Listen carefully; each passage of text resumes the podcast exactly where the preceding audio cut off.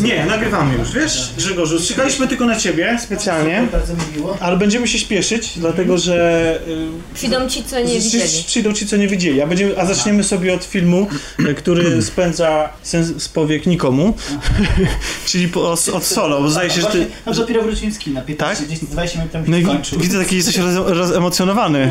Nie, Dobra, Dobrze, po, pogadamy, ale najpierw się przywitajmy, co? Z, z naszymi słuchaczami. No, nie. po- powiedziała ta, której nie było od roku. Nie, od, od Która The się rok Przed temu. Ja tylko na Star Warsy przychodzę generalnie. Tak, tak by wypadało. Ale No nie zawracaj sobie głowy To właśnie to jest grawitacją. progres każdego nagrania o Star Warsach. Tak? Dlaczego? Jest, wiesz, spokojnie. A, spokojnie, bo pierwsze, pierwsze nagranie pamiętne było takie, że no, do tej pory. Ja ci przy, przysunę ten mikrofon, żebyś Pierwsze nie... nagranie było czym? Z Rogue? One. Aha. O Rogue One. Gorące? Już nie pamiętam. No to jest kultowe nagranie, którego się nie da słuchać, nie? Do tej pory się zastanawiam, jakim cudem nam się udało nie zabić wtedy. Ale tak, ale... Ale ja nie rozumiem, bo w sumie wszystkim się podobał ten film, tylko każdy miał inne Tylko chciałaś zdanie. mnie zabić, nie? Ale poza tym to... powodów, tak? Poza tym to się podobał, ale myślałem... Był taki moment... Był taki moment, pobili. kiedy w naszej dyskusji, że myślałem autentycznie, że mi je... Nie? Ale ja nie o co. Nie pamiętam nawet jaki wątek. Widzisz, bo to widzisz, tak to jest z tymi Gwiezdnymi Wojnami, że one wywołują emocje, chociaż chyba nie wszystkie. Ale zanim y, przejdziemy do tego, to się może najpierw faktycznie przywitajmy. Drodzy słuchacze, witamy w 60. odcinku podcastu Kolaudacja Show. E, mogliście już usłyszeć Basię. Cześć wszystkim. Nie wiem, czy słyszeliście już Tomka Tak, to ja, cześć. Oraz Grzegorza. Cześć. A jestem Tomek Pieniak. E, ja reszty nie przedstawiłem tak z nazwiska. No więc Basia Nowak, Tomek Dziel Ale ja i... nie chciałam, żebyś mówił mojego nazwiska, co- bo znaczy- jestem anonimowa tutaj. Anonimowa jesteś. Anonimowa fanka. Barbara N. N. Barbara N, dokładnie. Słuchajcie, zrobimy teraz taki myk. My się teraz przywitaliśmy, ale tak naprawdę ten odcinek będzie miał więcej początków, bo teraz ta dyskusja, którą teraz sobie nagramy, to tak naprawdę nasi słuchacze usłyszą na końcu odcinka. Dlatego, że będziemy chcie, chcieli pogadać ze spoilerami. Więc teraz tak, my się przywitaliśmy, zrobimy teraz takie małe i przywitają się następni ludzie, a ci, którzy chcą posłuchać o solo, to posłuchajcie cały odcinek po prostu, albo przywincie do, do końca, bo chcemy od razu, znaczy porozmawiamy sobie parę minut bez spoilerów i resztę ze spoilerami. Albo chodźcie na solo. Wiesz co, ten żart, ten żart byłby suchy, gdyby nie to, że film wykorzystuje go jeszcze gorzej. Niestety. wiem, wiem. Okej, to teraz tak. Przywitajmy się. Tak, witamy y, teraz y, Kasię, Katkę Porębską Jak ona się nazywa? Dzień dobry. i Anię Nowak. Cześć. które dotarły do nas w międzyczasie tej części, którą usłyszycie po, potem. A teraz no, taki, Tomek już przestań. to jest taki, Oj, Tomek, e, Tomek. taki odcinek. Tak. Żebyś wiedział, jak to zmontować. Ale żeby było śmieszniej, to nie będziemy teraz rozmawiać z Kasią i z Anią, Pożegnajcie się. tylko od Tomka będę wyciągał informacje. Tak, ale nie wiesz, o co się pytać. Wiem o co się pytać. Chcę Słucham. posłuchać na temat komiksu, ponieważ zareklamowałeś go w ten sposób, że w zeszłym roku e, tak bardzo zachęcaliśmy do totalnie nie nostalgii, a powiedziałeś, że to jest totalnie nie nostalgia 2018 roku. Tak, y, to prawda. I y, Zgadzam to są, się, jest równie brzydki. Tani Mówimy- Nostalgia miał bardzo ładne ilustracje. y, Mówimy tutaj o komiksie Ta małpa poszła do nieba, y, którego autorką jest y, Gosia Kulik. Jest to komiks wydany również przez wydawnictwo komiksowe, podobnie jak Nostalgia, i w tej samej serii, nowy komiks polski. Ostatni, ostatnią pozycję z tego cyklu mieliśmy okazję poznać we wrześniu zeszłego roku i to było tam, gdzie rosły mirabelki, A, też o którym e, mówiliśmy na podcaście. Coś tak bardzo w jednej linii to wszystko Ponad, o- ponad pół roku e, kazano nam czekać i podczas e, festiwalu Komiksowa Warszawa, która miał miejsce w połowie maja, m, mieliśmy dwie premiery właśnie. E, Wszech Księgi e, Tomasza Grządziela e, i e, właśnie wspomnianą Małpę, która poszła do nieba. E, Jest to e, historia rodziny. E, Jest mąż Janek, jest żona Krysia, którzy stracili dziecko, e, córeczkę, ale tutaj zaczynają się pewne takie absurdalne rzeczy, ponieważ tą córeczką była właśnie małpa. Małp Gosia, która e, w no, takich e, niejasnych sytuacjach, e, niejasnych okolicznościach zmarła i mamy tutaj cały Czy jest ciąg... wyjaśnione, jak stała się członkiem rodziny? Tak, tak, jest to też tutaj wyjaśnione, Coś ponieważ... jak Tytus, Romek i Atomek. To je- bardzo właśnie jakby takie nasuwające się skojarzenie i muszę powiedzieć, że w samym komiksie też jest do tego nawiązanie. Pod, pod sam koniec, ale jest. Mamy tutaj e, opowiedzianą właściwie historię e, tego, jak e, taka strata wpływa na, na małżeństwo. Jest to tak naprawdę no, pewnego rodzaju analiza radzenia sobie ze stratą, może bardziej nawet nie radzenia. Widzimy, jak tutaj strata dziecka, nawet przedstawiona w taki dziwny sposób, potrafi wpłynąć na relacje między ludźmi w związku, w jakich e, powiedzmy miejscach oni szukają e, różnych sposobów na to, aby jakoś ukoić e, swój ból. Czyli brzmi to jak komiks z dużym ładunkiem emocjonalnym. Tak, tutaj pani, która akurat sprzedawała na stoisku wydawnictwa, była bardzo mocno przejęta e, tą historią. Po prostu nie mogła, nie mogła przeżyć, jak bardzo emocjonalna jest taka historia w połączeniu z rysunkami, jaki efekt na nią miała. Mam wrażenie, że to taka e, cecha e, autorek polskich, tych młodych, nowych, że właśnie e, one przekazują właśnie te emocje bardziej. Czy, Tak, to nie to jest... jest- tak, że mężczyźni ich nie przekazują, ale mam wrażenie, że po prostu jednak troszeczkę inaczej patrzymy na świat. Ale to jest chyba I w też... e, komiksach właśnie mm, z kobiecymi autorkami jakby no, inaczej, widać, że inaczej one przeżywają to wszystko. Na pewno, ale do tego też dochodzi e, chyba taka charakterystyczna e, cecha właśnie tego nowego komiksu polskiego, który e, nie stroni od bardzo poważnych i ciężkich tematów tak naprawdę, a nawet chyba można powiedzieć, że coś, coś go ciągnie w tym kierunku. Nie oznacza to, że nie mamy tutaj jakichś e, absurdalnych, e, humorystycznych historyjek, ale e, te tytuły, które wypływają na wierzch, które są jakby promowane, one rzeczywiście poruszają się po takich życiowych, tak naprawdę, w jakimś sensie kwestiach jak tutaj właśnie śmierć kogoś bliskiego, strata, ale też jakaś ksenofobia w pewien sposób e, zakorzeniona w naszym społeczeństwie, bo tutaj też mamy do czynienia e, z osobami z ogółu społeczeństwa, które no, szkalują niejako to rodzinę, no bo co to za sytuacja, mieli małpę za dziecko. Mamy teściową e, głównego bohatera, która cały czas mu e, jakby wyrzuca, że jest nieudacznikiem, że nie był w stanie e, dać swojej żonie prawdziwego dziecka, tylko jakieś takie dziwne historie wymyśla. To wszystko dopełnia rysunek, który powiedzmy można nazwać w pewien sposób niedbałym. Nie jest on tutaj tak e, jakby ładnie e, powiązany z e, historią, jak w przypadku nostalgii, gdzie Ale to nie są takie ludziki jak w Mirabelkach. Nie, nie. Tutaj właśnie on jest niedbały, ale jest bardzo szczegółowy. I dodatkowo nasuwa od razu skojarzenie z czymś takim, że e, nie można było znaleźć lepszego. Tutaj nie mam ze sobą, ponieważ jakby jestem prosto Ja, ja z widziałem, pracy. wiesz, będąc w sklepie ale widziałem, dlatego się zaśmiałem, Możecie sobie brzydki, ale- wyobrazić właśnie, jaki właśnie jeszcze styl widzę. rysunku e, najbardziej będzie odpowiadał takiemu brudowi życia. Tak bym to nazwał. I on rzeczywiście taki jest. Kiedyś e, na Kanal Plus bodajże leciała taka e, animacja e, ktoś tam, ktoś tam i ręka. Były takie Tak, tak, malu- pamiętam. k- krótkie, krótkie scenki. To jest y, coś podobnego. Wszystko jest takie przerysowane, takie... y, Wulgarne. Wulgarne, tak, dokładnie.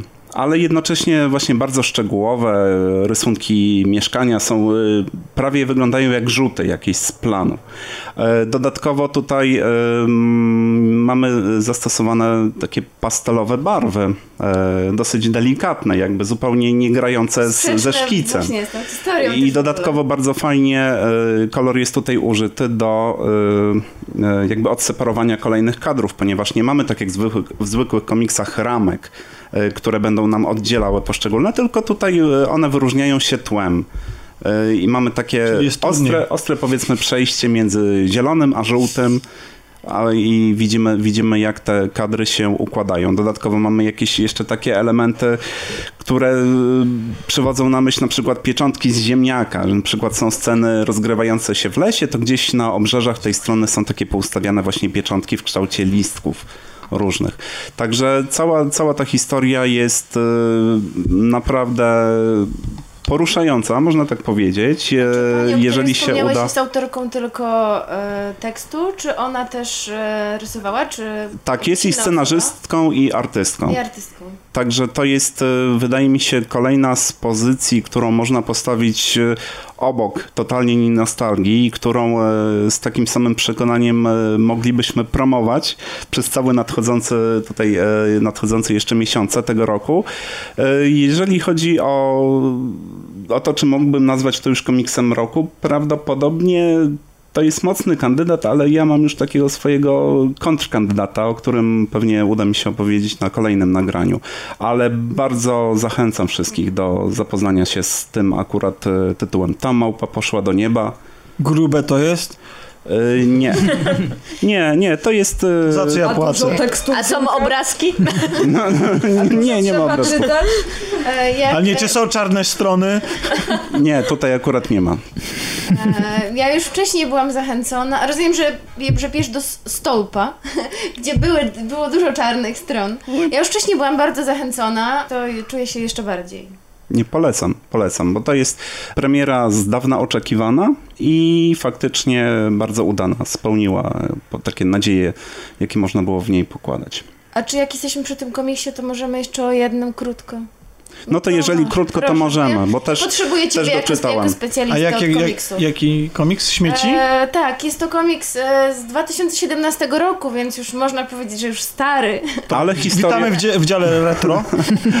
tak, ale historia jeszcze sięga, sięga wcześniej, bo początki jego to są e, chyba lata 80. nawet. E, W jakiejś tak, takiej bo wtedy, wczesnej formie powstawał. em, tak, bo wtedy prawdopodobnie na świeżo to się e, wydarzyło, ponieważ komiks nie jest prawdziwą historią, ale autor Derf Backder wspomina, że jest bazowany na jego prawdziwych przeżyciach, kiedy to on pracował jako śmieciarz. Mhm. E, I poczuł to jako, takie, jako taką degradację społeczną, jako coś takiego uwłaczającego, bo wymyślcie sobie taką pracę, której najbardziej nie chcielibyście wykonywać i myślę, że e, w pierwszej dziesiątce znalazłby się na pewno śmieciarz.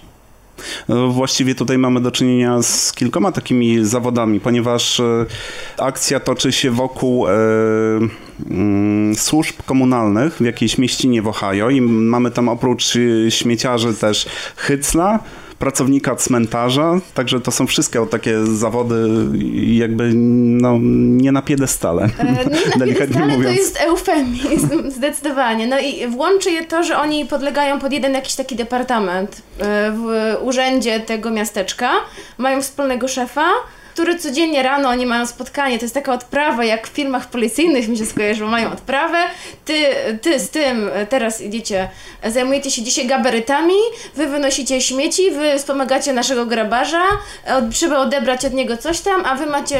E, wywieźć jakieś tam drzewo ścięte, więc po prostu ym, to jest tak ym, przedstawione, jakby ym, to jest traktowane jako bardzo poważna sprawa, bo to jest poważna sprawa. Tak, to My tego nie doceniamy. Ja dopiero po przeczytaniu tego komiksu otworzyłam usta i tak pomyślałam, o rany, rzeczywiście. I zaczęłam dopiero myśleć sobie o tym, co ja codziennie robię, jak dużo śmieci my produkujemy i że ktoś naprawdę musi się tym zajmować rzeczywiście i, i jak bardzo to jest ważne i ma wpływ w ogóle na wszystko, co nas otacza. Mam pytanie, dwa właściwie. Jedno to wynika z tego, że, przepraszam, był śmieszny obrazek w internecie, więc się trochę wyłączyłem.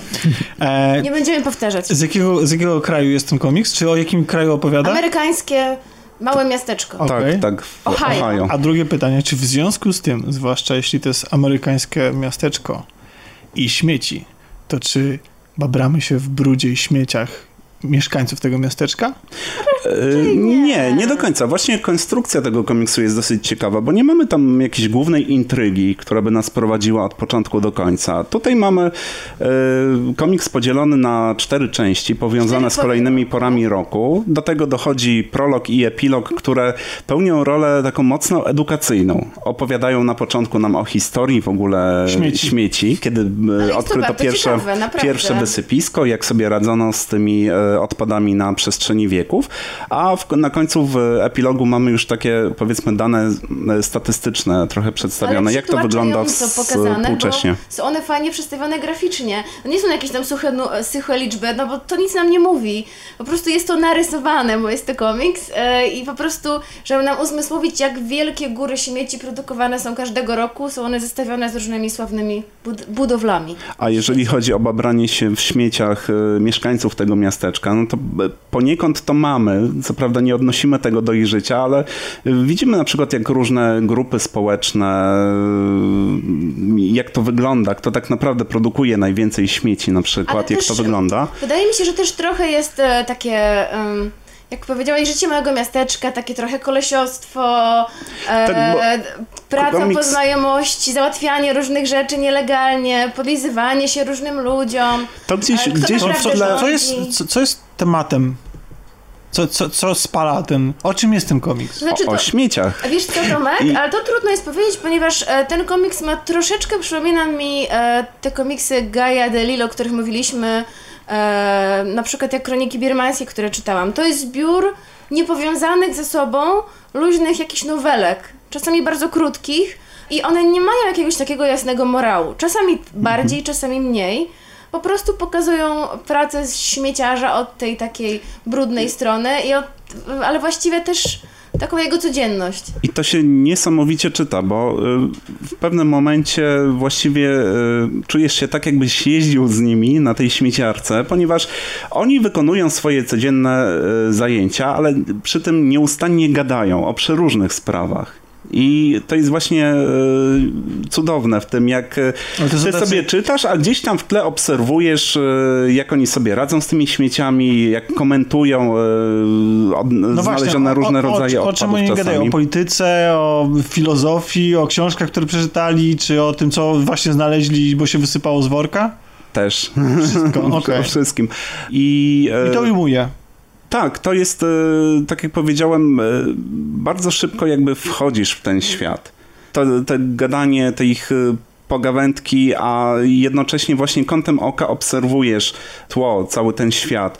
I dodatkowo to jest w bardzo taki przyjemny sposób narysowane, ponieważ jest wyjątkowo szczegółowe i jednocześnie może troszkę karykaturalne, ale wszystkie rysunki opierają się tak naprawdę na geometrii. Tutaj nawet jeżeli mamy narysowaną postać ludzką, to widać, że na bazie mm, jakby u podstawy leżały jakieś prostokąty, które zostały jakimiś fałdkami jakby zbliżone do kształtów ludzkich. Ten I to jest bardzo charakterystyczny styl i bardzo, bardzo ciekawy. On też przypomina mi trochę takie paski komiksowe w gazecie, bo z jednej strony, jak powiedziałeś, jest szczegółowy, ale z drugiej to... Mm, to nie są jakieś artystyczne dzieła. Tak, tak, bo to też wynika z ewolucji tego komiksu, bo on gdzieś po drodze zahaczył o komiks internetowy.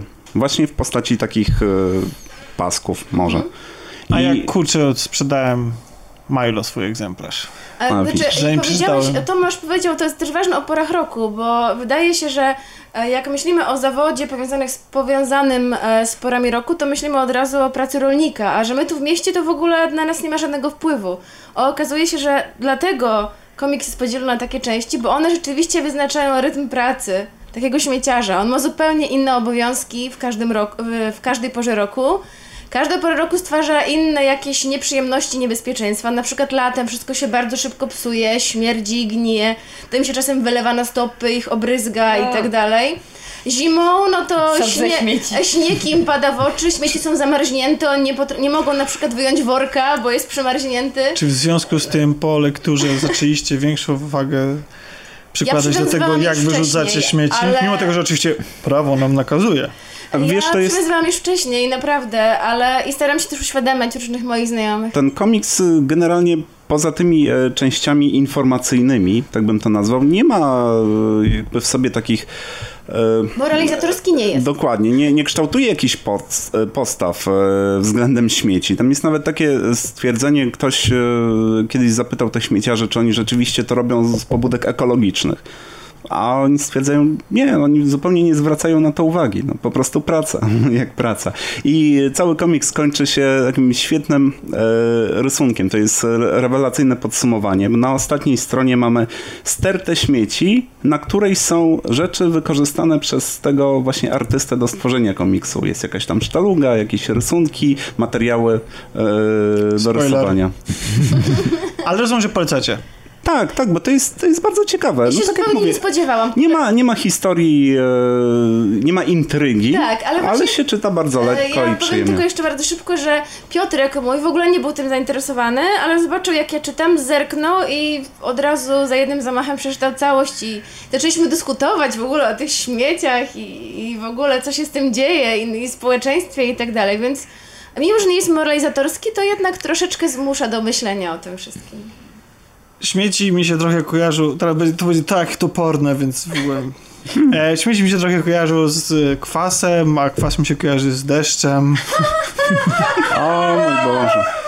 Kwa... No nie, no bo taka jest prawda, że przez śmieci, przez zanieczyszczenie środowiska mamy kwaśne deszcze. Pytanie, czy w serialu The Rain mamy kwaśny deszcz? Myślę, że tak, taka geneza tego deszczu byłaby lepszym wytłumaczeniem niż to, co mamy w serialu.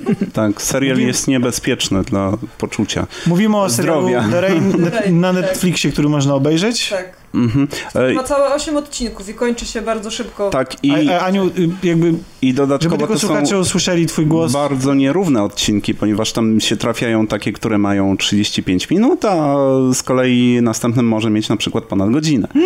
I Ja myślałem, a ja, dnia, właśnie, bo ja myślałem, że mi się coś przysnęło, albo bo ja też obejrzałem. Nie, no są, są takie i- bardzo nierówne. Jest to serial produkcji duńskiej i on e, jakby należy do tej fali seriali e, narodowych, produkowanych przez Netflixa, e, do których też należał na przykład niemiecki Dark. I co ciekawe, właśnie e, jeżeli kraj dostaje możliwość wyprodukowania serialu współfinansowanego przez Netflixa, jakimś cudem są to zawsze e, science fiction. Hiszpański dom z papieru to też jest...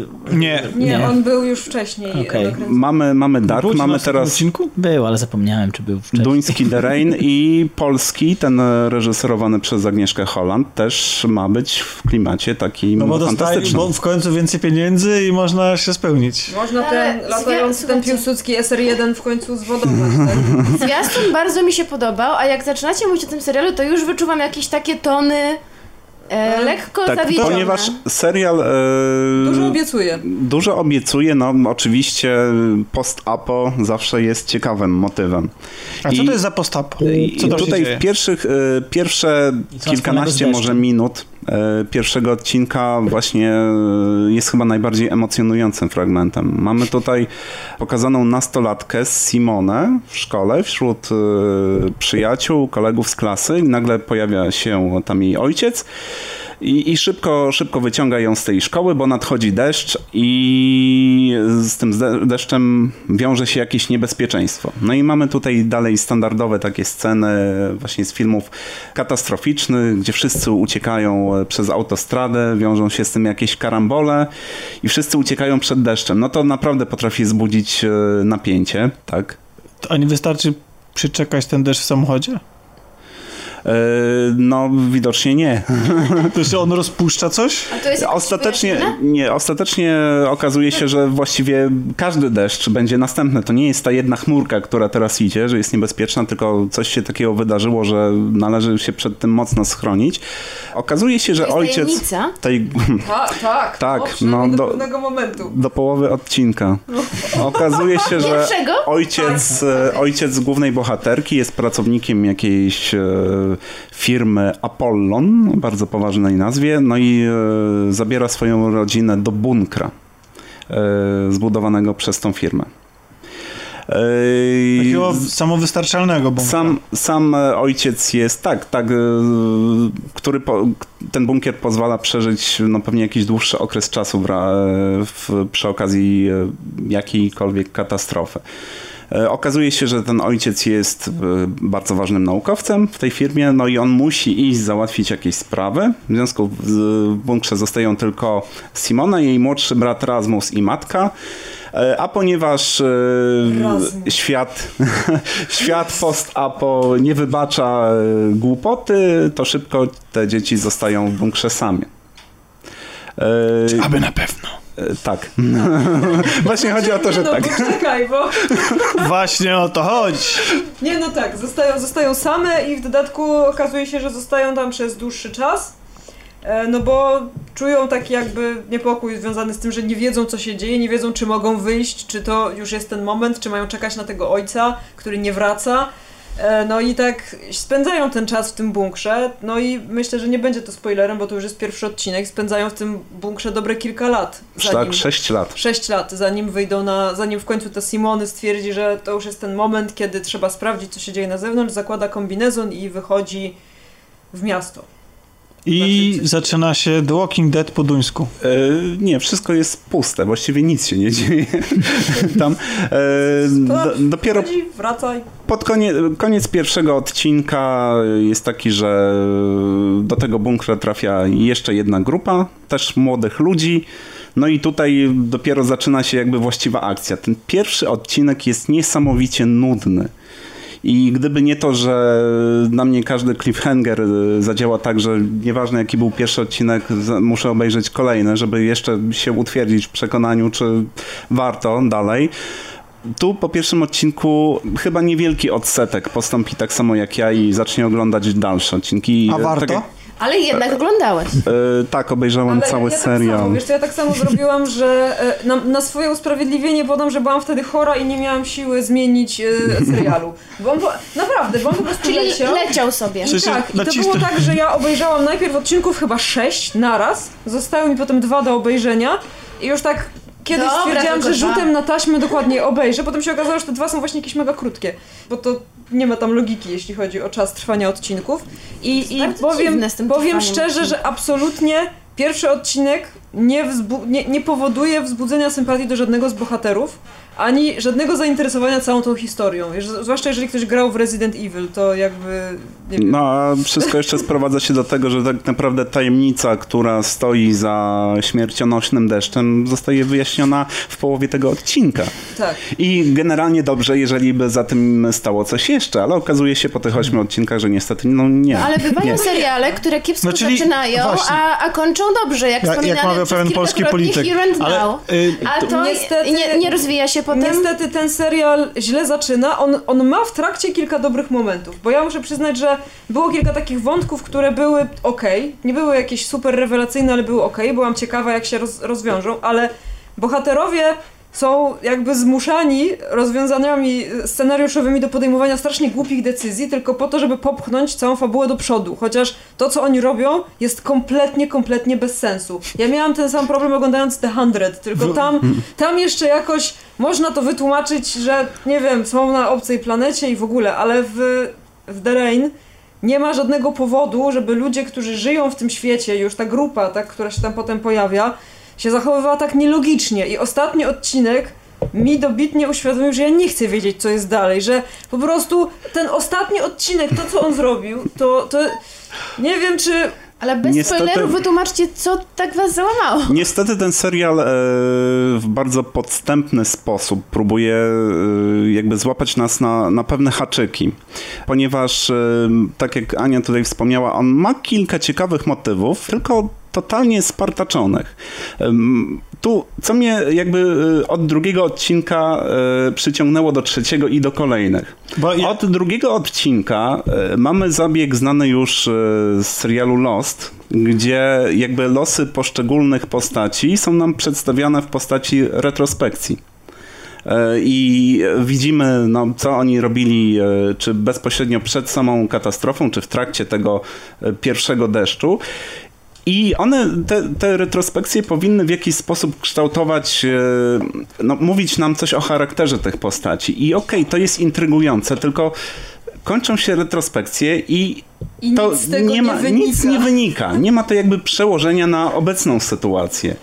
I mamy tam też e, masę takich motywów znanych, e, czy z gier, czy już z filmów dotyczących właśnie post-apo. No jeżeli trafiamy nagle na tak naprawdę sektę, która no, ma dużo do jedzenia, no to wiemy, jak to się skończy. Tak naprawdę, No bo- o co tam chodzi. Ja już w momencie, jak oni Sekta, która ma dużo do jedzenia, w każdym filmie postapo. Aha! Tak, i to było, to było już tak przewidywalne. Już, i bo, bo Ale to właśnie- też, e, też miało, I też miało szansę na delikatne... namawiali ich na steka? No, na, na, na tak. delikatny, e, trochę inny twist niż podobne historie się ale rozgrywają. z tego- najgorsze no, jest to, z tego, co opisujecie, trzeba to- było się dużo wysilić, żeby to poprawić. Bo to nie jest tak, że, y, że to są rzeczy, które są jakoś tam totalnie spartaczone, bo faktycznie wystarczyłoby może kilka jakby innych decyzji, które by nam pokazały tych bohaterów z takiej bardziej ludzkiej strony i jakiejś konsekwencji w tym działaniu, bo to jest tak, że te odcinki potrafią sobie zaprzeczać. Jakby coś, coś się wyjaśnia w jednym odcinku, ale w kolejnym się okazuje, że to już kompletnie nie ma żadnego znaczenia, bo jakieś nowe fakty się pojawiły. Tak. I to I bardzo, bardzo boli, bo jeżeli mamy pokazane niesamowicie traumatyczne przeżycia jednej z postaci, a nagle w kolejnym odcinku właściwie już mamy imprezę. Nie? I, Tak. ja, I ty mając y, w głowie to, czego się dowiedziałeś o tym y, kilkadziesiąt minut temu, patrzysz na to, jak oni tańczą nie do dubstepu, do jakiejś innej muzyki, to zupełnie nie gra. I Czyli brak, brak konsekwencji, no i niedoskonała realizacja tych, tych motywów. No i tak jak Ania powiedziała, e, ci bohaterowie są tacy e, średnio dający się lubić, tak naprawdę. Są niesamowicie wkurzający niektórzy, tak naprawdę. Znaczy, to, nawet, to nawet nie wynika z tego, moim zdaniem, że oni są wkurzający, czy nie, czy z jakiegoś ich charakteru, tylko z tego, że oni są po prostu źle napisani. Oni też robią rzeczy, trudno, trudno określić, że ten bohater na przykład ma taki typ charakteru, bo... Czyli bo... byłoby fajne, jakby było całkiem inne. Jakby, tak, ja, ja, ja, sobie, ja sobie wyobraziłem, jak powiedziałaś o tym, że oni są zmuszani przez scenariusz do robienia głupich rzeczy i teraz mówisz, że ci bohaterowie to nie są tacy źli, tylko oni są źle napisani. Ja sobie tak wyobraziłem, że ten scenariusz, że oni na przykład tak wypowiadają jakieś kwestie, tak się dziwią samym sobie, że wypowiadają te kwestie i wiesz, tak są zmuszani przez scenariusz i na przykład postępują tak, mówią, ja nie chcę, ale tak wiesz, tak się Ale z oporem, ale tak idą, wiesz, to byłoby Był już, dobre. ta, takie- był już taki film. Ale to nawet, nawet tak wygląda. Nie, Ale no to trochę tak jest, bo widać nawet czasem po twarzach tych bohaterów, że oni, takim. chyba im się nie chce grać. Tomku, nie polecasz. E, Nie, nie, zdecydowanie nie polecam, chyba że ktoś lubi złe rzeczy. Można, można przyłączyć na dubbing angielski i co ciekawe, dubbing angielski jest zrealizowany przez dokładnie tych samych aktorów.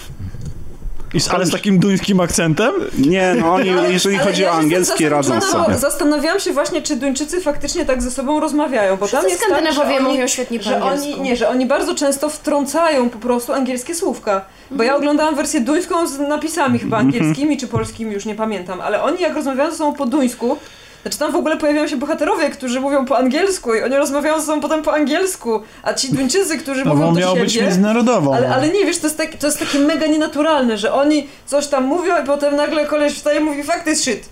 To się wypika, tak? Ale Ale, wiesz, To nie jest takie nienaturalne, ponieważ oni naprawdę e, to, co u nas, ta edukacja, która e, u nas dopiero od kilku lat jest wprowadzona, że to od przedszkola, obowiązkowy angielski i tak dalej, to u nich jest od, od dziesięcioleci. I po prostu to jest naprawdę ich drugi język. Ale chodzi mi o to, że wiesz, Oni jakby mieszają jak ja byłam w. Danii, to nie słyszałam, żeby ktoś y, mieszał Okej. dwa języki ze sobą w taki sposób, bo wiesz, u nas też się mówi na przykład, nie wiem, fuck czy coś, y, Okej. rzucasz jakieś tam słówka, nie? Ale A nie ma tylko jeden przykład. Kiedy mówimy o grach komputerowych, to używamy spolszczonych słów angielskich. tak, Ale to już jest takie lingo, kiedy wiesz. opowiadasz o tym, co się dzieje na co dzień, na przykład, Tak. wiesz, jakichś tam swoich tam doświadczeniach, czy coś, coś robisz, o tym, co, co tam wykonujesz, tak, no to nie mieszasz raczej języków. Ale często mówimy na przykład Jesus, nie? Ludzie Ale to są ale pojedyncze To nie jest słówka. taki kontekst, No wiesz, to nie jest taki kontekst. Oni potrafią jakby połowie zdania przełączyć się na angielski. I Okej. mnie to trochę wybijało, aczkolwiek, znaczy... no, To znaczy to, że, że w tle słuchasz e, języka duńskiego, e, w tym e, był problem, na który chciałem zwrócić uwagę, że musisz się skupić na napisach. To nie jest język, który zna, nie wiem, połowa mieszkańców Polski. Czyli serial cię zmusza do tego, żebyś go oglądał, a to jest najgorsze, co może być. gorzej. Ja zawsze oglądam swoimi e, pierwszorzędnymi oczyma, nie tak jak Tomek Ja czasami. nawet tak nie oglądałam pierwszorzędnymi oczyma, bo nie miałam siły włączyć nic innego. Ale to po, podsumowując, to jest serial z czasu. ciekawym pomysłem, ale z Ale wiesz, fatalną realizacją na wielu Ja poziomach. Bardzo e, w tym roku e, miałam silne postanowienie, żeby iść na festiwal Millennium Dogs Against Gravity. I wam mam wrażenie, że w poprzednich latach to się nazywało jakieś inaczej. Watch Dogs chyba. Nie, to jest co innego, inny festiwal. Inny festiwal Tak. zupełnie? Taka gra. E, Wcześniej nie było Millennium, po prostu sponsorem, Nie było, Millennium. było Dogs Against Dogs Gravity. Against Gravity. E, jako, jako najbardziej le, leniący się zawód świata, czyli nauczyciel, nie miałam zupełnie czasu w tygodniu i niestety zdo, zdołałam tylko w ostatni weekend się wyrwać i poszłam jedynie na trzy filmy, ale mam wrażenie, że dobrze wybrałam albo dobrze trafiłam. A bo wszystkie były super. Bo Grzegorz na pewno trzy? więcej widział. Nie, właśnie też widziałem Tylko tylko jeden trzy. więcej. A. Nie? Też trzy? Też trzy widziałem, tak. Po raz pierwszy! Widziałam Jesteś- tyle filmów co Grzegorz. Też widziałem tylko trzy, bo jakoś też y, miałem iść na więcej Kogo filmów dokumenty festiwalu, obchodzą, ale... Na dwóch byliśmy wspólnie. Tak. O, to na, na jaki byliście?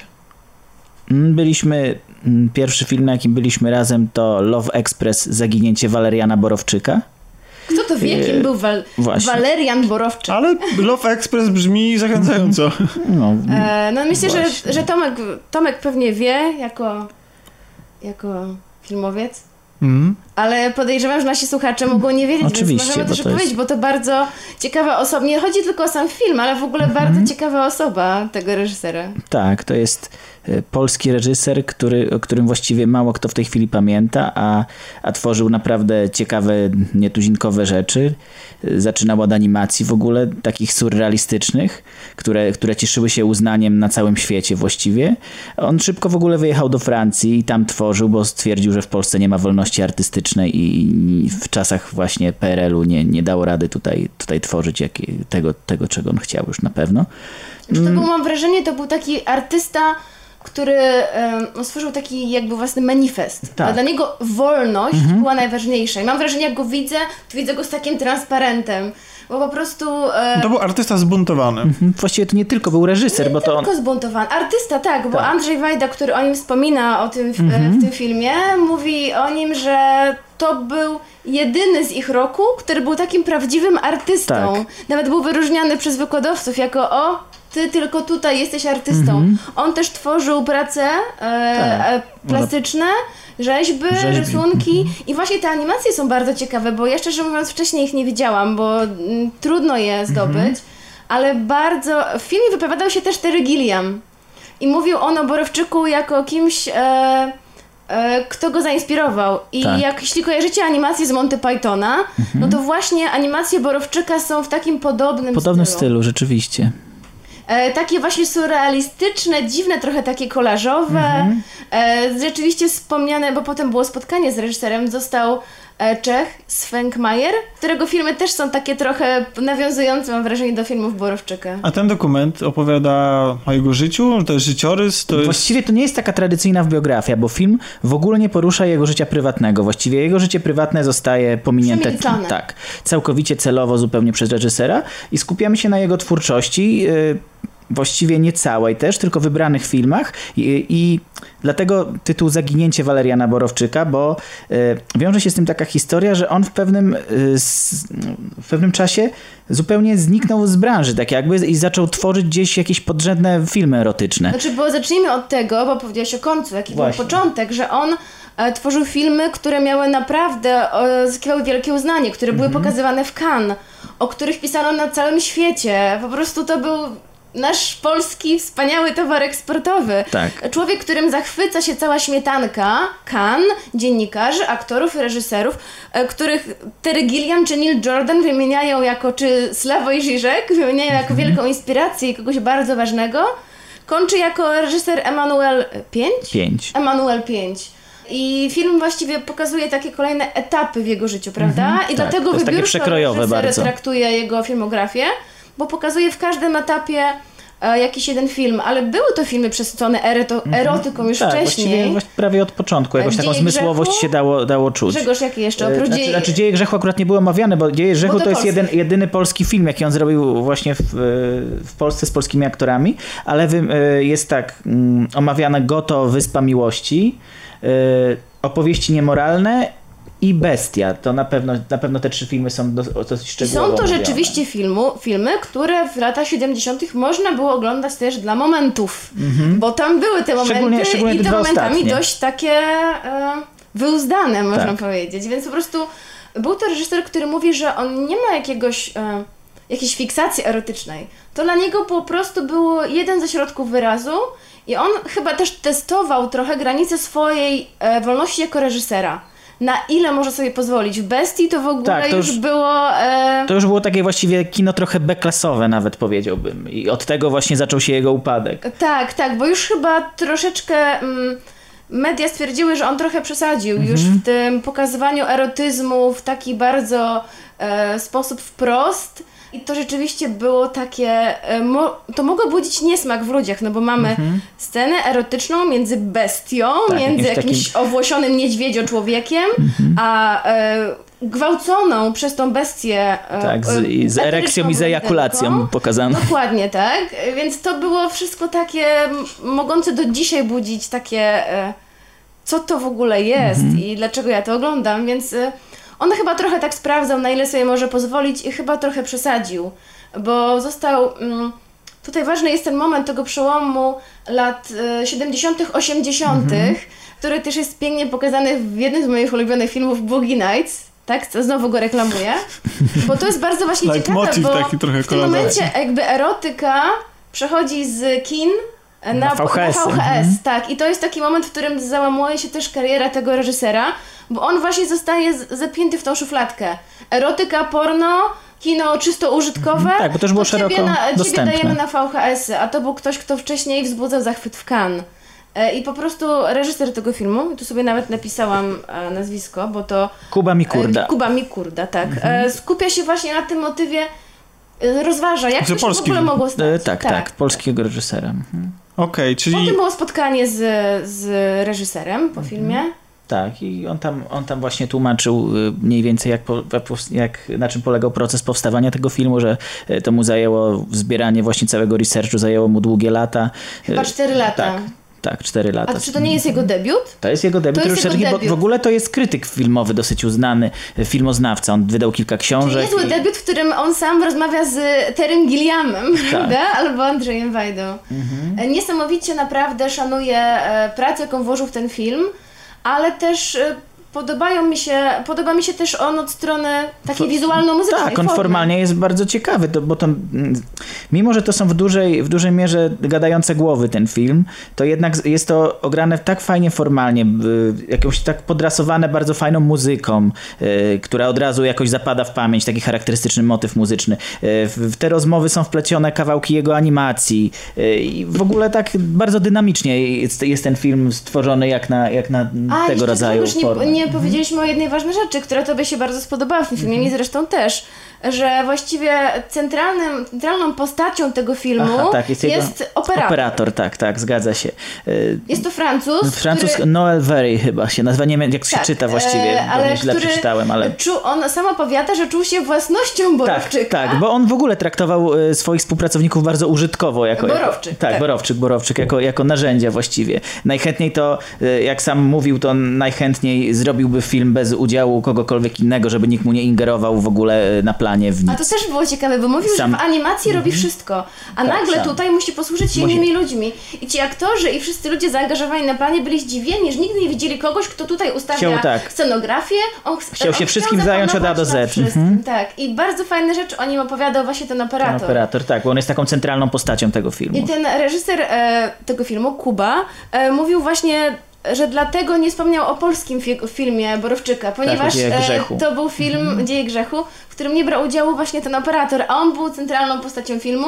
To on opowiadał anegdoty o tym, że Borowczyk lubił ziemniaki z serem i Mhm. Tak. E, po prostu o tym, jakim był e, władczym, e, absolutnym, jakby władcą absolutnym mm, na planie. Naprawdę, ten film wejdzie niedługo Na e, HBO. na HBO 10 czerwca. O, proszę. Mhm. Może E, zdążymy opublikować E, no odcinek. Właśnie, no właśnie, między innymi dlatego nie chcieliśmy opowiedzieć, ponieważ będziecie mieli szansę go obejrzeć już wkrótce w telewizji. Polecamy. Jeszcze raz tytuł? Love Express, czyli zaginie... Love Express, kropka, zaginięcie Waleriana Borowczyka. Naprawdę polecam. Nie spodziewałam się czegoś tak ciekawego po filmie gdzie właśnie, e, który składa się głównie z fragmentów rozmów z różnymi znanymi ludźmi, którzy wspominają jakiegoś innego kolesia. Tak. Naprawdę, Zdecydowanie. polecamy. A Też czy polecam. na tym opiera się też drugi film, który, który widzieliście? Zupełnie co Nie, to- to to Grzegorz, tak, co oddaję innego. Ci teraz, bo trochę Cię zagadałam. Nie, spoko, bardzo, bardzo dobrze. E, jakoś nie wiem, czy będę w stanie tym- na tym drugim filmie, o tym drugim filmie jakoś powiedzieć wyczerpująco, dlatego że e, no to, to był seans troszeczkę bardziej może wymagający ode mnie, mm, dlatego że porusza bardzo w sumie ciekawy, kontrowersyjny dość temat, e, jakim jest klonowanie albo niejako. Czy nie tylko klonowanie, tak. ludzka ingerencja w Właściwie ewolucję. W ewolucję, W tak, ewolucję. tak, tak, bo e, narracja jest Mówimy prowadzona... o filmie E, A właśnie, nie powiedziałem jakim. Genesis, Genesis. Genesis 2.0. Genesis To, 2.0. to, to nie jest sequel do Terminatora? nie. Na szczęście, Na nie, na szczęście. szczęście nie. Y, I tak, narracja w tym filmie prowadzona jest dwutorowo, bo z jednej strony oglądamy pracę ludzi, którzy zajmują się wydobywaniem y, szczątek mamutów w- w- na Syberii. Y, Przepraszam, szczątków. Szczątków, tak, tak, przepraszam. Znaczy nie tylko szczątków. No właściwie przede wszystkim Nie kłów. wszystkich kłów, bo Przede oni wyrzucają kłów, kości, tak. to ich w ogóle nie obchodzi.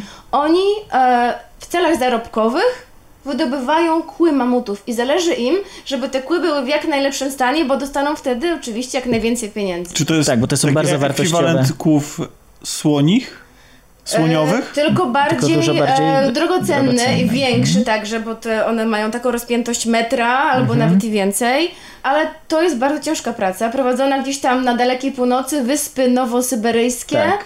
Jakiś zapomniany w ogóle region świata. I to jest, i ta, i ta część filmu jest... po- Niezamieszkane a, wyspy. Mhm, poprowadzona e, tak bardzo mistycznie. Jest tam, tam są wplecione jakieś takie e, motywy jakby quasi-religijne. Mm, To jest to naprawdę jest taki, taki seans troszeczkę e, transowy, e, ten, te, te, te, momenty, kiedy oni, te, kiedy zajmujemy się właśnie razem z nimi, znaczy zajmujemy się, oglądamy wydobywanie tych, tych kłów i procesy temu towarzyszące. A z drugiej strony mm, mamy, e, jak to powiedzieć, że- Znaczy, e, obserwujemy brata e, jednego z głównych bohaterów Tak. tej wyprawy po mamuta, który jest jednocześnie naukowcem i jest dyrektorem Muzeum e, Mamutów w, w Jakucku. w Jaku- Jakucku Okej, na ale gdzie w tym wszystkim jest klonowanie? No dobra, już No mówię. właśnie. To ter- I właśnie ten dyrektor Muzeum Mamutów, w jego ręce wpada coś bardzo cennego. Ponieważ ta, podczas Tak. tej wyprawy w poszukiwaniu kłów, Komar w bursztynie. no Nawet więcej. nawet więcej, zostaje odnalezione szczątki e, ciała mamuta, w sensie nie kości, ale zamarznięte Zamarznięte- ciało, nawet z krwią. Tak, z, E, I w związku z tym on, ten drogocenny, bardzo cenny towar, ten ładuneczek wypreparowany, e, zabiera do Korei oraz do Chin, e, gdzie znajdują się specjaliści, którzy e, proponują e, mu sklonowanie. próbę sklonowania tego Park. mamuta. próbę wskrzeszenia mamuta, ale rzeczywiście jest to niesamowite, bo jest tam pokazany ośrodek, który naprawdę realnie w dzisiejszych czasach Tak, ja proponuje szoku, bogatym klientom klonowanie ich zmarłych zwierząt. Psów głównie. Psów głównie, tak. I to co, naprawdę- normalnie to wykonują? Tak. A to Tak. nie jest zakazane? Nie, nie w Chinach, W Korei to chyba było. a w Korei. Nie Mhm. w Korei i nie w Chinach. Tak, to akurat było w Korei, e, bo ten drugi jakiś środek był Tak, w Chinach. Nie jest to właśnie tam, dlatego tam się to mieści. Kosztuje to ileś tysięcy dolarów, jest Mhm. to duża kwota. To dlaczego jeszcze nie oglądamy tego Ja mamuta? już wcześniej o tym słyszałam. Widziałam filmik na stronie Dodo, który ogólnie opowiada o zwierzętach.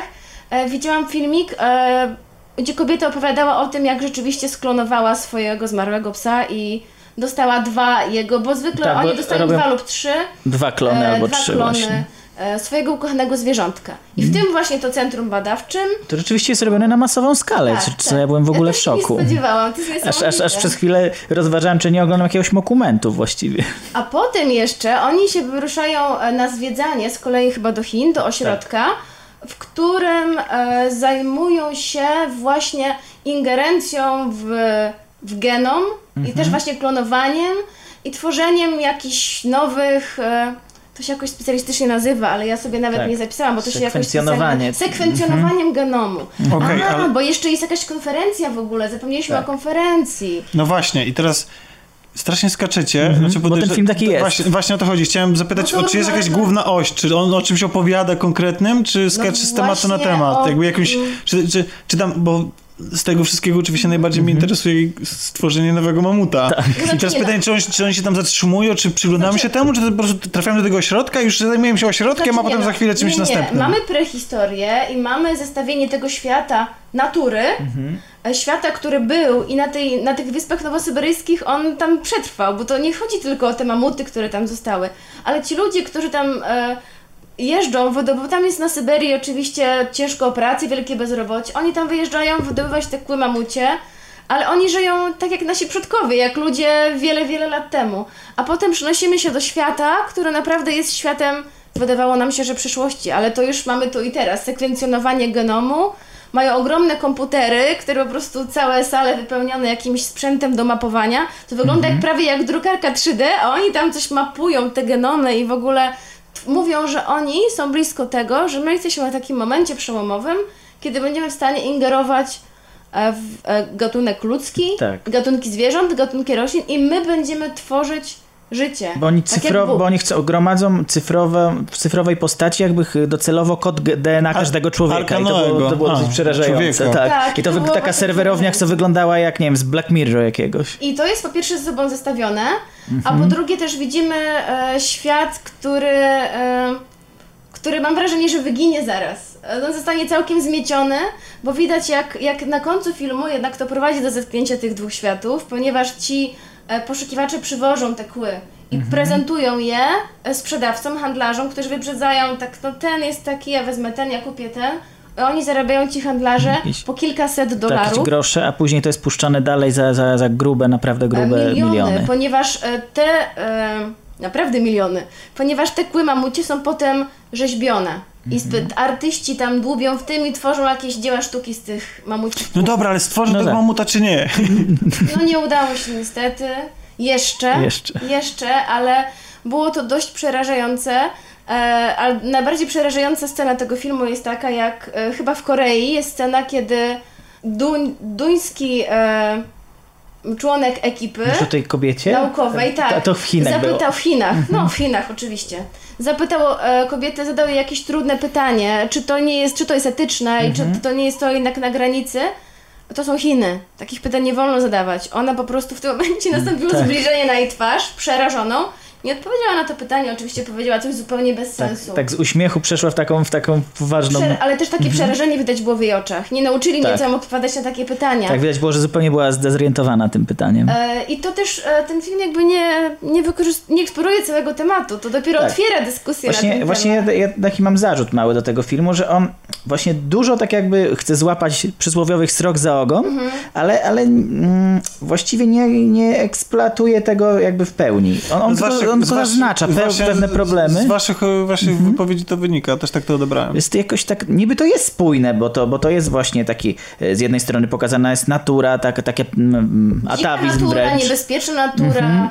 E, I ci ludzie, którzy żyją tak jak kiedyś i ta super nowoczesność, e, to właśnie ta ingerencja, to łączy je tak naprawdę ten mamut tylko, Tak. ale też mieliśmy z Grzegorzem taki zarzut, że film jest bardzo dobry i świetnie się go oglądało, ale w środku był taki moment, kiedy oboje zaczęliśmy odpływać Tak, trochę tak. jest za długi. I trochę reżyser popłynął w tej części mistyczno-syberyjskiej e, i rzeczywiście e, wpadasz w ten taki trans, to jest fajne, ale z drugiej strony zaczynasz odpływać w świat snu, to już nie Mhm. jest dobre. Ale jeśli pojawi się na VOD, a podejrzewam, że pojawi się, bo zebrał sporo już nagród i Mhm. było o nim głośno, warto obejrzeć, najwyżej przyspieszycie te nudniejsze momenty. Czy jest tam ujęcie, gdzie kość rzucona w powietrze zamienia się w jakiś nowoczesny obiekt? Nie, nie ma. Na szczęście Kurde. nie, na szczęście nie.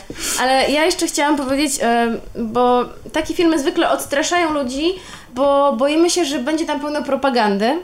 Bo chciałam oboje powiedzieć o filmie Zjadanie zwierząt. No, A to, to- tego już nie widziałem. A- Jeszcze tam to się nazywa Genesis. Genesis. Gen- Genesis, Genesis, Genesis Genesis 2 2.0. 2.0. Okej. Zjadanie zwierząt, który To jest wypro- kolejny film. Tak. Zjadanie zwierząt za e, pomysłodawczynią tego filmu była Natalie Portman. Ona wyłożyła pieniądze, wyprodukowała ten film. E, jest to film na podstawie książki o tym samym tytule. Znaczy książkę nie ona napisała, książkę napisał mm, trudne nazwisko, nie, sp- sprawdzicie sobie. Nie będę czytała, naprawdę, bo takie długie jest. No i ona To jest ze wyłożyła Skandynawii? kasę. E, może. E, znalazła reżysera, jest to Christopher Quinn. zaproponowała mu e, reżyserię tego filmu. I jak sama nazwa wskazuje, no jest to film, który w niezbyt pozytywnym świetle przedstawia chów przemysłowy zwierząt.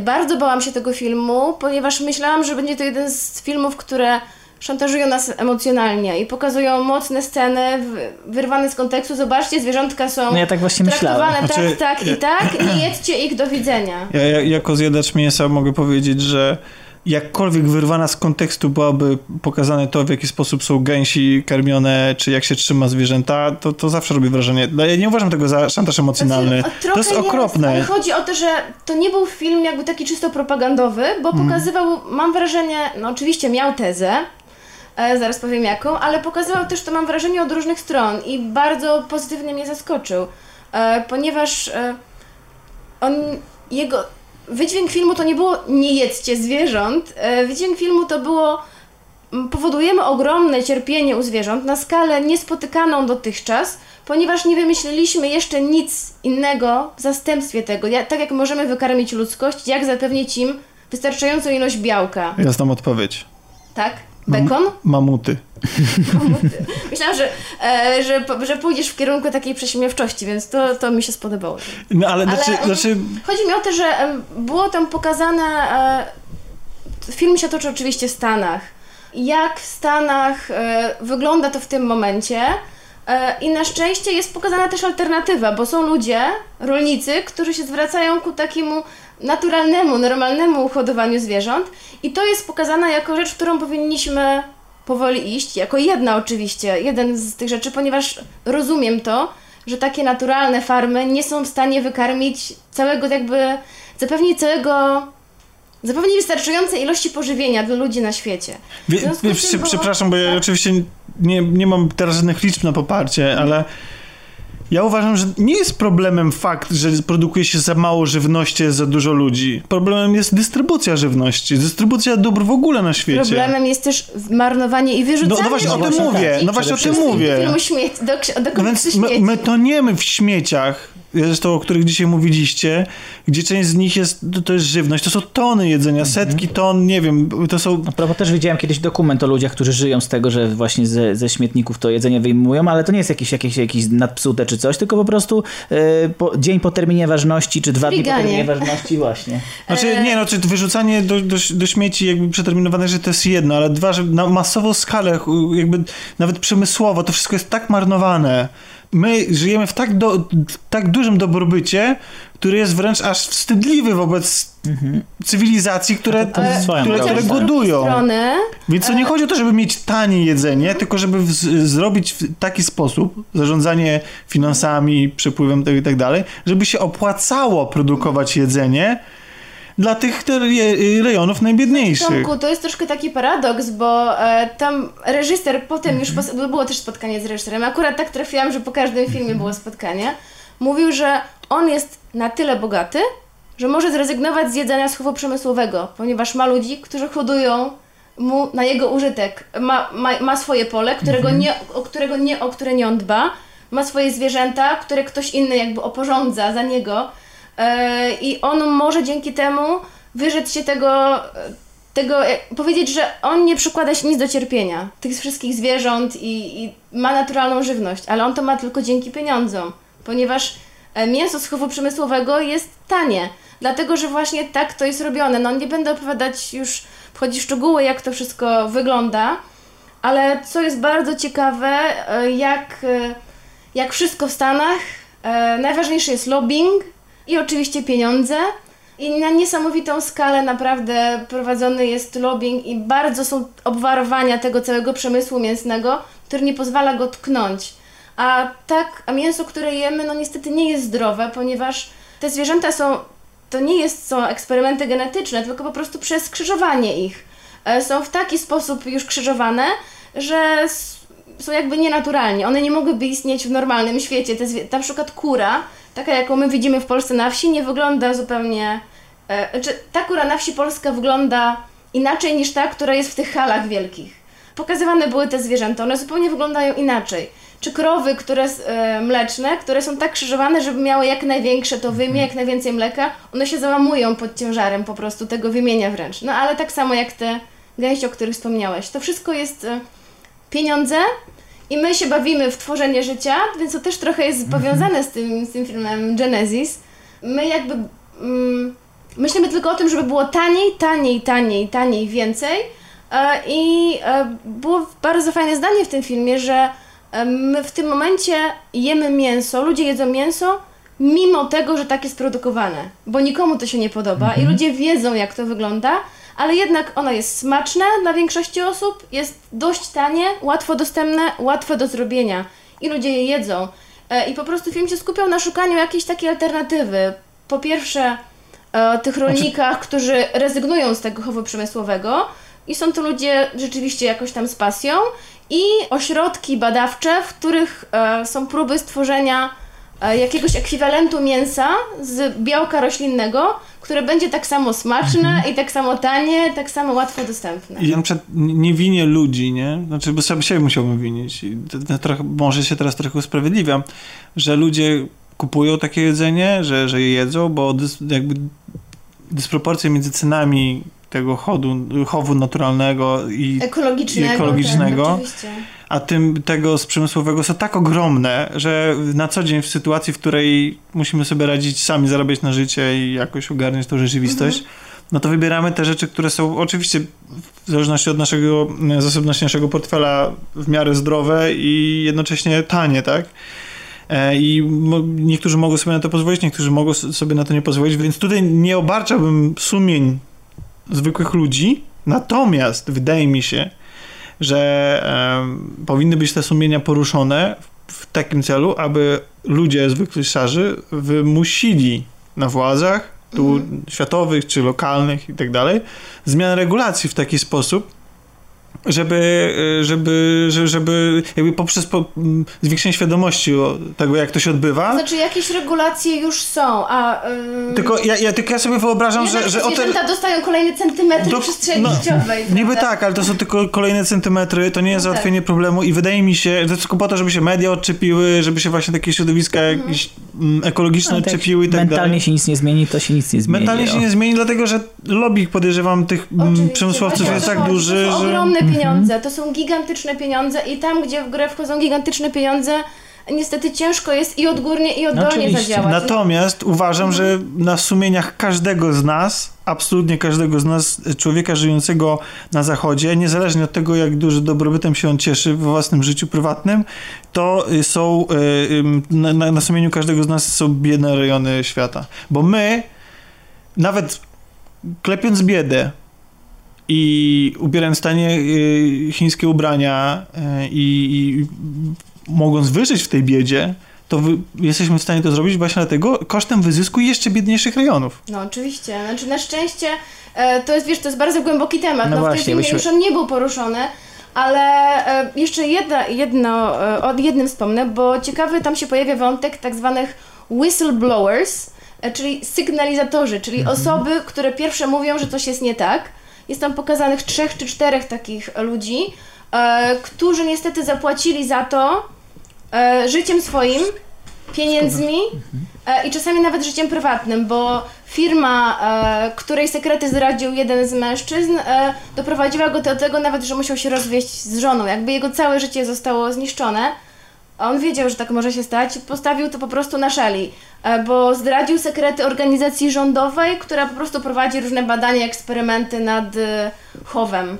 I po prostu on, był, on pracował tam jako weterynarz e, i zdradził, co tam się dzieje, co on kontroluje, jakie zwierzęta wyjdzie w jakim stanie i tak dalej. I no niestety miał potem kontrolę, naloty FBI, to co się działo w jego życiu, to w ogóle jest dla mnie nie wyobrażałam sobie, że coś takiego może się wydarzyć.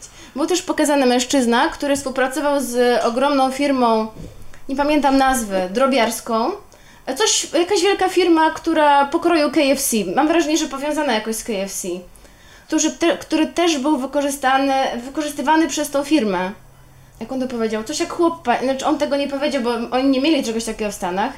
Taki chłop pańszczyźniany, bo nie wiem, czy wiesz Tomek, na jakiej zasadzie działa taki e, chów przemysłowy. To jest coś jak taka franczyza, że oni podpisują z farmerem e, umowę Mhm. i wszystko to, co on ma na swoim polu, czy ma w tych swoich wielkich halach, to nie jest jego, on tylko o to dba. Oni przedstawiają mu piękne cyferki, ile na tym zarobi. Po pierwsze okazało się, że wcale na tym nie zarobił, tylko stracił ogromne pieniądze. E, I po drugie, robiąc to wszystko, zobaczył, co tam się dzieje, bo sam musiał po prostu. No, też tutaj było kilka powiedzianych takich rzeczy, których e, nie chcę nawet sobie przypominać. E, jakby on doświadczył tego e, na własnej jakby pracy, jak to wygląda. I też trudno było mu zrezygnować, bo oczywiście podpisał te wszystkie umowy, nie mógł o tym mówić, a to, że o tym powiedział, to też miał potem jakieś wizyty, grożono mu. W ogóle ja się nie spodziewałam, że w przemyśle mięsnym mogą dziać się takie sensacyjne historie. Naprawdę materiał na thriller. Jak się nazywa film? Zjadanie zwierząt. Zjadanie E, Eating Animals i prawdopodobnie też e, wejdzie do jakiejś szerszej dystrybucji, więc No jak jeszcze Natalie Portman za tym stoi, mieli, to e, będziecie mieli... A ona też, Natalie jest też narratorką tego filmu. cudownie. Jeszcze. A występuje? Nie występuje, nie wiecie ani przez chwilę. Ale mam wrażenie, że dobrze. Ona chyba nie chciała jak... Nie, no jasno, odciągałaby od tematu, właśnie. oczywiście. No, Nie wyraziłem chciała- swoją prywatną Nie opinię. chciała swoją piękną buzią po prostu właśnie odciągać uwagi, więc chyba dobrze. A nagrywamy tak, żeby podsumować ten temat, nagrywamy w dzień hamburgera. Naprawdę, dzień hamburgera.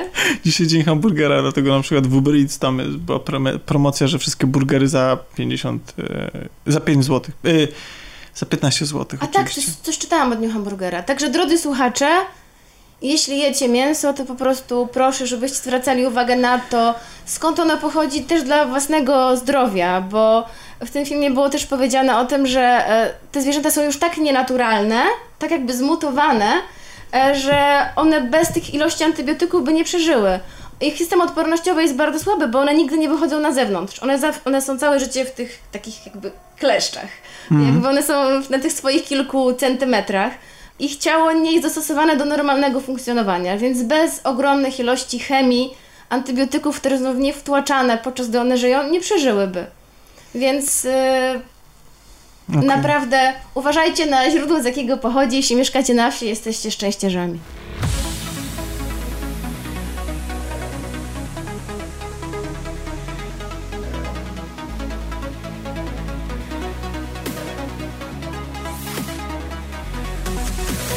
To, co się teraz zadziało, drodzy słuchacze, to jest tak. Pożegnają się z nami Tomek Dziel i pożegnał się z nami Grzegorz e, Narożny i pożegnała się z nami Barbara Nowak, e, a w zamian za to mamy Czarka Najszewskiego. Dzień dobry.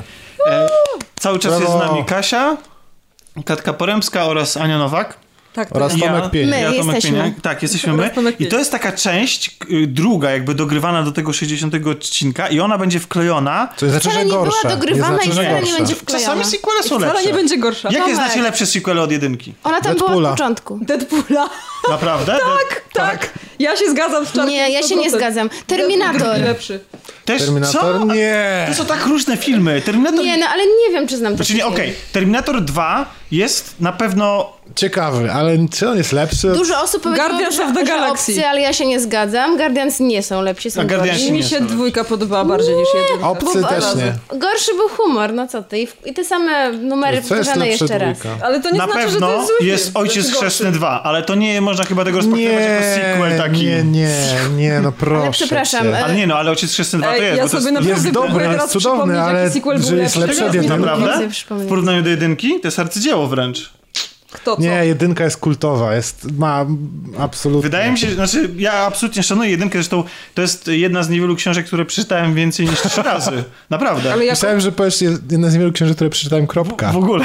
Nie, ale naprawdę uwielbiam ale- Ojca Chrzestnego, A, tak? Ojciec chrzestny. Nie, bo nie wiedziałam, czy, A. Bo rozmawiamy cały czas o dwójkach. czy dalej dwójka. Ojciec chrzestny, czy jeszcze jakiś inny Ale temat pod względem filmowym to Ojciec Chrzestny 2 jest To absolutnie... ja zejdę na bardziej, mniej ambitne tematy, Ale- bo e, podobał mi się bardziej Straszny Film 2 od Strasznego Filmu 1, a, a od trzeciej części już nie nadało się do oglądania, więc mam takie wrażenie, że tylko dwa była dobra. A mi się Piła 2 podobała. O, i jeszcze Piła Znaczy, może Na pewno miała lepsze aktorstwo. Nie pamiętam, czy, czy dwójka to był, bo, bo była jedna część, która mi się bardzo podobała i to właśnie chyba była Bardzo? dwójka, która się działa w tym domu takim. y, to chyba była dwójka. Wiesz co, one mi się wzlewają wszystkie Właśnie jakiś też, taki ciąg. ale Zwłaszcza, że tam się- Ja, jakieś ty, takie... ja tylko wiem, że odcinali nogę działy, i... coś tam. Ta, pamiętam co? Ja kiedyś tylko wiem, że to odcinali nogę i to, to jest cała moja w jedynce. To w jedynce To odcinali nogę. jedynce. To Ale sam se odcinał nogę. e, wracając do Terminatora, to ja mam problem, bo to są jedynka i dwójka to są bardzo bliskie mi filmy i o ile jed... dwójka to jest film, przez który zajmuję się tym, czym się zajmuję, czyli nagrywam podcast, nie. Jesteś Terminatorem, tak? Nie, czy chciałem całe życie, jak dorosnę, będę Terminatorem. Nie, ale będę Johnem Connorem. A, to dzisiaj sobie Będziesz jeszcze... podróżował w czasie. Raczej walczył z y, sztuczną inteligencją, ale to sobie dzisiaj jeszcze o tym porozmawiamy. Możemy. Ale e, dwójka to jest taki film, który jest dla mnie takim arcydziełem, jeśli chodzi o wizualia, ton i w ogóle wszystko. Natomiast jedynkę widziałem 6 miliardów razy na VHS-ie do Liczyłeś? nieprzytomności. Tak. I znam go totalnie na pamięć, łącznie z tym, że z koleżanką, jak byliśmy dzieciakami, odgrywaliśmy sceny z tego filmu. Cały film odgrywaliśmy. Myślę, Tomek, że Właściwie oszukujesz. nie, nie musiałeś, nie musiałeś już Ponieważ oglądać. taśma VHS nie wytrzymałaby 6 miliardów właśnie chciałem się- odtworzeń. A skąd miał jedną taśmę VHS? Gocia! Tomek oszukuje, czy możemy mu ufać? Kiedyś było coś takiego, że jak się właśnie taśma VHS przerywała, to się robił taki niebieski ekran, czy coś takiego. Też mieliście Z coś... Windowsem ci się pomyliło. Nie, nie, nie, nie z Windowsem. Że po prostu w momencie, kiedy przerywała, przerywała w moim odtwarzaczu v, e, VHS, to się robił taki cały niebieski ekran, ale taśma nadal, nadal leciała i po chwili wracał obraz. I my pamiętam, jak mieliśmy ulubione, ulubione, ulubione filmy, to sobie w trakcie dopowiadaliśmy z bratem Czydecznym, co tam, Co tam się dzieje działo? No. Okej, ja takiego efektu nigdy nie miałem. Miałem takie poszarpane, takie... No bo, bo tak już po którymś razie to one się robiły takie właśnie, No, no, rozciągały się. Ja pamiętam, że zdarzyło mi się zajechać jeden film na kasecie VHS. y, Zajechałam Armageddon. Nie wiem dlaczego oglądałam ten film tyle razy, jak byłam dzieckiem, ale znałam wszystkie Mam dialogi na wrażenie, że. Armageddon był już w czasach DVD, ale... Ja go miałam na VHS. Mam, mam ko- Proszę cię, ja, pierwszy, ja pierwszego Władcę Pierścieni miałem na VHS-ie. Serio. Ja miałam na. VHS, wiecie jaki film? Ja miałam dużo Disneya. Robin Bo dostałem, z K- bo dostałem, bo dostałem od O, 70-paroletniego wujka na VHS-ie. O kurde, a co, ale Bo to... nie wiedział, że już można na Nie wiem, nie wiem co wiedział, czego nie wiedział. oryginalny ze sklepu. Oryginalny ze sklepu. Bo to nie te nagrywane z telewizji, nie, nie, nie, reklamami z Polsatu, tam z jakiegoś wiesz, Polonia Empiku, 1. Empiku i tak dalej. Mam go do tej pory w domu. Na VHS-ie pierwszy Władca Ja chyba Pierścieni. pierwszy film na VHS-ie oryginalny, taki ze sklepu, no to miałem bajki jakieś, wiadomo, ale to się nie liczy. Toy Story czy tam Król Lew. Disneye. Disneye, ale o miałem, y, jest, taki, y, jest taka francuska animacja, postać, która jest w francuskim Disneylandzie. Mm, Woody Woodpecker? Woodpecker. Woodpecker. I to jest, to, jest, to jest postać, którą ja znałem tylko z tego VHS-u. A to ja też to miałam. byłem dzieckiem, Ja też bo to miałam Woody początek lat Woodpeckera. 90, 91 rok, czy coś takiego. Ja oglądałem to, y, tą bajkę, ona chyba nawet była jeszcze po angielsku, ile dobrze Właśnie to pamiętam. chciałam powiedzieć, że była bez tłumaczenia, bo ja też miałam Woody Tak? Woodpeckera po angielsku. Był, I tam, tak. była- tam, czy tam był taki odcinek, gdzie on zwalczył z chwastami? Czy pamiętasz coś takiego? Bo Nie, ja pamiętam tylko, jakie wydawał odgłosy. Jest jaka archeologia tutaj się włączyła. Ale nie mogę się, że a miałam na. VHS-ie taki, taką piękną animację, którą obejrzałam po 20 latach i się nie zestarzała tematycznie ani trochę. I e, ona się nazywała... Krecik. Nie, coś z Doliną Paproci. A, wiem. Mm, Nie wiem dokładnie jaki był tytuł. Eee, tytuł angielski opowieści, był Fern, Fern- opowieści z. Doliny Paproci było Tytuł coś angielski takiego. to był Ferngully, pamiętam, bo było napisane na Albo e, nawet na tym. mchuj paproci coś chyba. Tak. Nie, nie, nie, mchu tam nie było. Nie? Nie. Mchu tam nie było. Ale Dobrze, pamiętam, że dobrze. uwielbiałam tą animację i płakałam na niej strasznie, zawsze się wzruszałam, bo to była historia taka, że sobie gdzieś tam żyją wróżki w jakimś lesie i przyjeżdżają tam ludzie, bo te wróżki były takie malutkie i przyjeżdżają ludzie, którzy zaczynają wycinać drzewa. I to było A. takie, tak, i w pewnym momencie z któregoś drzewa jakaś tam żywica się wylewa i powstaje potwór o imieniu Hexus, do tej pory pamiętam jak się czyli, nazywał. czyli lewacka ekopropaganda. Tak, lewacka ekopropag... O, tak, to było to! Boże, jak to było Dolina cudowne! Paproci. A nie, to ja nie Dolina znam Ej, to tego. nie znam tego. To ja też To, nie to znam. jest chyba Ale na to jest, Netflixie teraz. to jest film z 92 roku, ale jest książka i stąd znamy, znamy tytuł Powieści z Doliny Paproci, bo jest taka książka dla dzieci. Ja pamiętam tą okładkę. O właśnie. A. A, okej, dobra, ja też No. ją kojarzę, ale to jest nie to samo chyba. To nie jest chyba to samo. Ale ten, ten film, jak, jak na taki film dla dzieci, nawet jak sobie go, obejrzałam sobie go jakoś, nie wiem, z 5 lat temu drugi raz, bo właśnie się pojawił na Netflixie. Czy, czy gdzieś tam, gdzieś tam się pojawił w każdym razie. I byłam bardzo zaskoczona, że on się po pierwsze w ogóle nie zestarzał, jeśli chodzi o tematykę, jeśli chodzi o narrację. No to ja pamiętam, że w, e, w czasach, kiedy już było nas stać na e, wideo ze sklepów, a nie te przegrywane i, i nie do końca legalne, to ja już byłam Nie za do duża trochę legalne. na... One w ogóle nie były legalne. Odkąd wyszła ustawa o ale nie, nie, nie, przepraszam. Przed, przed ustawą... A nie, ale właściwie nie. Te nagrywane na, z telewizji to były legalne, no bo Z do telewizji tego sobie służyły te sprzęty nagrywaliśmy. przecież. No więc właśnie. Tylko nie mogłeś kopiować, przez wypożyczać i robić tak, że szedłeś do kolegi, brałeś Ale jego tam się- VHS, łączyłeś to kablami, przegrywałeś z jednego na drugi. I A tam nie było takiego zabezpieczenia, takiego, Był. że tam trzeba było zatkać, zatkać. Tak, oczywiście a taki nie, ząbek. To, że nie mogłeś tego skasować. A, że było, że przegrywać, skasować. to Okej. mogłeś i myśmy y, t- z- z kolegami y, robili takie rzeczy, tylko później... W, A ja znowu nie mogłam były, powiedzieć, Były no. wprowadzone e, e, antypirackie os, takie zabezpieczenia, niczym jak teraz No, na, no. na płytach, że na przykład tak Dzień Niepodległości próbowaliśmy e, s, skopiować i Myślę on się... po rosyjsku. Nie, ale robi tak. Tak, co- tak po prostu dźwięk co, co jakieś 5-10 minut. Okej. Nie, przepraszam, co, co jakieś 50 sekund, czyli 10 sekund było dobrze, a potem taka. Ale słuchaj, oglądaliśmy to, w ogóle nam to nie przeszkadzało. Ale jest, a propos rosyjskiego, ci się dopuszczam do głosu tylko jedną historię. Dobrze, poczekam. Film Mortal Kombat, który jak, go, jak wszedł do kin, to był absolutnie y, kult nad kulty. Ja go w kinie widziałem 8 razy autentycznie. Widziałem ten film z, chyba ze wszystkimi na- członkami czy mojej byłeś- rodziny. Czy byłeś na wszystkich seansach, które były w Wyszkowie? Tak, też. Ale oprócz tego jeszcze miałem tak, taką, ta, tak mi się złoży, tak się złożyło, że wylądowałem na wakacjach nad morzem na koloniach, gdzie akurat był automat w ogóle z Mortal Kombat e, niedaleko. Myśmy tam chodzili i grali sobie na tym automacie. I jak się dowiedzieliśmy, że akurat leci w kinie ten film, to a chłopaki, którzy tam ze mną byli, w ogóle nie byli wkręceni w to, w to uniwersum. Więc, ale, ale w automat się bardzo wkręcili, więc stawiali mi to kino, żebym ja chodził z nimi do kina i im tłumaczył, kto jest kim w tym kinie i jeszcze na tych koloniach widziałem ten film trzy razy, nie? Na koloniach, autentycznie, nie? Ale kończę już tą, tą, tą historię. No więc jak, przy, y, jak y, przyjechałem z kolonii i tak dalej, można było łapać takie y, nadawane rosyjskie stacje jakieś No. na naszym terenie i one nielegalnie puszczały wszystko. I w pewnym momencie puściły Mortal Kombat. I myśmy się załapali na ten Mortal Kombat, nagrali go sobie na wideo, tylko niestety on był po rosyjsku. I w związku z tym, że był po Ty rosyjsku... tłumaczyłeś. Wszystko tłumaczyłeś. Totalnie, ponieważ ja znałem film na pamięć, bo widziałem go tyle razy w kinie, to nagrałem na dyktafon moje własne tłumaczenie, dosłowne, z pamięci, z, z tego, co pamiętałem i trzeba było puszczać film na VHS-ie i I puszczać odpalać dyktafon z tobą w. Dokładnie, ale wszyscy to oglądali, naprawdę. Tomek, to nie wiedziałam, że kariera lektorska Była taka... już Miałeś jest powołaniem. Dokładnie. Ale no chciałam tylko powiedzieć, że już wtedy e, chyba nie byłam już e, w wieku na Disneya i wiem, że w pewnego roku dostałyśmy z moją siostrą na od, od Mikołaja. Ona dostała Króla Lwa, a ja dostałam e, Robin Hooda z Kevinem Costnerem, no i powiem wam, że to była moja druga miłość, bo moja pierwsza miłość to był Jean-Claude Van Damme z dzieciństwa, a moja druga miłość to był właśnie Kevin Costner od tego filmu i tak po prostu znałam Ej, go na mo- pamięć, moja pierwsza tak miłość z dzieciństwa to był Robocop z serialu. Naprawdę? Tak. Z tego, co leciał na Polsacie? Tak, właśnie teraz sobie przypomniałam, że to był Robocop. Ale nie był jakiś przystojny. ani- Wiem, dlatego się zaczęłam zastanawiać nad No, sobą. no Robin Hood, Kevin Costner w tamtych czasach, a Robocop, no hello. A Jean-Claude Van Damme robił szpagat. To moje- Robocop też robił szpagat.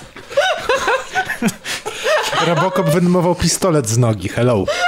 No dobra.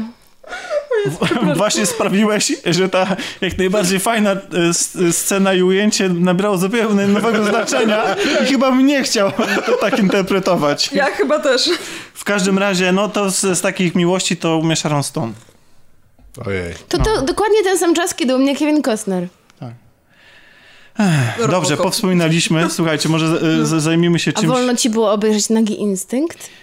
Co znaczy wolno mi było? Czy rodzice ci nie Sobie zrobili? sam pozwolił. Ej, mi rodzice nie pozwalali oglądać Twin Peaks, jak było w telewizji, Mi też nie. a ja bardzo chciałam. Nie, nie pozwolili Raz- mi obejrzeć Twin Peaks. Raz jeden się zdarzyło tak, że moi rodzice zapy- zapytali się jakiegoś mojego starszego kolegę, czy ten film jest dla mnie odpowiedni i to było akurat Rambo 2. Miałeś wtedy lat 6. Już nie pamiętam, ale mój...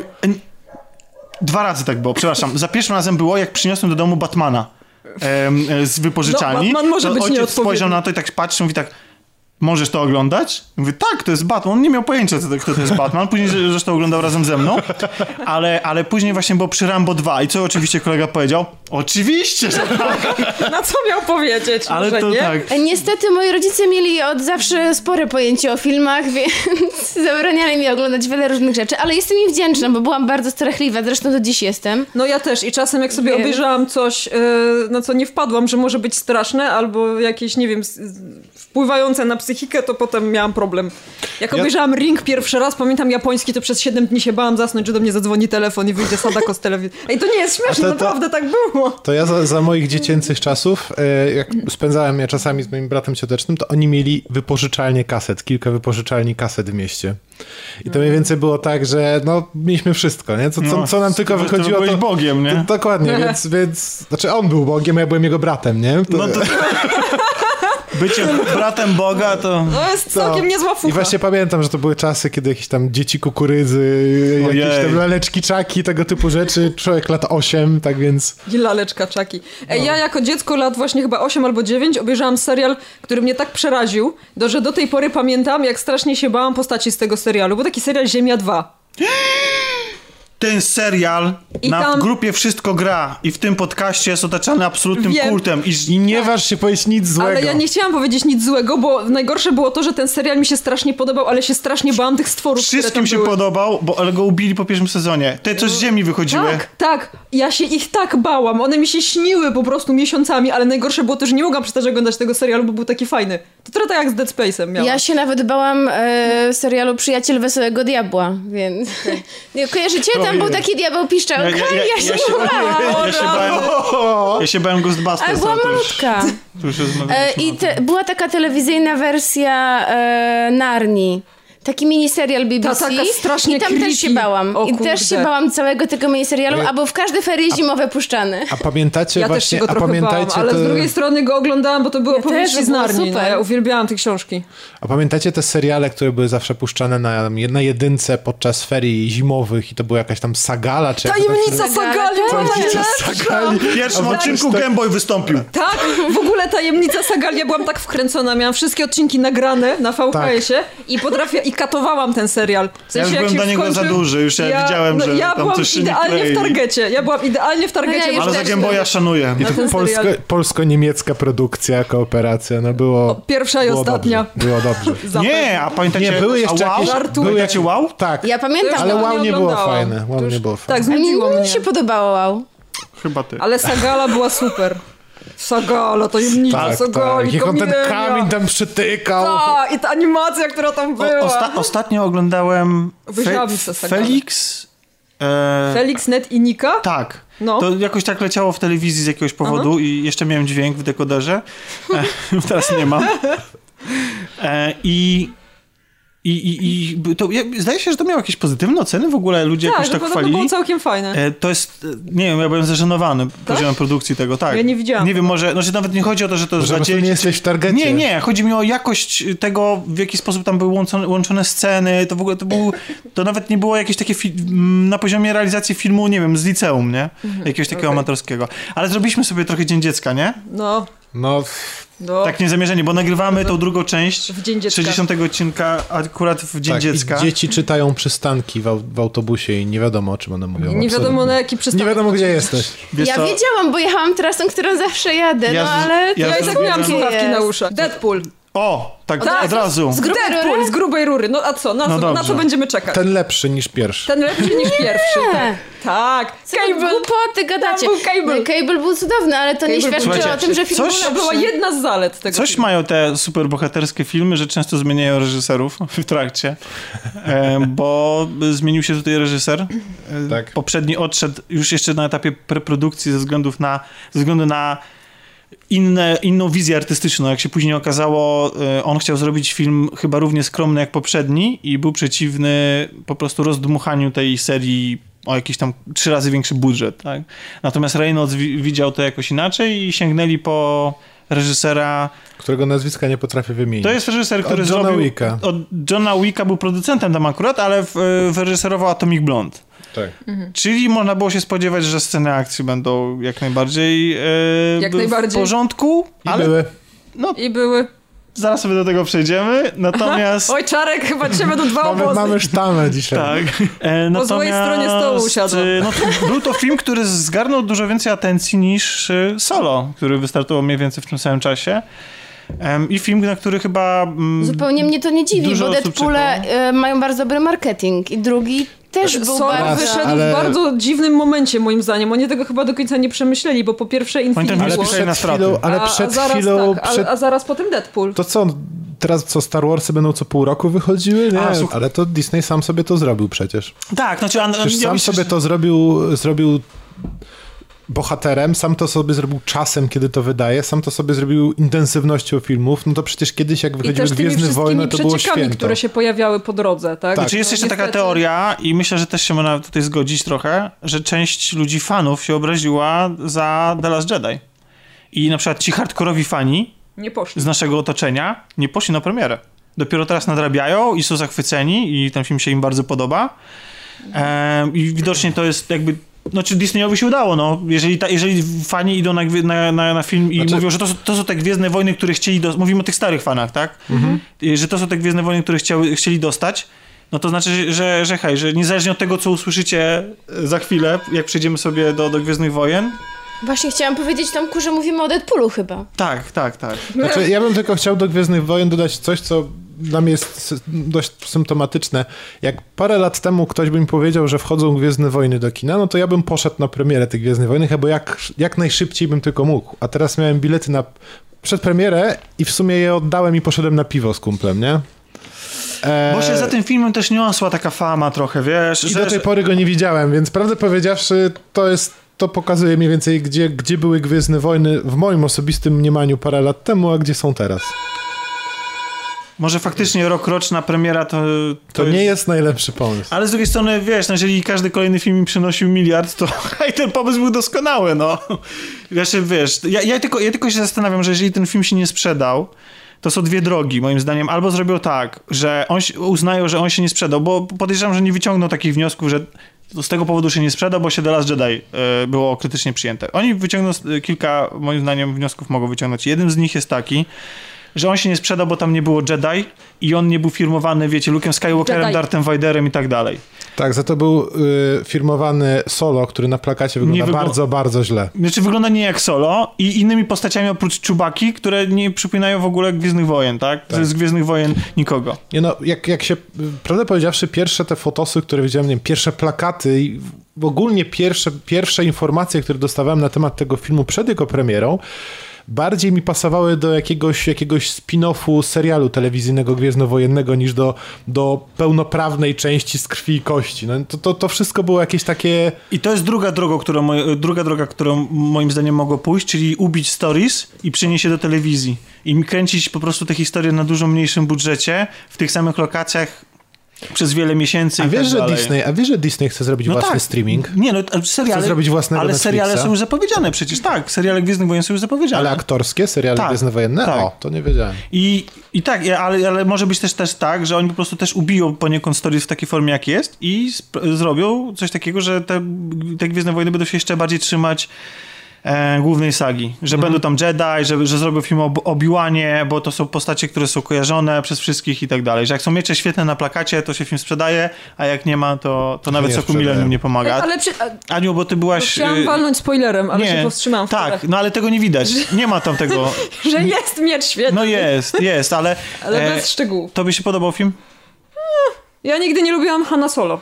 W sensie nigdy nie był moją ulubioną postacią, więc jakby A Basia się w nim E, kochała. Wiem, pamiętam to. Pamiętam to. Ja się kochałam w Obi-Wanie, więc jak będzie Obi-Wan, to pójdę pierwsza do kina. Ale on miał jakieś 150 lat w tym filmie. Ale nie no, w prequelach. A. Ale on ma moc. Ale on ma moc i w ogóle i ma miecz świetlny i te sprawy. Nie, generalnie film jest okej, znaczy tak, e, ale jak oglądając go nawet mimo tego, że wiedziałam, że dzieje się w uniwersum Gwiezdnych Wojen i jest ten Sokół Millennium, i jest Chewbacca, i jest Han Solo, to w ogóle nie miałam wrażenia, że oglądam Gwiezdne Wojny. Nie wiem dlaczego. Mi jest trudno się wypowiadać tak, bo ja bez entuzjazmu trochę podchodziłam do tego filmu. W sensie nie nastawiałam się na nic, a dostałam taki całkiem przyjemny film. Było kilka śmiesznych scen, y, były ładne sceny, były ładne lokacje, były fajne stroje i tak jakby i w niektórych momentach fajna muzyka i tak całkiem przyjemnie się to oglądało, ale żebym jakoś tak się zachwycała, czy żebym myślała, o super, kolejne fajne Gwiezdne Wojny, no nie. Dobra, wróćmy do tego Deadpoola. Właśnie chciałam zapytać, czy będziemy mówić o Deadpoolu, czy, Właśnie, Czy ja mogę iść do domu? czy w ogóle o solo? ja właśnie... Ja właśnie bym powiedział, prawdę powiedziawszy, Ja o tym Deadpoolu. Też bym powiedziała o tym Deadpoolu. Powiedzielibyście? Pierwszy, Tak. pierwszy Deadpool to był taki powiew świeżości troszeczkę, czyli ludzie zrobili film z tego, co się zazwyczaj wycina z filmów superbohaterskich. Wytłumaczmy tylko dla ludzi, którzy nie mają pojęcia, kim jest Deadpool, że to jest taka postać komiksowa, która jest bardzo meta, łamie czwartą ścianę, często jest e, generalnie Tak. taką zgrywą, prawda? Tak, Tak, jest, i ja jest pamiętam, jak mutantem. odkryłam, jak odkryłam komiksy Deadpoolowe, znaczy on jest często łączony z X-Menami gdzieś tam w tych No bo historiach. on jest też mutantem. I nie? on tak, on też jest mutantem, y, on się, on się leczy, podobnie jak Wolverine. I generalnie Jest to... nieśmiertelny i to jest, bardzo jest nieśmiertelny. nieśmiertelny, tak. No, potrafi się zregenerować nawet z takiego stanu bardzo, powiedzmy, bliskiego śmierci. I komiksy o nim są takie właśnie... Chyba nie czytałam żadnego, który byłby poważny, który nie nawiązywałby do jakiegoś tam, e, nie wiem, e, nie wyśmiewał jakiegoś wątku, który się pojawia w innych komiksach. On był taką trochę parodią nawet samych X-Menów. I pamiętam właśnie, że w tej serii komiksów Deadpool i Cable, którą uwielbiam i dlatego się bardzo ucieszyłam, jak się dowiedziałam, że się Cable pojawi w drugiej części, bo oni mają takie dialogi i tam są takie, takie rzeczy się dzieją, że ja czytając te komiksy płakałam ze śmiechu, więc O. bardzo się, bardzo się nastawiłam On- tak pozytywnie. On zresztą na chyba to. został pomyślany jako parodia bohatera z DC, Deadshota, który się pojawia, ja go To znam z serialu Arrow, wiem, że to obciach, że go znam akurat z tego serialu, ale bo on Tego- podobnie wygląda, ma podobną maskę i tak dalej, że jest takim najemnikiem. Tego nie wiem, ale nie Deadshota zdziwiłabym się. kojarzę z Suicide Squad. To ten? Tak, A, Will tak, Smith tak. go grał? tak, tak, Aha, tak, tak. to Deadpool Okej, lepszy. nie wiem, dobra, Okej, może. no Tomek by był, to by, Może, to, by to, to by powiedział, a To by nam no teraz wyłożył zaraz. Jeśli się pomyliliśmy, drodzy słuchacze, to chętnie, To przepraszam. e, chętnie przeczytamy o tym w komentarzach. Wracając Może w końcu będą jakieś... Kom- Musimy się specjalnie mylić, to wtedy będą jakieś komentarze. Tak, musi. E, Deadpool y, pierwszy był zrealizowany przez e, właściwie, nie, może to nie była z inicjatywy, ale bardzo mocno zabiegał o ten film Ryan Reynolds, dlatego że wcześniej grał Deadpoola w niesławnym Wolverine e, Niesławnym. Origin, gdzie, gdzie Tak. ta postać została totalnie zniekształcona. E, Film odniósł sukces, zaskoczył bardzo. Czekaliśmy na drugą część. Czy druga część zaskakuje? A jeśli tak, to czym? Mnie nie zaskoczyła druga część. W sensie ja dostałam dokładnie to, czego się spodziewałam, bo zakładałam. Znaczy, trochę się obawiałam po tym, co się stało z Kingsmanami. Że jak będą chcieli zrobić coś lepiej, bardziej, szybciej, to wyjdzie tak samo jak z Kingsmanami, czyli wyjdzie badziew. Ale na szczęście się tak nie stało i jakby moje obawy się okazały niesłuszne, bo mimo, że niektórzy, to wiesz, nawet jak się mówi, że czy, czy druga część jest lepsza, czy gorsza od pierwszej, to nie da się ukryć, że to jest film, na którym można się świetnie bawić, bez względu na wszystko. Czy to, wiesz, czy uważasz, że jest lepszy, czy gorszy od drugiej A części. czy zaskoczyła cię Aniu i Czarku rozmiar? Y, Rozmach, Nie, przepraszam. mo, może, może, Ale może, może, może, może po, po, po kolei, bo chciałem się odnieść Tak. do tego, te, czego oczekiwałem. Ja oczekiwałem, prawdę powiedziawszy, e, więcej, bardziej tego samego. I o ile w przypadku pierwszej części obawiałem się na przykład trochę tego, bo wiedziałem, że to będzie Origin, a ja nie jestem do końca fanem ciągle, na, ciągle powtarzających się Originów, a mimo to wyszło fajnie, to wiedziałem, że tutaj w momencie, kiedy oni, scenarzyści nie będą musieli się skupić na tym, żeby widzowi, który nigdy w życiu nie, nie czytał żadnego komiksu, nie wie kim jest Deadpool i tak dalej, tylko będą chcieli po prostu opowiedzieć historię Deadpoola, nie, nie będzie im ten Origin przeszkadzał i będą mogli coś, takiego, coś, coś lepszego zaoferować. Tego, tego, tego oczekiwałem, coś większego może nawet. Czyli y, ścieżka Reynoldsa, czyli trzy razy większy zdaniem- budżet, więc do- większa Dokładnie, trzy razy i- większy budżet, trzy razy większy rozpierdziel. Jednocześnie to jest drugi taki film w tym zalewie blockbusterów z pelerynkami i tak dalej, i tak dalej. Nie oszukujmy się, Deadpool jest inny. Tak, to jest inny. Jest zupełnie innym filmem. Jest dopiero drugim filmem tego typu, więc nie ma jeszcze miejsca na to, żeby czuć się Przesytu. zmęczonym, przeciwieństwie Znudzonym, znudzonym, w przeciwieństwie do nastego filmu Marvela z tego Marvel, Marvel Cinematic Universe. Więc tutaj absolutnie, absolutnie oczekiwałem więcej, mocniej tego samego i dokładnie to dostałem. I jestem E, kontent. Ja starałam się niczego nie oczekiwać, bo zwykle jak czegoś oczekuję, to potem przeżywam zawód. E, Więc myślę, że tylko nastawiałam się na to, że będzie śmiesznie, wulgarnie i brutalnie. I co mnie zaskoczyło, zupełnie nie spodziewałam się w takim filmie poruszania poważnych wątków. No co, ty naprawdę?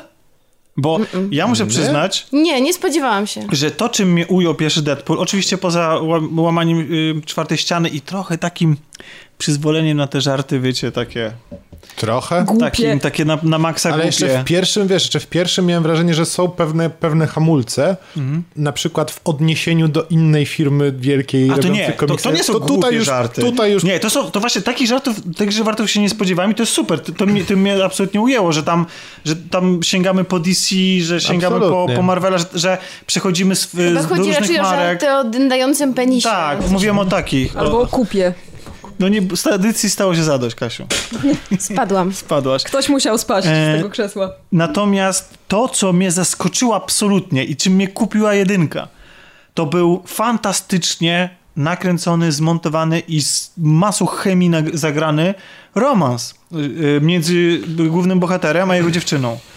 Y, Pierwsze 15 W pierwszej minut części tak. był, było to rewelacyjnie zrobione na, na, na poziomie filmu, no może nie dramatycznego, ale takiego, gdzie ja autentycznie się zaangażowałem w ten związek, czułem, że ich coś łączy i to była doskonała motywacja do mm, zachowań To- bohatera. No dobrze, to sk- skoro tak. Skoro I dlatego, tak, jeszcze tylko powiem, dlatego oczekiwałem, że mimo całej tej śmieszności, e, zgrywy i parodii, jako jest Deadpool, to że znajdzie się tam, jeżeli podejmie jakiś poważny wątek, to że znajdzie się fragment poważniejszy i on znowu zaskoczy tym, że zadziała na moje emocje w taki sam sposób intensywnie, jak zadziałał wątek romansowy w pierwszej części. A mnie to jednak zaskoczyło mocno, bo nie spodziew... bo jednak wątek miłosny, e, nawet wątek choroby bohatera, straty ukochanej osoby nie jest dla mnie tak poważnym wątkiem jak e, motyw krzywdzenia dzieci albo czegoś zaha- zahaczającego o jakąś pedofilię. E, to jest już taki wątek e, Znaczy, znaczy tak, tutaj... mocno poważny. Znaczy, mój, mój odbiór jest e, tego mniej więcej taki, że o ile e, w pierwszej części wątek miłosny mógł być ujmujący i mógł i razem jeszcze z, z, z walką z chorobą i tak dalej, mógł, mógł, być przejmujący. Okej, rozumiem to w 100%. To w drugiej części, jeżeli on by był pociągnięty dalej, miałbym wrażenie, że oglądam no, To samo. To samo. Ale ja nie chciałem- nie, nie, nie, nie chciałbym, nie żeby chciałbym, żeby, ciągnięty. Ja nie chciałbym, żeby on to był dalej ciągnięty. To, co zostało tam zrobione, e, czyli nadanie nowej motywacji bohaterowi, bo nie oszukujmy się, w pierwszej części to była głównie motywacja pod tytułem zrobili mi krzywdę, zaraz ich Zemsta. wszystkich zabiję, a w drugim, e, w drugim stało się to, co się stało, o czym nie chcę mówić, ale jak znamy tą podbudowę... To. Przepra- po, teraz zaspoilujemy wam pierwsze 5 minut filmu. Bo to jest ważne, dlatego że ja bym chciał na ten Dobra. temat chwilę powiedzieć. No to spoilujemy pierwsze 5 tak, minut jeżeli filmu. ktoś nie chce w ogóle wiedzieć, co się wydarza w pierwszych 5 minutach, no to przywincie nie wiem ile. Sporo. Tak, Trochę Bo- przewi-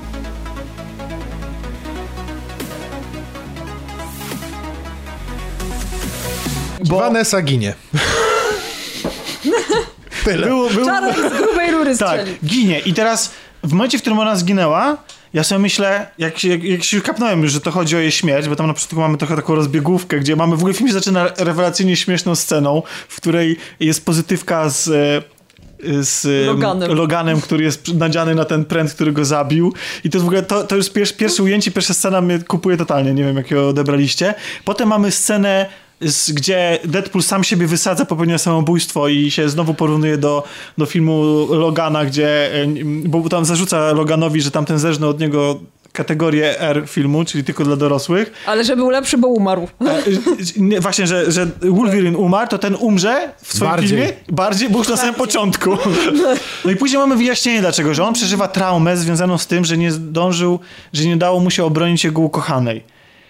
Ja mam zarzut do tego pierwszego aktu filmu, do, do tej pierwsze, pierwszego fragmentu. W ogóle początek filmu jest jakiś, ale to, to sobie jeszcze szerzej opowiemy o tym, że ja w ogóle tego nie czułem. To znaczy, chciałbym, że tak jak czułem tą miłość w pierwszej części, to chciałbym tutaj poczuć tą traumę. A ja powiem szczerze, a ja Że- powiem szczerze, po, poczułem, poczułem e, zrozumienie pełne dla niego i Ale i on tą- właśnie on się i nie zachowuje tam podbudowę- nijako, bo zaczyna No jak? żartować, jak, jak, jest, jak jest, jest, idzie do, Ale e, do stary, Al, to jest Deadpool. On, ten, on z jednej strony widzisz go załamanego w taki bardziej nam ludzki sposób, ale z drugiej strony zauważ, że Deadpool tym swoim żartem i tym swoim stylem bycia, to jest jego reakcja na to, na to wszystko zło, co, to, to, to zło, które jego spotkało, tak go pokrzywiło, że on się tak zachowuje, no nie? Tylko wiesz co, no, to, to nie były te żarty, które by mnie, dla mnie pasowały do tej sytuacji. No po prostu, zwłaszcza, że wjechała zaraz jeszcze czołówka, która sama w sobie jest świetna, nawiązująca do Bonda. Tylko Tylko, trochę nie w tym miejscu.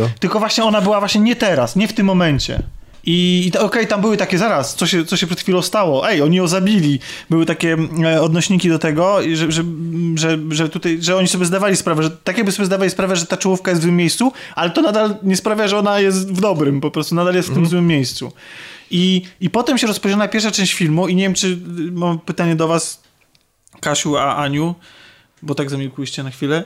Czy nie odniosłyście wrażenia, że ten początek jest trochę chaotyczny, nie wiadomo w jakim kierunku ten Deadpool ma zmierzać, ten film, bo on jest, oczywiście on jest taki rozchwiany, bo, bo główny bohater też jest trochę zagubiony, ale tam się dzieją różne rzeczy i różne wątki zaczynają i... Znaczy wiesz co, ja w ogóle tego nie odczułam w taki sposób, no bo też jakby, chociaż ten pierwszy akt uważam, że trochę tempem w ogóle nie przystaje do reszty filmu. No bo co tam się dzieje? Bo on jest bardzo długi i tak naprawdę cały mówi o tym, co się, tak, no, o, o tej sytuacji, która spotkała y, Wade'a, czyli Deadpoola. Wade'a, Wade'a Wilsona, tak, że, że właśnie jego kobita y, zginęła, on nie zdążył jej uratować. No i potem jest pokazane, że on z jednej strony, tak, się mści na tym, kto to zrobił, co trwa bardzo krótko, no bo, bo tak, y, jest to pokazane. I potem jest pokazane, jak on sobie radzi z tą, z tą stratą i trafia właśnie do, y, do X-Menów. I dla mnie jakby to co, to, co jest istotne, bo Czarek też o tym powiedział, że e, bardzo dobrze tutaj widać, że Deadpool to faktycznie przeżywa, bo to nie jest bohater, który pokazuje swoje emocje. I t- tak było w pierwszej części i w drugiej jakby tak, tak jest nadal, że... Zazwyczaj nosi maskę.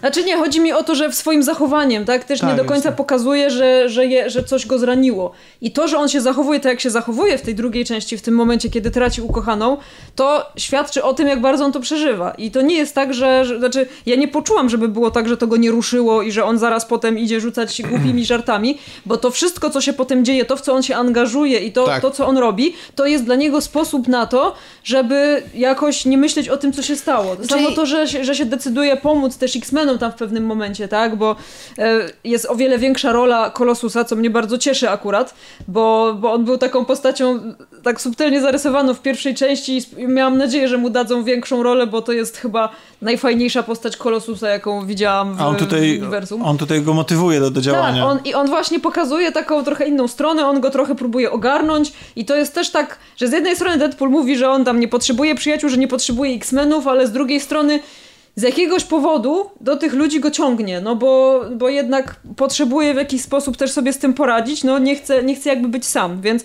to pokazuje taką trochę inną stronę bohatera. Oczywiście to nie jest film psychologiczny, to nie jest tak, że my dostajemy głęboki wgląd w psychikę bohatera, ale to, co tam się dzieje w nawiązaniu do tego, jaki jest Deadpool, co widzieliśmy w pierwszej części, i mogliśmy sobie jakieś zdanie na jego temat wyrobić, to to w jaki sposób on to przeżywa dla mnie było bardzo y, believable, bo to nie jest typowy bohater. To nie jest bohater, który się zamknie w domu jak w e, 500 dni miłości i będzie płakał i obżerał się lodami i w ogóle, tylko to jest bohater, który będzie jakby robił wszystko, co może, żeby po prostu nie myśleć o tym, co się stało. I... Czy ja się zgadzam z tym, że No, no, no. Zgadzam się z tym, co powiedzieliście, że e, uwierzyłam w to, że on to rzeczywiście czuje, bo jest taką osobą, która e, jest taką postacią, już to wynikało z pierwszej części, która właśnie takim humorem maskuje to, co naprawdę czuje. Więc to uwierzyłam. Uwierzyłam w to, że on rzeczywiście, zresztą pierwsza część bardzo dobrze pokazała relację jego z tą Vanessą i ja uwierzyłam w to, że oni się strasznie kochają, no więc jak mógłby nie przeżyć e, takiej straty. Ale on to przeżył, ale ja tego nie przeżyłam. To znaczy właśnie tak z drugiej strony, tak jak Tomek powiedział, to, że ten początek był taki chaotyczny, sprawił, że jakoś ja nie byłam w stanie zupełnie się wczuć, tak jak byłam wczuta podczas pierwszej części. Yy, Nie rozumiałam w ogóle tych rozterek i to, co... mm, Odczytywałam to przez to, że ja się nie wczułam, Odczytywałam to przez to potem jako jakiś taki tani sentymentalizm i ciągnięcie tego Kurczę. wątku potem mnie denerwowało. A to nie, Ale to zupełnie to- tego, zupełnie... To dla mnie, to dla mnie Zupełnie nie. Ja właśnie, kurczę, zastanawiam się, staram się sobie, staram się sobie e, uzmysłowić, co wam nie, nie kliknęło w tym momencie, bo ja ogólnie nie, nie, nie jest tak, że ja się tam za, z, oglądając filmy się jakoś szczególnie przejmuje takimi momentami, jak były tam. A, A właśnie tym- ja się przejmuję. A po tym wszystkim, a, a po tym, jak widziałem, jak, jakie ta relacja między, między Deadpoolem a, i jego ukochaną była żarliwa i tak dalej, i tak dalej, i jak ona została gwałtownie urwana i jeszcze ten moment pierwszy, kiedy, kiedy on sobie wiódł swoje beztroskie życie e, e, mordercy wszystkich złych ludzi świata i, i wracał do niej jak, jak każdy dobry, jak każdy dobry e, Spóźniony. chłopak, chłopak spóźniony, Na lekko jeszcze upaprany, że- właśnie- upaprany krwią, jak po prostu z, norma, z normalnej pracy i potem to wszystko zostało jednym głupim momentem, takim, takim to, nie, to nie była intryga, wiecie, że największy zbrodniarz świata doszedł do wniosku, że się zemści na Deadpoolu, tylko że po prostu była kula, która trafiła akurat ją. I, i to takie urwanie, na mnie to, kurczę, no, no mnie to trochę ruszyło, powiem szczerze, i ja totalnie zrozumiałem to, co się działo później. I cały film tak naprawdę jest przecież o reakcji na, na tą sytuację, no bo jeżeli nie byłoby tej śmierci, to nigdy w życiu Deadpool nie, yy, nie zająłby się, nie przejąłby się tym Russellem na przykład.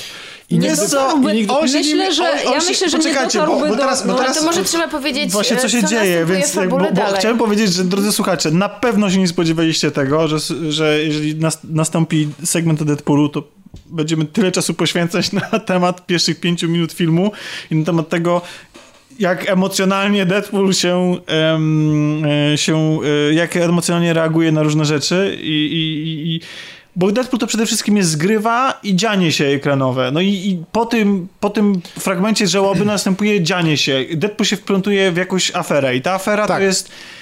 em, Ta afera to jest łączy się e, bezpośrednio dla z mnie- X-Menami, którzy zostali wezwani na pomoc do sytuacji, w której poznajemy zupełnie Russella. nowego bohatera. Russella. Chłopca. A zresztą, e, co jest ciekawe, e, dużo osób mówiło mi, że ta postać była dla nich strasznie denerwująca.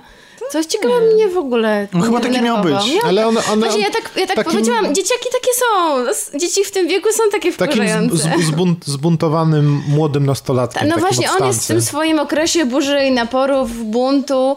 E, buntuje się przeciwko temu, e, w, jakim, w jakim miejscu społeczeństwo stawia mutantów, bo ten chłopiec jest mutantem. Ale to, to, to, to, jak powiedziałaś, to brzmi tak bardzo ogólno, gór, górnolotnie i No bo ogólnie. podobno mamy nie ale mówić dokładnie, Nie, nie, no to dotyczy jego chodzi osobistej o, traumy. O oso- osobistą traumę. Tak, nie? ale on jest też w takim... Miałam nie mówić. Ale, on- ale on jest też w takim momencie, w którym o jego duszę mogą walczyć dobra i ciemna strona, tak? Czyli on jest takim człowiekiem rozchwianym. A do tego nie lubi piasku. To znaczy, bo w jego życiu zadziało się dużo złych rzeczy, no i naturalną reakcją jest y, zemsta. Więc on, on, zemsta i bunt, szczególnie jeśli ma 17 lat. I on stoi w takim momencie życia, kiedy właśnie tak jak powiedział Tomek, walczą o niego siły dobra i zła. Siły zła mówią mu zemści się, zabij ich wszystkich. A siły dobra, czyli X-Meni, e, chcą dać mu jednak szansę. No i pośrodku I- tego jest stoi jeszcze Deadpool. Deadpool, który ma po prostu to wszystko gdzieś, bo on przeżywa traumę i wcale, Swoją. się, tak, i wcale się tym dzieciakiem nie chce zajmować, ale jednak y, scenariusz go ciągle z nim em, splata i ciągle go łączy. A do tego wszystkiego jeszcze mamy jeszcze jedną postać. Ale przy czym nie chce się zajmować, to jest takie filmowe, nie chce się tak, zajmować. to prawda, bo to wiadomo... Czyli mówi tam, a daj mi spokój, Idź ale z- stąd. idź stąd, ale z drugiej strony mu pomaga, jeżeli, Dokładnie. jeżeli nadejdzie moment próby, że tak powiem. Tak, bo, bo, bo trzeba jeszcze powiedzieć jedną ważną rzecz, że postać Russella jest e, związana bardzo mocno z jeszcze jedną postacią, która się pojawia właśnie w tym filmie, czyli z Cablem. Właśnie trochę, właśnie trochę mnie, powiem szczerze, mierziło początek, początek e, przedstawienia Cable. Jeżeli, jeżeli nie wie się przed, e, przed tym, kim jest ta postać i o co... Ja nie wiedziałem. Ja też nie wiedziałam. No to, no to on, no to co, przyleciał jakiś gość z, e, Przyszłości. z, z przyszłości, z przyszłości, no i taki standardowy zły, tylko tam z dziwnym lasem, nie? Nieprawda. I tego było A- mało. Nie, jest, od Ale- razu jest wytłumaczone, że on też coś przeżył i chce cofnąć się znaczy, w czasie, żeby temu jego- zapobiec. jego- Ale to, jest, ale to jest najprostsza, wiesz, to jest Jego najprostsza wątek- motywacja świata, nie? Ja się zgodzę z Czarkiem, że to jest absolutnie to turbo szybkie wytłumaczenie motywacji Tak. głównego bohatera i w ogóle on ma, chociaż jego jest na ekranie całkiem sporo, to To on... nie jest główny bohater. Czy bohatera w ogóle. To jest na, na ekranie go tutaj całkiem sporo, natomiast y, no, nie poznajemy go tak naprawdę zbyt dobrze. Poznajemy go tak w drugiej połowie filmu, Tak, nie? ale tak naprawdę jest to takie bardzo, bardzo skrótowe, tylko że normalnie bym to uważał za błąd, ale z jakiegoś powodu w tym filmie, w tym konkretnym, tak bardzo mi to nie przeszkadzało. To znaczy... Nie, też nie. Ja bo- chciałabym, że, ja chciałam, żeby on był tajemniczy. Po prostu to, że o nim nie wiemy bardzo wielu rzeczy sprawiało, że ja byłam zaciekawiona tą postacią. Bo my, my wiemy o nim tak naprawdę tyle, co wiedzą o nim bohaterowie filmu, no trochę więcej, tak? Bo wiemy dokładnie, jaka jest jego motywacja, no ale później też bohaterowie się dowiadują, tak? Jaka jest jego motywacja, która jest prosta, jest taka banalna i zwłaszcza jeśli się zna postać i gdzieś tam widziało, co on przeżywał, no to wydaje się, że wybrali po prostu najbardziej nudną z jakichkolwiek przygód, które mogli opisać w, w filmie, ale nie zmienia to faktu, że jak na to, co pokazali, to pokazali go w bardzo fajny sposób. Ja się właśnie obawiałam, że jak się pojawi Cable, to film będzie się z niego nabijał. W sensie, że zrobi z niego taką postać, która jest skrajnie niepoważna. E, Ale on i właśnie tak- przez to, że jest taki skrajnie właśnie on- poważny, to tak, też ale- komicznie gra. Ale to jest w taki sposób zrobione, że nie masz wrażenia, że ta postać y, jest po prostu potraktowana po macoszemu i że jest potraktowana jako jakiś comic relief dodatkowy, tylko ona w tej swojej powadze jest śmieszna, jest zabawna. No bo tak? to jest powiedz, zdaniem, po- postać dla tych, którzy nie widzieli filmu i którzy nie znają tej postaci, to jest postać, która będzie konfrontowała się bardzo często z Deadpoolem i z Tak. resztą No bohaterów. właśnie to chciałam powiedzieć, że konfrontowała to jest bardzo dobre słowo, ponieważ on jest całkowitą przeciwnością i przeciwwagą dla Deadpoola. I nawet jeśli- I dlatego stanowią tak. taki świetny duet Właśnie we nawet jeśli scenach. stoją po tej samej stronie, to, to nigdy nie idzie gładko. Nie, nie idzie gładko. Ja Szkoda, od że, razu... szkoda, że nie ma cygara. W komiksach miał cygaro. Szkoda, no. Ale pasowało Szkoda też, że się nie teleportują. E, nie powiedzieliśmy o tym, że... że Cable'a gra Josh Brolin. Moim zdaniem robi to znakomicie.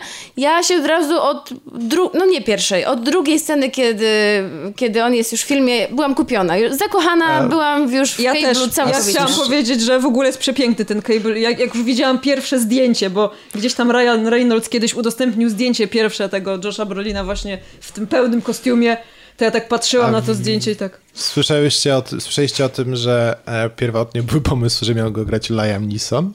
No, w ogóle mia, mia, miał, go, miał go grać, miał go A, grać. a, potem, był Russell, a, potem, był, a potem był Russell Crowe był. Russell Crowe. Jeszcze Brad Pitt chyba. Tak, bo... Ale Br, br, br, Za chwilkę się pojawia. tak, Brad Pitt też ma jedną skromną rulkę. Zresztą, zresztą tych cameo w filmie jest więcej, bo na przykład się pojawia e, Tudyk, Alan i Matt Damon, czyli król, król ym, wszystkich... Król cameo. Cam, ca, cameo.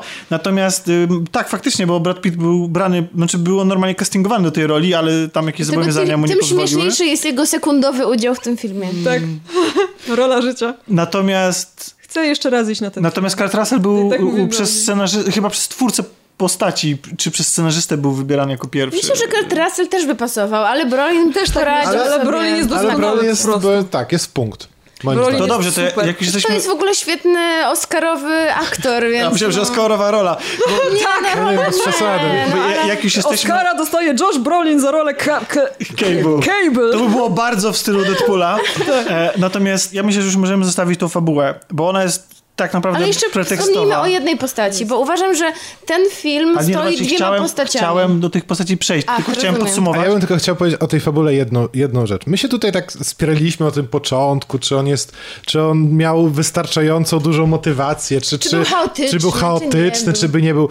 Ja myślę, że, że tak naprawdę tą całą fabułę można streścić do takiego jednego tego, że to jest, że to jest fabuła na wskroś komiksowa, no nie? Bardzo. Że to jest, że to jest Przez tempo. że to jest tempo, że to jest, że to jest konstrukcja. Yy, to jest Czyste ta- morały jasne. czyste, jasne morały. Nie masz przez chwilę Dokładnie. wątpliwości co do tego, c- do, do, do tego, po której stronie masz stać i jak, co masz myśleć i tak dalej. I, do, I te morały, I, tylko, no. I jeżeli, jeżeli oczekujemy czegoś takiego od tego kina, no to jest totalnie, totalnie w punkt. Nie możemy absolutnie oczekiwać niczego więcej. I tutaj piję do tego, Tomek, co ty mówisz, że, że nie czułeś. No czy nie, to nie, Nie jest czułeś tak. No i tak właśnie, dalej. gdyby pierwszy Deadpool mi nie pokazał, że można jednak rozgrywać fajnie nawet takie głupie komiksowe kino, głupie w sensie, że zabawne, to, to, bym tego, to, bym, to bym nie oczekiwał. Tutaj jednak ta fabuła jest chaotyczna, gubi się. Roz... Na przykład uważam, że są sceny, które są bardzo źle nakręcone. Bardzo źle skonstruowane. Nie, ale nawet nie chodzi o to, chodzi o to, co się w nich dzieje nawet z punktu widzenia takiego czysto rozrywkowego. Sytuacja, w której y, spotyka, jak się nazywa ten chłopiec? Russell? Jak, w której X-Men i Deadpool spotykają Russella, jest kompletnie jest moim zdaniem bardzo źle zainscenizowana. Do tego stopnia, że tam są postacie, e, się pojawiają w tej scenie, które są tam kompletnie niepotrzebne, które w ogóle nie wiadomo, co tam robią i to też jest mój zarzut. To mi przeszkadzało czy, czerpać czysty fan. Więc tam jest e, fabularnie parę głupotek, no, co nie zmienia faktu, że im dalej film leci, faktu, o tych to- głupotkach zapominamy i on coraz bardziej na mnie emocjonalnie oddziaływuje, aż do takich, takich wątków, które są bardzo ckliwe, ale kurczę, no Co co, nie- ma być Chciałam, ckliwe? chciałam jak coś Deadpool? zdradzić słuchaczom, Co że ja faktu. podałam, e, powiedziałam Tomkowi, że idę na Deadpoola razem z Piotrkiem i podałam, powiedziałam mu, gdzie siedzimy, że może się zdecyduje, ale Tomek powiedział, nie, nie idę, nie mogę, mam dużo pracy. No i ja w ogóle nie wiedziałam, że Tomek był na seansie, chociaż taki, widziałam takiego podobnego kolesia, Płaszczu. Był, Podobnego był kolesia nie chciał do Tomka. siedzieć po prostu. E, I tak e, Piotrka w pewnym momencie tak dziegam oko się mówi, zobacz, tam jakiś podobny do Tomka, ale taki sztywniak, w ogóle się nie śmieje. Taki zdegustowany to jakiś. może był Tomek. Okazało się, że, no właśnie, Tomek do nas podszedł po seansie, okazało się, że ten sztywny koleś, co się w ogóle nie śmiał, to był Tomek. I Tomek Jak? jest był bardzo zdegustowany. Nieprawda. Jak w ogóle, co ty w ogóle... Co, Dobrze, w momencie, kiedy się bardzo śmiałam, to może nie patrzyłam, ale w momencie, kiedy śmiałam się delikatnie, to Dobrze, ale chciałbym koleś- powiedzieć o tych głupotkach, ale nadal są to głupotki na poziomie standardowego komiksu ba- superbohaterskiego, Okej. który codziennie kup- można sobie kupić, na co dzień można sobie kupić w kiosku i go przeczytać. No tylko, że czasami, tylko, że czasami czytam niestety takie rzeczy, film, to mniej więcej... Rozumiem, no ale to, to, to dla mnie nie jest usprawiedliwienie, bo... Nie, po prostu chciałbym, chciałbym jasno, żebyśmy wiedzieli, gdzie jesteśmy. Tak, no to w, na, nie idzie się na ten film dla fabuły, aczkolwiek dla emocji można, ale zostawiając już samą, y, samą fabułę, przechodząc do bohaterów, bo to oni napędzają ten film. mogę. Oczywiście. Bo dla mnie ten film całkowicie, nawet Deadpool schodzi e, tutaj z podium moim zdaniem, bo ten film stoi Cablem oraz Domino. To są moim zdaniem dwie super charyzmatyczne postacie, na które z wielką przyjemnością mi się patrzyło i Domino, mimo, czyli że... członkini X-Force, która organizuje... X-Force. X-Force, który organizuje Deadpool. E, i która, Czyli taka brygada, która ma mu pomóc w jego zadaniu do wykonania. której supermocą jest szczęście, co rzeczywiście, kiedy pierwszy raz usłyszałam, moja reakcja była taka sama jak Deadpoola, co? Szczęście? To supermoc? No ale kiedy zobaczyłam ją w akcji, no... Taki, fan, że- taki, fa, taki fun fact, Deadpool też się śmieje z tej, z tej mocy i mówi, że taką super moc to mógł wymyślić tylko człowiek, który nie umie narysować stóp. Bo, bo e, autor em, Deadpoola, ten komiksiarz, faktycznie jest znany z tego, że niechętnie rysuje stopy bohaterom. Więc tak, ale e, muszę przyznać... Więc dla tych bohaterów, mimo że wątek n- e, emocjonalnie moich strun nie poruszył i wydał mi się tanio sentymentalny, to dla bohaterów e, warto. Ja z wielką przyjemnością ten film oglądałam. A ja muszę przyznać, że e, Domino kupiło mnie też totalnie. Kupiła. Kupiła. Natomiast... Kobieta. Tak, to prawda. I w ogóle też jest dla mnie wielkim wygrywem tego filmu, ale nie tylko przez to, jaka ona jest, ale to, jak fajnie film wykorzystał jej moc.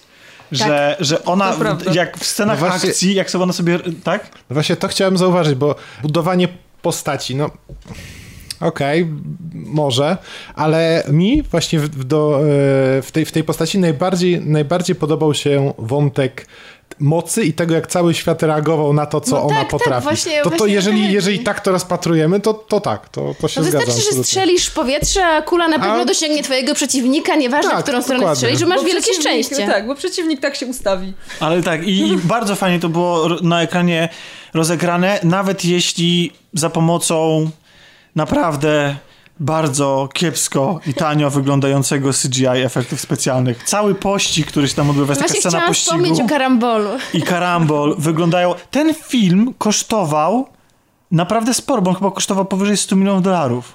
Nie widać tego. I kompletnie tego nie widać. Ale nie ja wiem na co to poszło. Czy to 100 milionów to nadal nie jest Ale może to jest, wiesz, z, marke, z marketingiem, Wiesz co, jak sobie, jak sobie pomyślisz, że, że Matrix kosztował 60. Ale, O Jezu, w ale- którym roku, Ale ileś stary? lat temu to było? 20. Inflację trzeba Właśnie policzyć. 20 prawie. No dobra, okej, okej, ale no niech, niechby nawet, to i tak wydaje mi się, że to CGI było, no nie, nie pod, znaczy... Ale to on nadal wyglądał na film trochę droższy niż pierwszy Deadpool, Tak, ale sporo tańszy No bo więcej niż, się działo, więcej ale lokacji. Sporo, sporo tańszy niż, niż Marvele, nie? Tak. No tak, tak. Poza tym swoją drogą, swoją drogą ostatnio mi się podobają, podobają mi się superbohatery od Foxa, czyli Wolverine i, i Deadpoole i się trochę boję tego, co się stanie, jak Disney przytuli, że tak powiem, te marki Myślę, pod że- swoje Przytuli? skrzydła. Myślę, że Właśnie nie... podobno ma nie przytulić, coś ostatnio Mam czytałam, nadzieję, że nie. przytulić. Nie, nie, nie, nie, nie. Nie, właśnie bo nie. Znaczy ostatnio z X-Menami też się dobrze dzieje, dość dobrze, no pomijając Lepiej niż Apokalips. wcześniej. Ja sobie, Nie, ja sobie zrobiłem e, rewatch tak zwany, czyli obejrzałem wszystkie... Apokalipsy? Nie, Też? Wszystkie X-Meny. O, Nawet wow. te stare? tak. O, E, I tak muszę, i, i dla mnie osobiście cała, nie wiem, X-Men Universe, y, w sensie No. ten kinowy, jest, stawia mnie wyżej niż d- e, MCU, czyli Marvelowe uniwersum kinowe, dlatego że dla mnie te, film jest, te filmy są bardziej skupione na postaciach, nie na tym, że coś się dzieje i bardziej i twórcy są skupieni na tym, jak kręcą te filmy na tu i teraz, a nie na wielkim planie marketingowym rozpisania filmów na 20 filmów do przodu i że teraz to jeszcze jest nic, za 20 filmów to się będzie działo. to dopiero będzie. O, miałem wrażenie, że, że przez to, że nie było, być może był tam plan, bo jednocześnie te filmy się nie, bardzo fajnie ze sobą splatają i można obejrzeć od pierwszego X-Mena przez wszystkie, nawet tego nieszczęsnego Origin, który nie jest kanoniczny, a po Deadpoolu jeszcze bardziej, e, to... Deadpoolu to już nic nie jest kanoniczne. Tak. No, Szczególnie po scenach W po Deadpoolu to już napisach. w ogóle nic nie jest. Natomiast tam się zdarzają naprawdę, tam jak bohaterowie się ze sobą spotykają, jak ze sobą wchodzą w interakcję, oprócz Apokalipsy, bo Apokalipsa jest... No właśnie ni- dlatego niestety- chrząknęłam. Tak, no jest Nie niestety. Ale ja pamiętam, filmem, że nie byłam jakoś załamana apokalipsą. bo W on nie jest załamujący, on jest, taki- niepotrzebny. On jest tak, on jest mocno przeciętny, ale pamiętam, że jak poszłam do kina, to szłam z takim nastawieniem właśnie, bo wszyscy mówili, że jest mega słaby i tak wyszłam Oprócz- taka całkiem... Oprócz wątku Magnito, bo Fassbender po polsku po polsku. brzmi Tak, tragicznie. to, to było w tym filmie. Tak, to było to. Traumę rozgrywa fatalnie wręcz. Jest po prostu, że tam jest reżysersko i aktorsko to, To jest położone ten film, kompletnie. kiedy cała stala w IMAXie śmiała się podczas, e, kiedy Fassbender płakał. Tak. Henryk, Henryk. Też się śmiałam. No więc właśnie. Przepraszam. A mówimy No. tyle o X-Menach nie bez powodu. Bo y, X-Meni to Deadpool należy właściwie do tego uniwersum. Zwa- a, a po tej... Tak, i bardzo właściwie często tak. się z po- nimi spotyka i bardzo często jakby y, gdzieś tam oni komiksach. się przewijają, tak, w No ale w tym filmie była w filmie jedna też. scena, kiedy też się przewinęli, tak, Tak. I szybciutko. to całkiem dużo ich się przewinęło. Tak. E, co ciekawe, dowiedziałem się, że jest to scena, która jest, y, była nakręcona podczas kręcenia nowej części X-Menów, czyli Uuu. Dark Phoenix.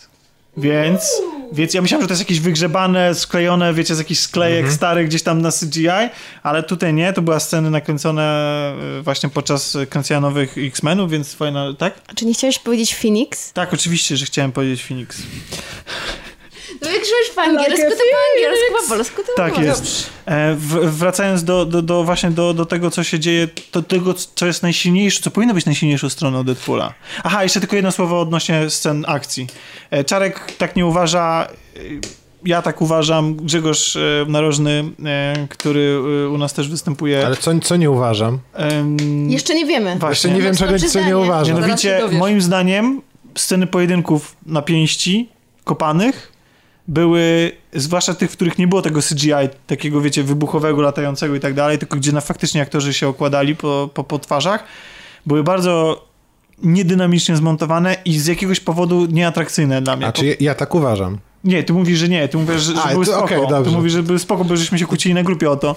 A, a, a ja Dla uważam, mnie że... też były spoko. A, a ja Dla uważam, że tam coś spoko. nie grało i nie wiem, czy to jest zasługa MCU i oglądania ostatnich, y, ostatnich filmów, gdzie, gdzie, gdzie pojedynki są bardzo płynne, bardzo szybkie i tam każdy ruch jest bardzo przemyślany. Tutaj to wszystko jest jakieś takie powolniejsze, nie wiem, może po prostu Reynolds tak się nie umie szybko ruszać. Ja myślę, że to może też wynikać z tego, że wiesz, e, też z kasy, bo... e, Wiesz wiesz, ten to- człowiek zrobił Atomic Blonde i w Atomic właśnie Blonde nie chciałbym- można zarzucić tego, że tam, są- że No tam, tak, że tam tam- źle są złe. Ja tak były- powiem, Nie wiem, czy, nie wiem, czy ja sobie, tego nie wiem, czy ja sobie to wmówiłem, czy, czy tak jest faktycznie, ale też mam wrażenie, że e, jest trochę więcej e, broni palnej Jest. podczas, podczas walk.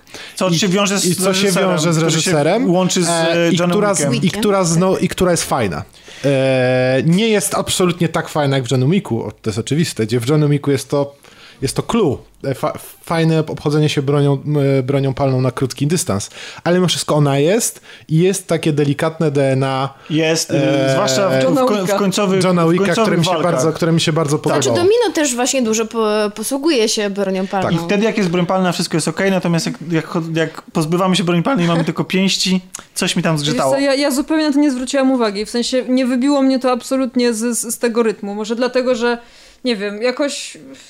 Pytanie, czy to nie jest tak, że wiesz, tobie to przeszkadza, bo wiesz, jakby to mogło wyglądać, gdyby to było zrobione lepiej albo z lepszą dbałością o. Nie, po prostu scenę, no to jest, tak? oceniam to jako, jako na Jakoś- tempo, no, jako przyjemność. Ja się wychowałem na, wiecie, na Van Damme, Seagalu i, A to i ja przez te nie. wszystkie Może- lata wiem, jak, jak, jak wszystkie pojedynki... Jak można przywalić? Jak, jak Seagal by to zrobił po prostu, wiesz. Seagal na pewno zrobiłby to Jak, lepiej. jak, jak, nie, no to wiadomo. Seagal zrobił? Już Na nie pewno- wspominając o Van Damme, Na pewno, na pewno za, zakończyłoby się to półobrotem. W Seagalu. powinien być. Seagalu, Nie u Seagala, nie u powiedzieć. Seagala.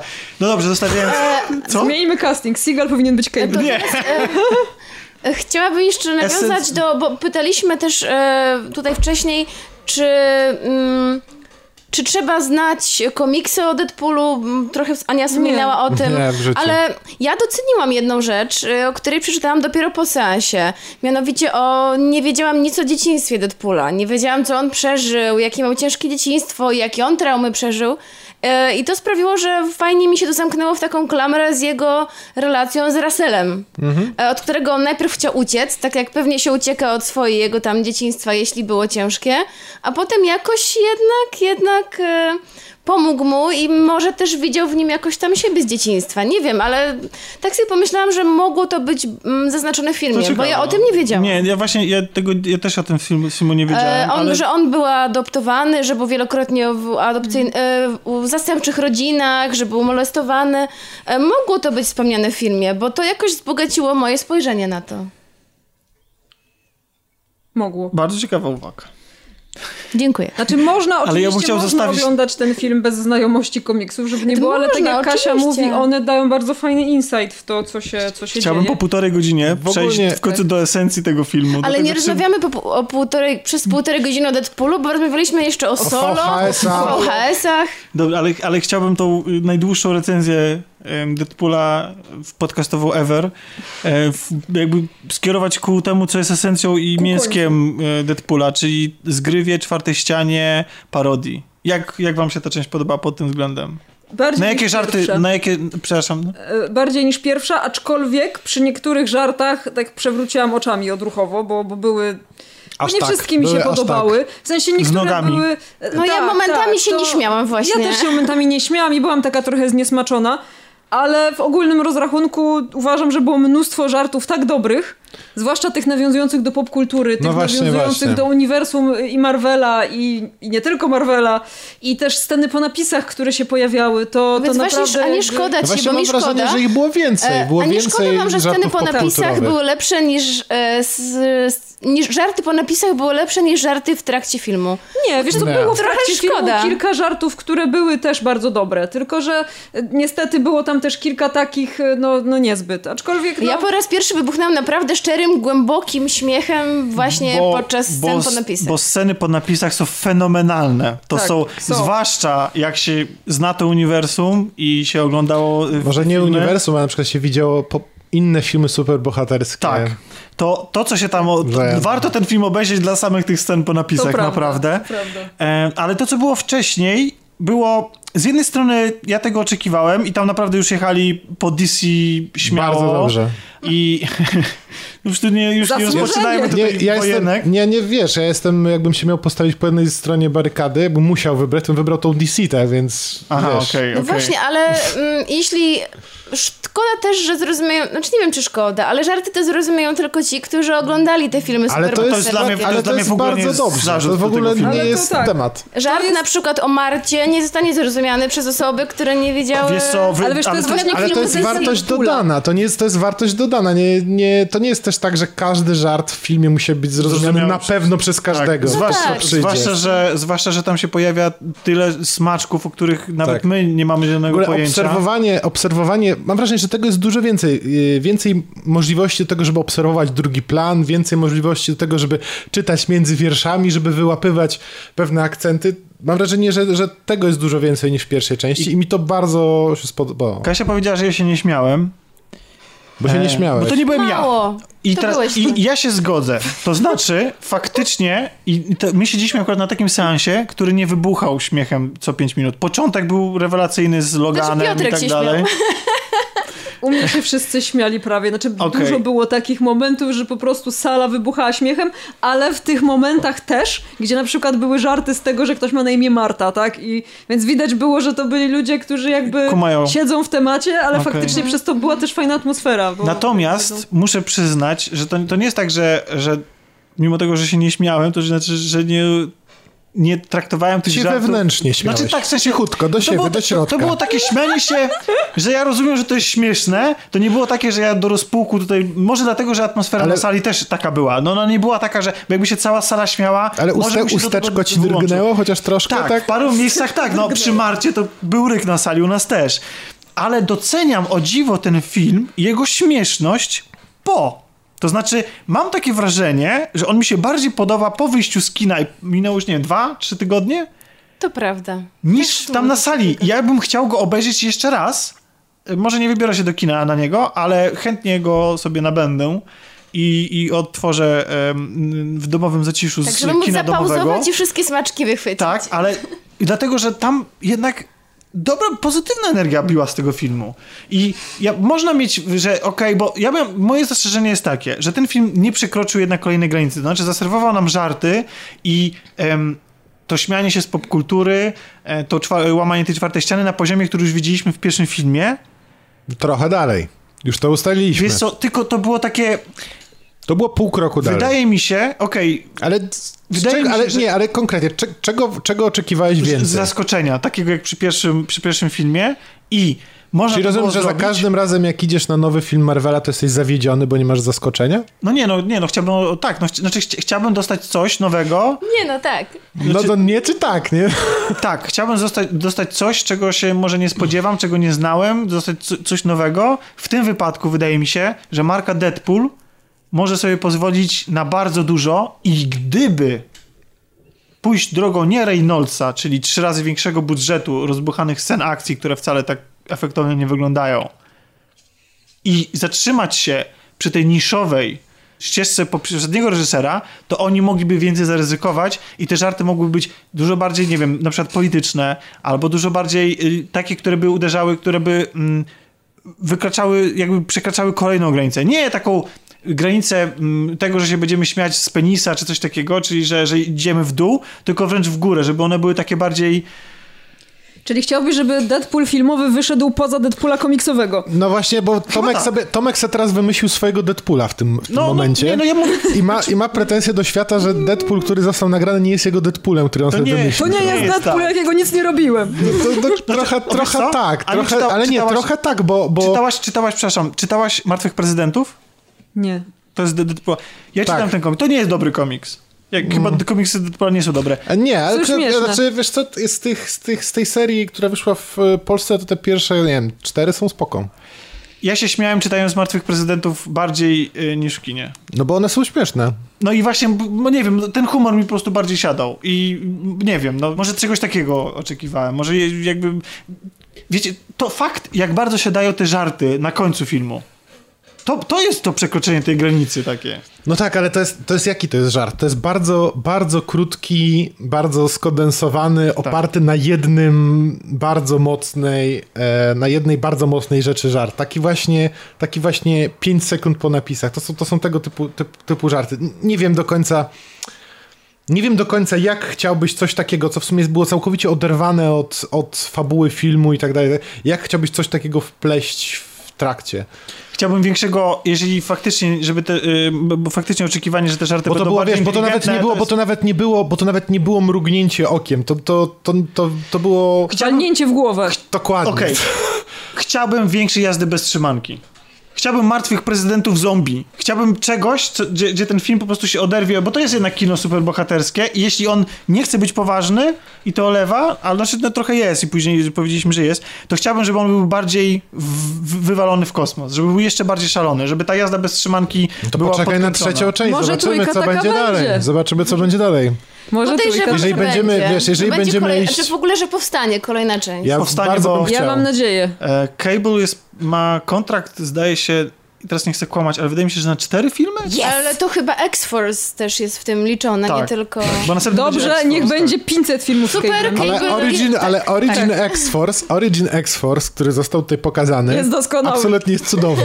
Tak, To jest, to jest, to jest Ja najlepsza, najlepszy, najlepsza grupa superbohaterów ever.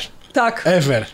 to, to prawda. prostu to, w jaki sposób oni są Avengersi mogą się rekrutowani. schować. Sam motyw castingu Casting. i e, pan e, z supermocą, którego są wąsy, to rzeczywiście była nie, bardzo to dobra. Steve? To był Steve? Chyba Steve. Ale znaczy, to co się dzieje Mógłby później... nazywać się Andrzej. Ca, ca, cała akcja jest fenomenalna i właśnie takiego jechania po bandzie No to dostałeś, masz. Chciałbym cały czas. Ale- Nie, ja, ja bym wymienił po prostu chętnie żarty z wsadzeniem kabla w tyłek jednemu z superbohaterów i wrzuceniem go do basenu na, na właśnie na, na takie Ale ja chciałam powiedzieć że ja się tego nie rzecz- spodziewam, że dostaję i muszę sobie, kurde, to jest niesamowite. No. Przypomniało mi się, co mnie najbardziej rozbawiło w tym filmie gdzie się popłakałam prawie ze śmiechu. Jak, bo, bo właśnie a propos tego, co ty powiedziałeś, że e, jest pewien bohater się pojawia jako przeciwnik, e, który może być zaskoczeniem, więc może nie będę mówić, że to spoiler. Aczkolwiek i oni tam z nim walczą i w tym momencie w tle jest odtwarzana muzyka, Tak. która ma tak doskonały tekst. On jest Tak, później w napisach podczas- zresztą. podczas- napisów jest potem, Jest tak. potem w napisach i tam jest coś, który oh shit, oh shit, motherfucker, oh shit. Ale to, ale to wszystko jest do takiej bardzo podniosłej, Tak. orkiestrowej muzyki. Dokładnie. I się na początku nie orientujesz, bo myślisz, że to jest właśnie taka W patetyczna. pewnym momencie, jak Ale dociera co? do Ja, ciebie, ja, dopiero co tam podczas, ja jest. dopiero podczas napisu zwróciłam uwagę na tekst, a Tomek mówi mi, przecież to było wcześniej już podczas tej walki. Ja naprawdę? Ja właśnie podczas tej walki tak zaczęłam się wsłuchiwać, bo tam nie było żadnych tam rozmów i jakoś tak mi się to fuck rzuciło w uszy i potem się zaczęłam przysłuchiwać i tam było He's a big motherfucker i takie chórki po prostu, nie? No naprawdę, to było świetne i to jest to, to jest taki humor, jaki ja lubię. To był, to, to był ten żart, który mi siadł najbardziej i ja naprawdę popłakałam się prawie No ze to- śmiechu. Czy mamy pełen rozstrzał humoru? Tak, tak, Wiecie mamy co? różne, różne I teraz rodzaje tak. Czyli, czyli już po tej rozmowie i po tym, jak przed chwilą się wymienialiśmy spostrzeżeniami, śmieliśmy się parę tydzień po seansie i tak dalej, tak, nie możemy tego nie polecić. Nie, Nie, nie, nie. możemy tego, tego nie polecić, nie, Nie możemy, możemy, nie nie możemy. możemy Ja dać do Team Kasia, dużego, że jestem dużego znaku, znaku kolaudacja Znaczy ja też poleca. jestem trochę zawiedziona, ale to nie znaczy, że nie polecam i nie Pół kolaudacji. Nie, Okej, dobra. Pół kolaudacji poleca zdecydowanie, a drugie pół poleca mniej zdecydowanie, ale, Ale nadal poleca, więc sobie to poleca. A ja chciałam jeszcze polecam. Że ja bardzo polecam komiksy o Deadpoolu i Cable'u, bo one są prześmieszne. One są totalnie głupie i odjechane. Tam nie ma takiego obrzydliwego humoru, ale jest dużo humoru Aha. sytuacyjnego i dużo takich Jak jesteśmy- e, śmiesznych nawiązań, więc jeżeli gdzieś dostaniecie tych, tych zeszytów nie jest dużo. One się nazywają bodajże Cable i Deadpool, a nie Deadpool i Cable, więc gdzieś tam e, można je dostać. Nie wiem, czy one wyszły w języku polskim, bo ja je kupowałam przez aplikację, przez Comixology e, w jakimś bundlu kiedyś, ale są naprawdę śmieszne, więc polecam.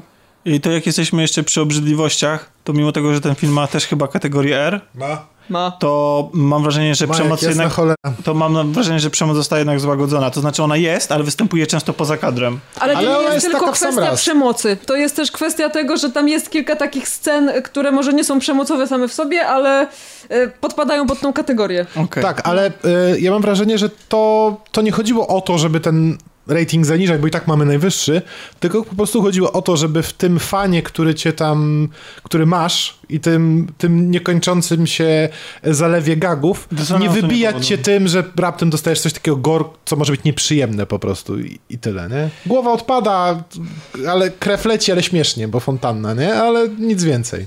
Tak, bo w końcu to, jak sam Deadpool mówi, to jest familijne kino. Tak, to jest familijne kino. F No, no jest, family. nie da się, nie da się jakby... Tak. Słuchajcie, no. ja się nie spodziewałem, że tak się na ten temat rozgadamy. Aniu, Tak. Słyszeliśmy, że oglądałaś bardzo fajny serial. Tak, owszem. Oglądałam bardzo fajny serial, po którym się nie do końca spodziewałam, że będzie fajny. Widziałam, że się pojawił na Netflixie i że dużo znajomych go ogląda i że dużo znajomych mówi ha, ha, ha, super jest. A nazywa się on? Nazywa się Agrecko i jest to serial animowany japoński. jeszcze raz E, tytuł. Agrecko. Okej. Pisze się Agretsuko. Czyli to jest anime. To jest anime, tak. I to jest anime dotyczące postaci, która jest stworzona przez Sanrio, czyli tych samych ludzi co Hello Kitty, Gudetama i inne takie.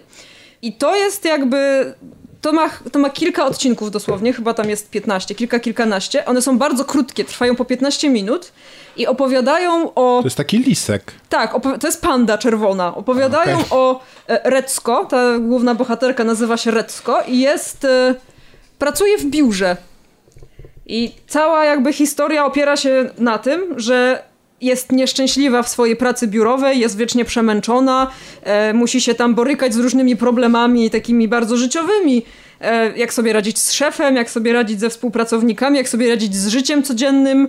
I jedyną jej odskocznią tak naprawdę od tego wszystkiego jest karaoke, podczas którego śpiewa death metal. E, i... No trudno, no trudno. Tak, jest to, znaczy tak, ja myślałam, bo wszyscy mówili, haha, takie śmieszne i zabawne. I ja się zabrałam do oglądania tego kiedyś wieczorem. Widzę, że krótkie odcinki, myślę sobie, dobra, zobaczę, co to jest. I okazało się, że owszem, to jest serial, który jest bardzo śmieszny i zabawny, ale jest też bardzo, bardzo życiowy, zwłaszcza dla ludzi w naszym wieku. No bo on opowiada tak naprawdę o bohaterce, tak, która jest właśnie koło trzydziestki, jest zmęczona swoją pracą, wiecznie tak szuk- szuka swojego miejsca w życiu, e, ma jakieś tam przyjaźnie e, w pracy, poza pracą, przeżywa jakąś tam miłość nawet w pracy. I to jest o tyle ciekawe, że te wszystkie tematy są pokazane w taki bardzo dojrzały sposób, nie taki prześmiewczy. Oczywiście tam jest dużo śmiesznych scen, bo to pole, polega też trochę na humorze sytuacyjnym, ale on jest taki mocno moralizatorski, powiedziałabym, tylko nie w taki nachalny sposób. I jest tam absolutnie rewelacyjny właśnie wątek związku tej Recko z kolegą z pracy, gdzie właśnie jest pokazane, jak rzeczywistość wobec wyobrażenia mają się w momencie, kiedy się zaczyna z kimś spotykać tak bardziej na poważnie.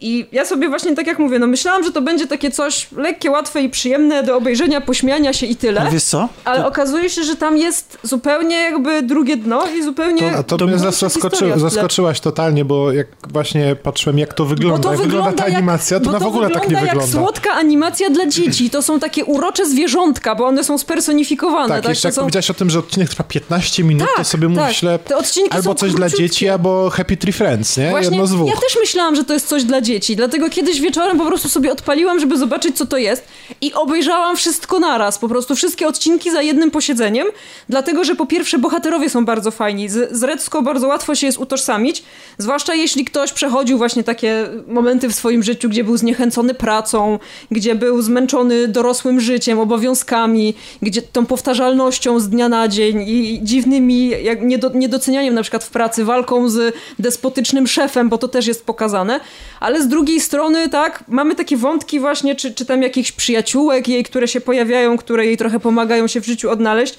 czy ten właśnie mój ulubiony wątek. Po raz pierwszy zobaczyłam, żeby w taki sposób w serialu, nie tylko animowanym, ale w ogóle w serialu, żeby został pokazany wątek związku.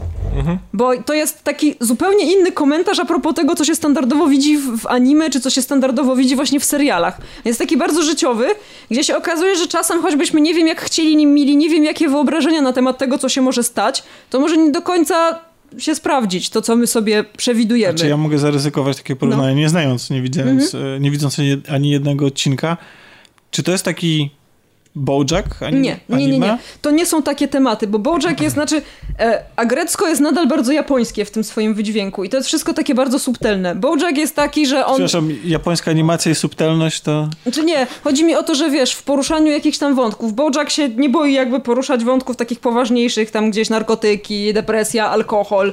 W, w Agrecko to są bardziej takie, to jest serial dla dorosłych, ale spokojnie dzieciaki mogą go oglądać. W sensie pewnie nie zrozumieją z niego zbyt wiele, ale będą się śmiać, bo, bo są śmieszne Czyli nie ma sytuacje wulgaryzmów, czasem, tak? nie ma przemocy. Nie ma wulgaryzmów, nie ma przemocy. Są, są właśnie takie sytuacje codzienne, życiowe, tak z życia tej Recko, e, ale takie faktycznie, do których można się bardzo osobiście odnieść, że e, zwłaszcza właśnie podoba mi się, no tak jak mówiłam, ten wątek związku, ale też każdy z nas to gdzieś tam już tych 30-latków na pewnym etapie życia przechodził. To znudzenie rutyną i takie właśnie, e, nie wiem, podejście tak gdzieś jakąś walkę z jakimś e, szefem czy współpracownikami, którzy plotkują za naszymi plecami, tak? I I jest to właśnie takie bardzo życiowe, mimo że to się odnosi oczywiście głównie do społeczeństwa japońskiego, to zaskakująco dużo można odnieść po prostu ogólnie, tak? Do, do ludzi w tym wieku, którzy nadal szukają swojego miejsca w życiu i jakoś tak próbują się realizować, ale nie do końca są w stanie się wyrwać z tego, z, z tej takiej rutyny codziennej, tak? Dużo tego jest? Wiele tego jest tych To jest, odcinków nie, na razie? odcinków jest kilkanaście z tego co pamiętam, możemy na szybko sprawdzić. E, Ja to obejrzałam w jeden wieczór, No więc... to 15 minut, kilkanaście odcinków, 4 No, godziny. To jest, nie, to naprawdę, to jest, bardzo szybko wchodzi. E, Już są zamówione kolejne sezony, więc będzie tego więcej. Jest, jest naprawdę bardzo fajnym komentarzem społecznym. E, Lepszym niż się spodziewałam, bo ja Mhm. właśnie myślałam, że to będzie taka urocza, zwłaszcza jak się patrzy właśnie na, na to, jak to wygląda, no bo te postaci są przeurocze, one są prześliczne wszystkie i są takie po prostu do, do kochania. Ale to on, Ale- On, Japończycy potrafią robić e, takie postacie, takie maskotki. No, ty chyba powiedziałeś, że Gu- Gudatama jest tej samej... Tak, tego- Gudetama i Hello Kitty. No, bo to jest Guda, sam Ostatnio- Gudatame, Gudatame to ja sam bym sobie gdzieś przykleił oglądałem- czasami. Gudetama to jest mój spirit animal. O, o, absolutnie. Ostatnio oglądałem odcinek y, Toys That, Made Us. Mhm. Dobrze, że Kasia poszła do kuchni, to mnie nie poprawia. I tam właśnie było Hello Kitty. Okej. Swoją drogą, ta drugi, drugi sezon y, tego serialu, czyli Toys e, That Made Us, tak trochę gorzej, nie? Nie wiem, czy widziałeś go też, Nie, nie, nie, nie. Jeszcze widziałem. nie. Słuchajcie, przypomniała mi się jedna...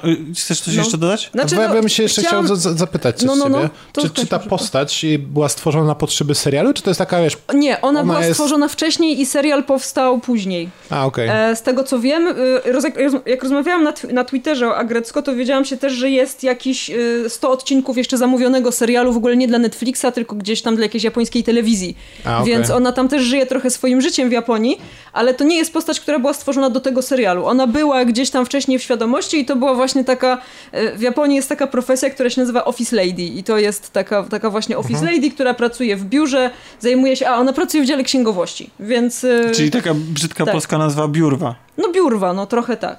No i, i, i tak jak mówię, no serial bardzo polecam właśnie ludziom tak około trzydziestki, po trzydziestce, bo myślę, że każdy z nas tam znajdzie coś, co mu przypomni y, jakieś sytuacje Jak z jego mam życia. 30 Ale ogólnie kreskówki dla 30-latków to jest, zwłaszcza na Netflixie, bardzo częsty widok i bardzo popularna Tak, rzecz. znaczy ja uważam, ja uważam, że to jest bardzo dobra propozycja dla, dla nas, bo można odnaleźć dużo analogii do swojego życia, ale też to jest bardzo fajny komentarz.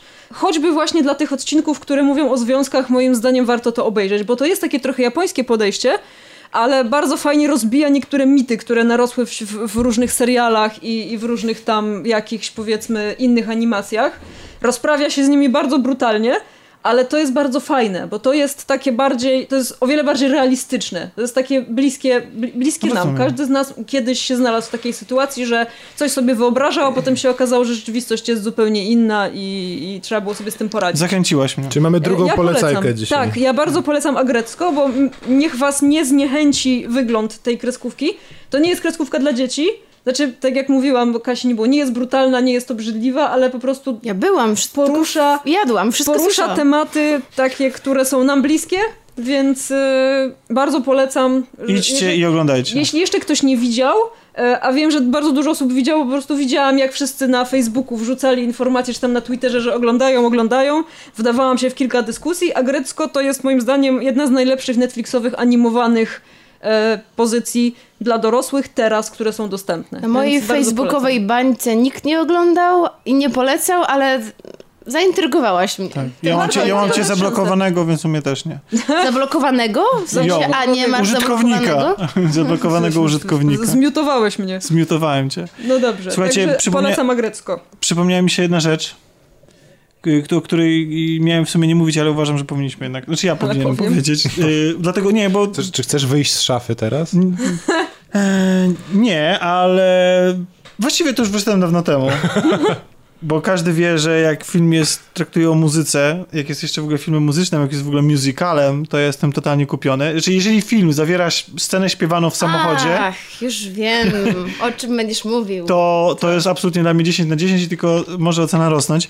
Ale chciałem... I to jest taka podpowiedź, jak będzie Deadpool 3, scena śpiewana w samochodzie. To Tomek da 10 na Wtedy 10. będzie Tak. pełna polecajka Nie, wtedy będzie kolaudacji. 12. A na najlepiej 10. jak będzie śpiewał Deadpool z Cablem Tak W jest. samochodzie. w samochodzie. Tymczasem w filmie, o którym chciałem powiedzieć, nie śpiewa Deadpool, śpiewa... Ona jest Joanna? Tak. Joanna Kulik. Bo miałem okazję być na przedpremierowym, przedpremierowym pokazie filmu Zimna Wojna, o którym chyba już wszyscy słyszeli, bo to jest film polskiego reżysera Pawlikowskiego, który już w swoim dorobku ma Idę. Idę, za którego dostał Oscara, a teraz dostał Złotą Palmę w Cannes za reżyserię właśnie za Zimną Wojnę. Premiera jest niedługo, nie pamiętam kiedy dokładnie. Dlatego ja też nie chciałbym... Czyli to już Chyba teraz jest, to już jest tak? teraz jeden z najbardziej Ósmego, utytułowanych polskich no. reżyserów ever. Tak, tak. Ever. I Tak. muszę przyznać, od razu powiem, że jeśli patrząc chociażby tylko po Zimnej Wojnie, to jak najbardziej mu się ta na- nagroda em, należała, ponieważ Czyli ogólnie będziesz tam teraz robił smaka, bo jeszcze tego nie można zobaczyć Tak, oficjalnie w dla- kinie. Ale w już niedługo, bo I 8 dobrze czerwca chwila. jest premiera, jeszcze I, tydzień. I dobrze powiedziałeś, że będę robił smaka, bo nie chcę się za bardzo rozwodzić na ten temat, dlatego żeby fajnie byłoby porozmawiać o tym filmie w większym gronie, dlatego że ja też mam co do, od, odnośnie niego krytyczne przemyślenia. To nie jest tak, że to jest film, który faktycznie zasługuje na 13 na 10, co nie zmienia faktu. Czyli taki Deadpool, ogólnie super, ale są pewne delikatne... Nie, nie, jednak nie. Tylko na 10 na To 10. znaczy ja tym filmem jestem zachwycony. Mimo wszystkich wad, które on posiada, jestem zachwycony i cały seans byłem totalnie wbity w fotel i mm, z zapartym tchem oglądałem to, co się dzieje na ekranie. Przede wszystkim to jest historia, co zresztą można się zorientować już po samym mm, plakacie, to jest historia miłosna. To jest historia miłości totalnej, miłości oddanej, miłości, która przekracza wszelkie granice, miłości w pewnym momencie niezrozumiałej, miłości trudnej bardzo, miłości wymagającej wyrzeczeń, miłości wymagającej kompromisów, e, miłości, która każe podejmować na każdym kroku bardzo trudne decyzje. To jest film o mm, miłości prawdziwej i takiej, której nie widać, ale którą się czuje i takiej, która nie jest ukryta w słowach, tylko w czynach i takiej miłości, e, której ja się po tym filmie nie spodziewałem. E, To jest miłość zainscenizowana, zagrana przez e, Tomasza Kota i Joannę Kulik perfekcyjnie. To jest miłość opowiedziana pomiędzy sklejkami. To nie jest tak, że widzimy od początku do końca em, sceny, które oglądamy. To nie jest tak, że widzimy em, wszystko. Tak naprawdę bardzo wiele rzeczy musimy się domyślać, dopowiadać sobie, co się wydarzyło, bo to jest miłość rozpisana na lata. Musimy sobie dopowiadać, co się wydarzyło pomiędzy tymi latami, na jakie, jakie, na jakie czyny musieli się zdobyć nasi bohaterowie, jakie decyzje podjęli i em, widzimy ich co jakiś czas. Oni się ze sobą konfrontują, spotykają, rozstają. I to jest moim zdaniem najpiękniej sfilmowana. Ona jest zresztą sfilmowana w 4 na 3 czyli w takim bardziej kwadratowym, nie panoramicznie, tylko węziej. e, W takim charakterystycznym stylu, w którym Tak, była też tak. Ida. Em, Ona też jest czarno-białe? jest czarno-biała, No co też nadaje temu filmowi e, przepiękny urok i tej miłości e, kolejny, kolejny, w, e, kolejny wydźwięk i to jest fantastycznie udźwiękowiona, zarówno na poziomie takiego dźwięku w scenie, który słyszymy, takiego dźwięku realizacyjnego, jak i o, jeśli chodzi o piosenki, bo mamy tam pieśni ludowe, e, mamy też e, pieśni barowe, mamy jazz, mamy, mamy rozmaite ro, odmiany muzyki. To jest najpiękniej udźwiękowiona, sfilmowana i zagrana historia miłości do Polski. Ja byłem zaskoczony, o czym ten film tak naprawdę jest. To wszystko jest pomiędzy słowami. Ten film wymaga skupienia, wymaga pewnej wrażliwości. To nie jest tak, że ktoś ci idzie i kawę na ławę wykłada, ten człowiek to- to- cierpi za ojczyznę. Nie. Bardzo pięknie. Tego, tego, powiem szczerze, tego po trailerze trochę, trochę, trochę oczekiwałem, gdzie, gdzie był pokazany, też tak odebrałem, że był pokazany bardzo mocno ciężar, ciężar tamtych czasów. E, i, Tak, bo to, jest, bo to nie jest ładna Polska. To jest Polska brudna, yy, zapyziała. No, my lubimy takie filmy, ale to ale chyba bardzo pasuje. też nie? romantyczna. To jest właśnie ten, ten połączenie, połączenie decyzje, które podejmują nasi bohaterowie, one się wydają skrajnie absurdalne i niczym się nie da ich wytłumaczyć, jak tym, że tylko w Polsce jesteś, czujesz się u siebie. Aha. Że tylko jak, jak, jak tym, co to znaczy być Polakiem. Nie takim Polakiem patriotą, jakim trochę karykaturalnie się stał obecnie patriotyzm. Nie tylko w Polsce, ale w ogóle. Tylko takim, który nawet jeśli nie chcemy być patriotą na zewnątrz i oznajmiać wszemi wobec, jacy to jesteśmy bardzo oddani, to ten, ta polskość w nas siedzi. Wymaga skupienia, cierpliwości, wymaga dostrzegania rzeczy. Tam są, tam są, tam, tam, tam są, y, ten film się rozgrywa na takich detalach, że mamy, tam, tam, nie tam jest mało detali w ogóle, ale my musimy widzieć gdzieś tam w jakimś takim innym, trochę ym, ustawionym kadrze, e, patrzeć na takie rzeczy jak dłonie bohaterów, e, to, to, to jak one wyglądają, czy, czy, czy gdzie wędrują, to są, to są na półsłówka, na, na, na jakieś grymasy, to, to jest film, który wymaga skupienia, wymaga cierpliwości, wymaga takiego miłości też do kina, więc, bo ja sam użyłem takiego sformułowania, że to jest polski La La Land, to dlatego, że fabuła jest taka no można, bo można się pokusić o takie porównanie, ale to jest oczywiście porównanie bardzo krzywdzące dla, dla jednego i dla drugiego filmu, bo to temat tego filmu jest inny zupełnie. E, temperatura i, i, środki wyrazu są kompletnie inne, więc tak nie, nie, to nie jest musical, to nie jest też film kolorowy m, w ten sposób, że wyjdziecie z niego e, rozanieleni. Ja byłem autentycznie wzruszony. To nie jest tak, że film nie ma wad, ale o tym, yy, o tym sobie mam nadzieję porozmawiamy, jak już więcej osób yy, zobaczy. I jestem bardzo ciekawy, czy podzielicie moją opinię. Ja nie miałam wątpliwości, czy chcę iść na ten film, czy nie chcę. Znaczy bardzo chcę Ja iść już od nie, dawna, tak, ale, no. ale odkąd yy, powiedziałeś to wszystko Tomek, to chcę iść jeszcze bardziej. I tak bardzo mi się spodobało to, co powiedziałeś, bo ja nie pomyślałam o tym nigdy w ten sposób, że na przykład moi rodzice, którzy zostali w Polsce w tych najcięższych czasach i wręcz jeszcze ja się urodziłam też w jakichś okropnych czasach i też w Polsce, e, to świadczy o jakimś tam ich patriotyzmie i Bo to, kurde, rzeczywiście coś, coś w tym jest, nie- można tak na to patrzeć. bo to nie jest patriotyzm taki, że się Ale ich różni znajomi wyjechali, oni po- zostali. Dlaczego? to jest po prostu jakaś miłość nieopisana do, do tego, że jesteś Polakiem i to właśnie tu jest twoje miejsce. Ale nie macie czegoś takiego, że nawet jak, nie wiem, wracacie z wyjazdu zagranicznego, nawet niech to są, nie wiem, głupie wakacje, dwa, dwa tygodnie na przykład za granicą, albo nie wiem, miesiąc za granicą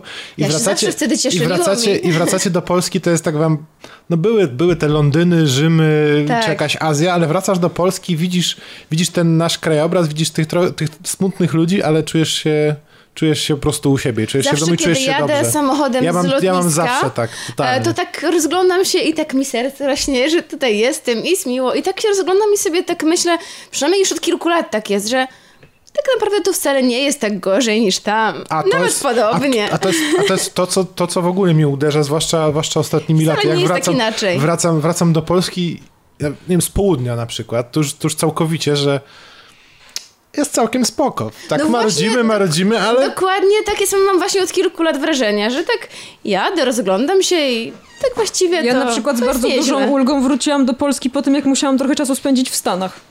To naprawdę, bardzo byłam ucieszona, że mogę wrócić do Polski. To jest, to jest takie nieopisane, bo, bo z jednej strony mm, można powiedzieć, że patriotyzm jako taki, wydaje, nie, niektórzy ludzie tak to postrzegają, wydaje się absurdalny, no bo dlaczego mam... No przecież akurat nas to rzuciło Tak, i, przypadkowo. i to jest, dlaczego mam, dlaczego mam się uważać za y, jakby lepszego, dlatego że jestem Polakiem, ale Ale nie to, chodzi ale to nie chodzi o lepszość. lepszość. To zupełnie nie chodzi o Nie lepszość. chodzi o lepsze. to jest mniej więcej jak powrót do domu.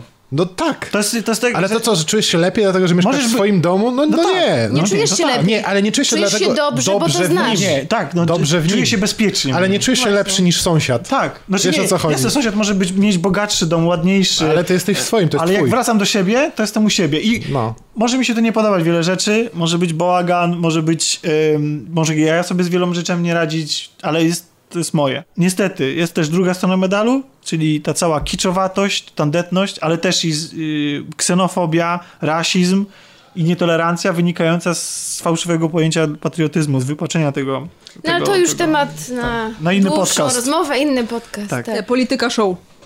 Tak, dobrze. Politykacja. Politykacja. Wróćmy ten, wróćmy do... Ale ro- rozmawialiśmy o tak, a to już przeskakujemy? Bo rozmawialiśmy No o takich rzeczach em, bardzo podstawowych, tam ojczyzna, poczucie i tak dalej, to możemy o rodzinie na przykład porozmawiać.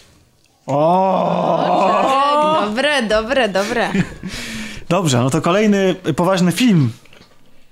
Tak. Tak, po, po Poważne? Deadpoolu, drugi po Znaczy, Deadpoolu. może nie tak bardzo Rodzinny, Rodzinny, ale to prawda. Rodzinny, tak.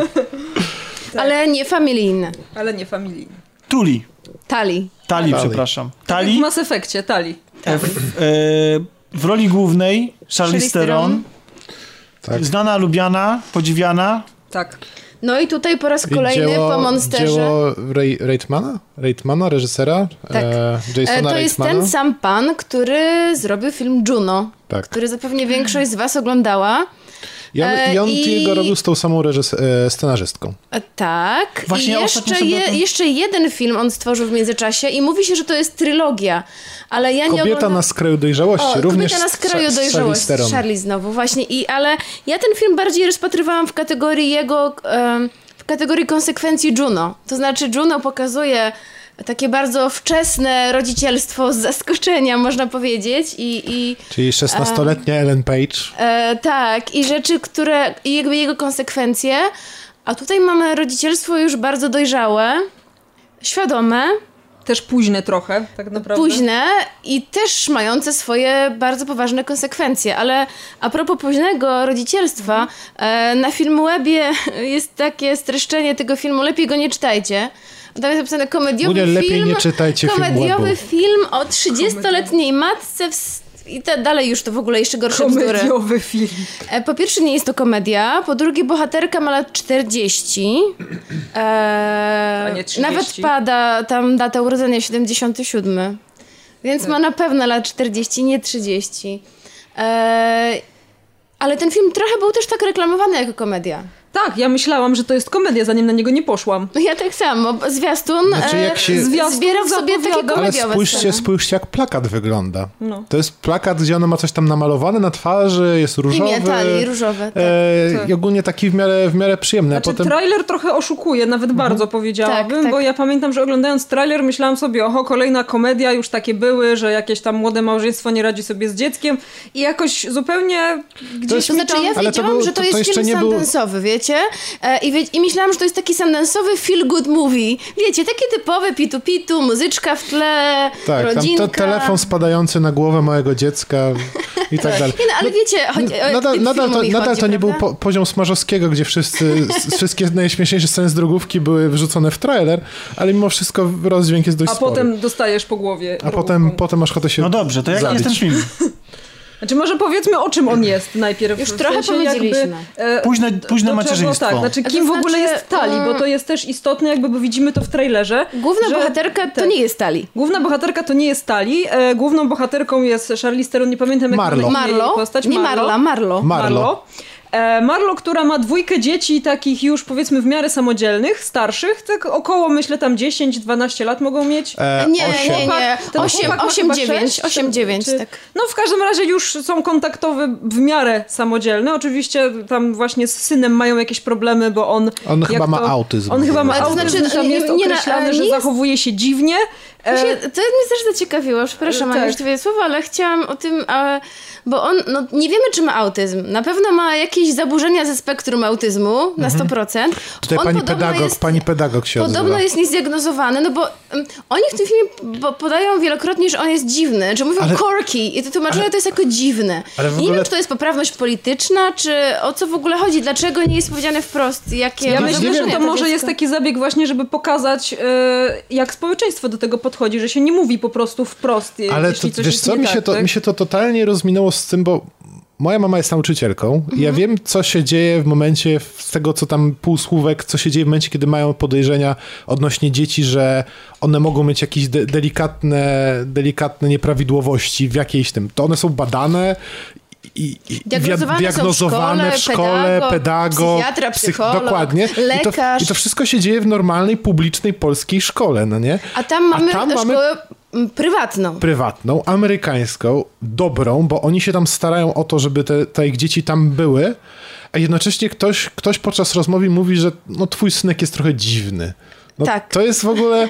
I to, I to jeszcze ta pani dyrektor próbuje tak wszystko delikatnie zamieść pod dywan, e, co mi się wydaje też totalnie dziwne. Tak, Bo to chyba jest absolutnie, dyrektor, absolutnie nie, nieprofesjonalne w Znaczy, ja myślę, wypadku. że w kontekście takim, e, w jakich okolicznościach w ogóle to dziecko zostało przyjęte do tej szkoły, to może nie być już tak dziwne, bo tam jest potem powiedziane, ja nie chcę spoilować za bardzo, powiedzmy Znaczy, na nie, swój no, to sposób nie po znajomości zostało przyjęte tam do tej szkoły i to nie dlatego, że przez znajomości z matką, tylko z bratem głównej bratem głównej bohaterki, który tak. jest taką właśnie osobą, która jakiś tam sukces osiągnęła w życiu, ma dużo znajomości, ma dużo dobrze pieniędzy też przy sytuowany, okazji, jest tak. dobrze sytuowany, jest szanowany.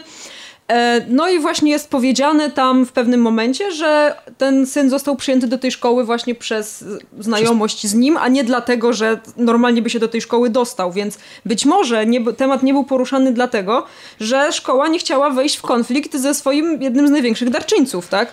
Nie, No, nie wiem wiesz, jak jest, ale wiesz, wiesz, jak to się, wiesz jak to się kończy. On nie Ja wiem, uzyskuje to się pomocy, absolutnie żadnej pomocy od szkoły, tylko zostaje im zasugerowane to, żeby sobie się sami o siebie za- To zatroszczyli. jak Czarek powiedział, rzeczywiście jest Co- dziwne, co jest bo dziwne? nawet ja też Znaczy, pracowałam ja w wiem, szkole jak to się kończy, ale absolutnie nie jest to coś jakby, co moim zdaniem było bardzo istotne w tym filmie, bo mi się wydaje, że to może nie być nawet do końca tak, że ten chłopak miał jakieś zaburzenia. No więc może właśnie to... też jest delikatnie moim zdaniem zasugerowane w tym filmie, że... Że to, że to nie było tak, że on miał zaburzenia, Tak. tylko po prostu to wynikało ze specyfiki jego relacji z matką.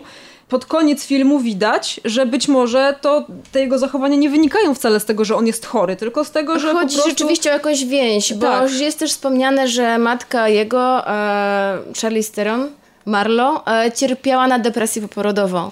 Więc może to też rzeczywiście jest jakiś deficyt e, kontaktu z matką emocjonalnego. Nie wiemy tego, no ale mamy Ja bym- tego problemowego No syna. właśnie tak. Mamy Mamy jedną córeczkę, która, która jest bezproblemowa. Jest bezproblemowa. Jest normalnym jest tylko dzieckiem. gdzieś tam wspomniane, że wchodzi w taki moment, gdzie zaczyna myśleć o, o tym, jak wygląda, gdzieś tam w jakiejś Tak. rozmowie, tak się Tak, pojawia tak. ten dialog. No i Marlo na początku filmu jest w ciąży z trzecim dzieckiem. które było nieplanowane. Tak, no nie było nieplanowane, jeszcze męża. przydarzyło się, tak, i ma jeszcze męża, e, który... który ładnie to określiła bardzo, że on dużo pracuje, wraca Tak. do domu, wita się z dziećmi, pomaga w lekcjach, a potem kładzie się na łóżku, zabija zombie i znika. I mniej Tak, więcej bo tak- jest to mąż, który dużo... E, znaczy nie dużo czasu poświęca na gry, bo to nie jest tak. Nie, Prawdopodobnie nie. może nawet 20 minut przed spaniem gra w te gry.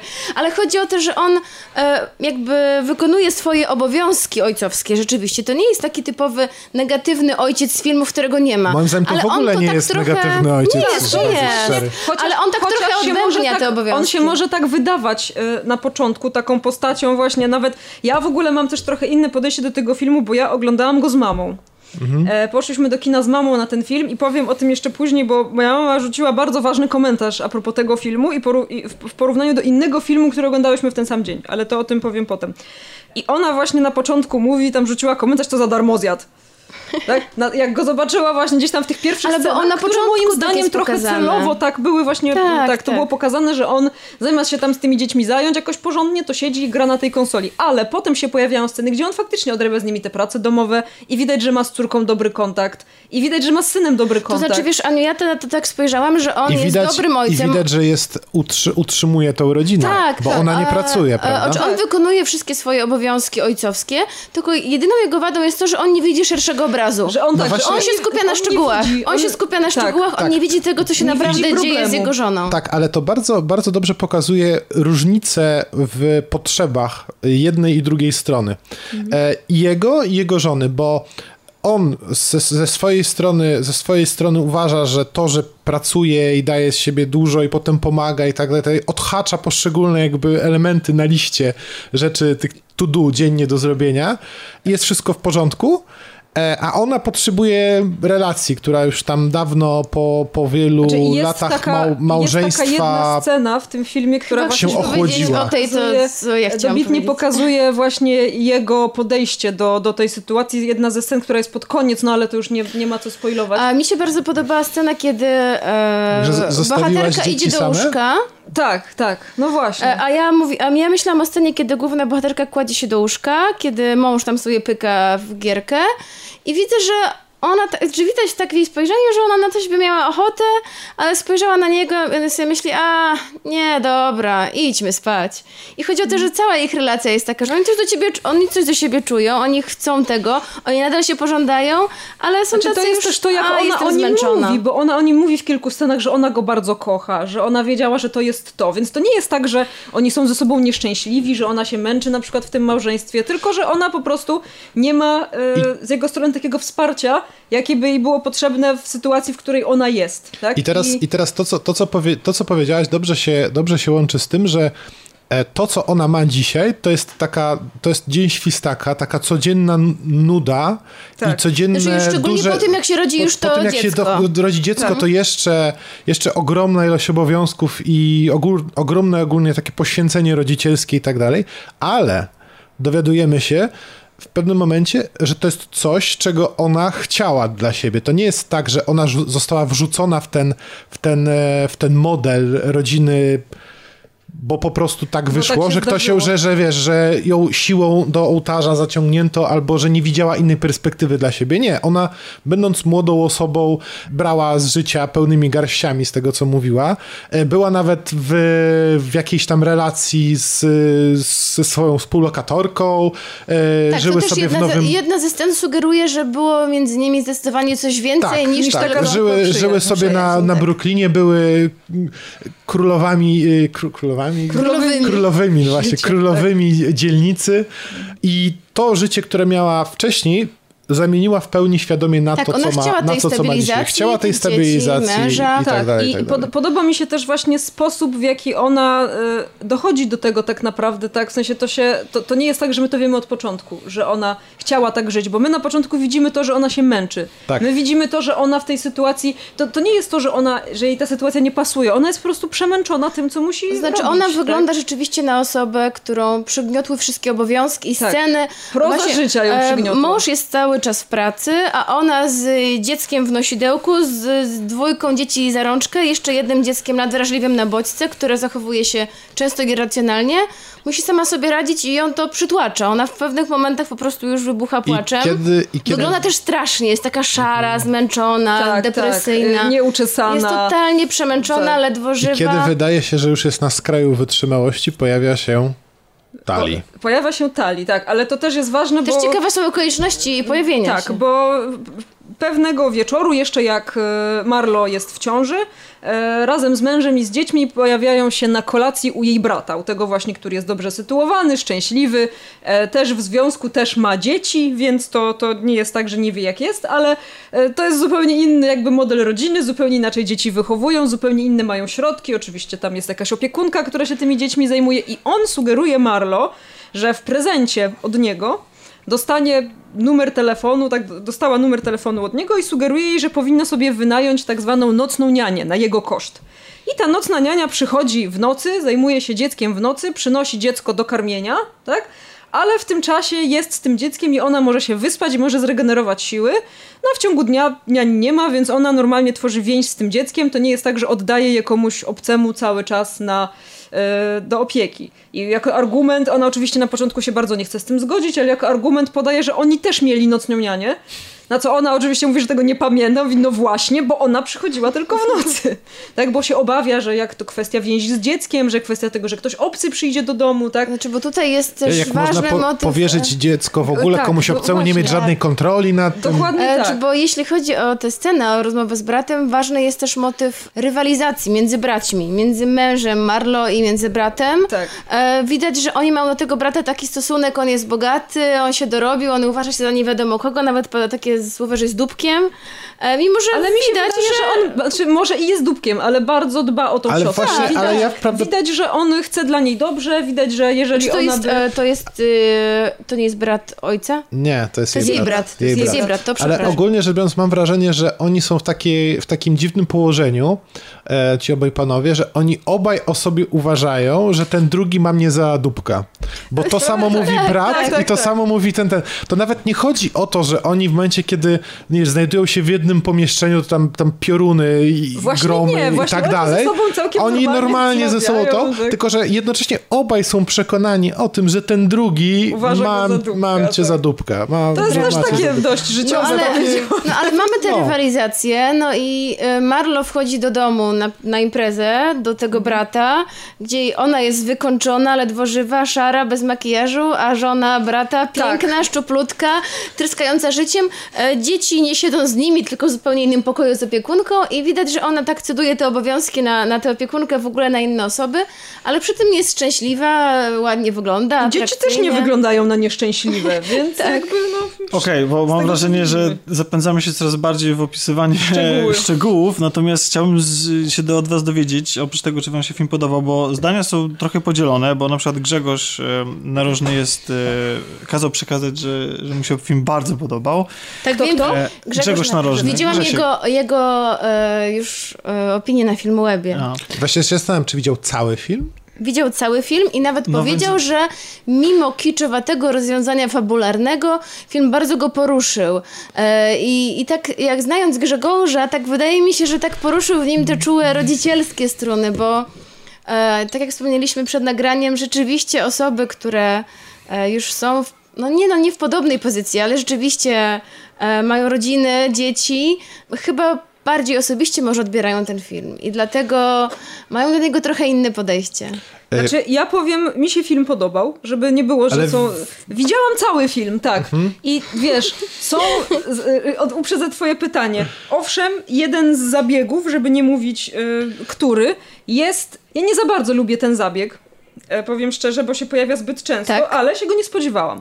Ale, E, widzisz, to ja się nie Spodziewałam się go spodziewałam. I dał mi, i dał mi trochę Mówicie o inną... jakimś zwrocie w fabu... Tak, tak, tak. o zwrocie w fabule, który odwraca, jakby, znaczy tłumaczy wydarzenia, wiesz... y, No bo tam- E, ogólnie- nie, og- znaczy, ogólnie tak, rzecz nie biorąc- lubimy tego zabiegu, dlatego, że zwykle stawia on potem film w pozycji, czy nas to zaskoczyło, czy nie. I wszystko inne nagle zaczyna nie być ważne. Znaczy, ja w ogóle o tym nie tak myślałam w ten sposób. Ale za- nie, nie myślałam o tym w ten sposób, ale przez- większość komentarzy, które się pojawiają w internecie, Mhm. to są komentarze, które właśnie mówią o tym, czy mnie to zaskoczyło, czy mnie to nie zaskoczyło. Dobrze, przez ostatnie o to 10 chodzi, minut rozmawialiśmy, przez ostatnie 10 minut rozkładaliśmy na czynniki pierwsze e, Relacje. relacje. To, czym ten film powinien, powinien i wydaje się, że będzie stał. Tak. I to, że później w tym filmie dochodzi do pojawienia Czegoś. się tuli, e, do, do zmiany, ma to, ma to swój dalszy ciąg, tworzy się z tego, tworzy się z tego, wydaje się naprawdę fajna, życiowa Tak, historia, no bo- która podejmuje ważny temat. No bo tak jak się I- spodziewamy, e, opiekunka Tali wnosi coś nowego do rodziny Tak. i wpływa na relacje Dokładnie. między mężem a żoną, zmienia Dokładnie. żonę. I mamy, i mamy, mamy taki obraz tego filmu i myślę, że, że po tym, co mówiliśmy, nasi słuchacze również. I potem, w pewnym momencie zostaje nam, zostaje nam, nam rzucony po prostu najtańszy zabieg świata, który kompletnie nie pasuje w moim odczuciu do tego wydźwięku, który miała ta historia wcześniej. I zamyka nam to, Tak. zamyka, zamyka nam to Ja wszystko w 10 bardzo minut. I, chciała- dobra, już napisy, wychodzimy, bach, Ja bym cześć, bardzo chciała, nie? żeby to była jedna z interpretacji tego filmu. Żeby to nie było powiedziane, a jeszcze to jest, nie dość, że to jest tani zabieg, to jeszcze jest pokazane w tak łopatologiczny sposób, że po prostu bardziej się nie dało i ja w tym momencie się wkurzyłam. Bo nie lubię, kiedy film właśnie e, daje mi po głowie jakąś interpretacją i jakąś wizją. Masz to widzieć tak. A ja bym chciała, żeby on zostawił mnie z takim wrażeniem, a może to było tak, a ja to rozumiem w taki sposób, a Czarek to rozumie inaczej, a Ania jeszcze inaczej. Ale Ja wiesz, się nie do końca zgodzę, bo mi się wydaje, że my się za bardzo przyzwyczailiśmy do tego, że wszystkie filmy, które oglądamy, takie, które są uważane za bardziej ambitne kino, dają nam możliwość interpretacji, jaka nam się podoba. Bo jest wiele takich filmów i ja też bardzo lubię takie filmy i też nie lubię, kiedy film mi przedstawia, e, to, to co powiedzieliście, nie lubię, kiedy film mi przedstawia jedną interpretację, tak, jedyną słuszną ścieżkę.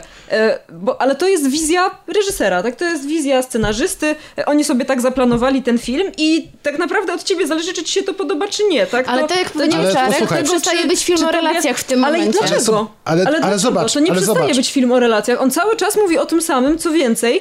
On pokazuje to troszeczkę, to odwraca wszystko, tak? W momencie, kiedy dzieje się plot twist, jaki się dzieje. Ale ja nie uważałabym tego za duży minus tego filmu, bo weźcie pod uwagę, że to jest film, który faktycznie najmocniej odczują rodzice.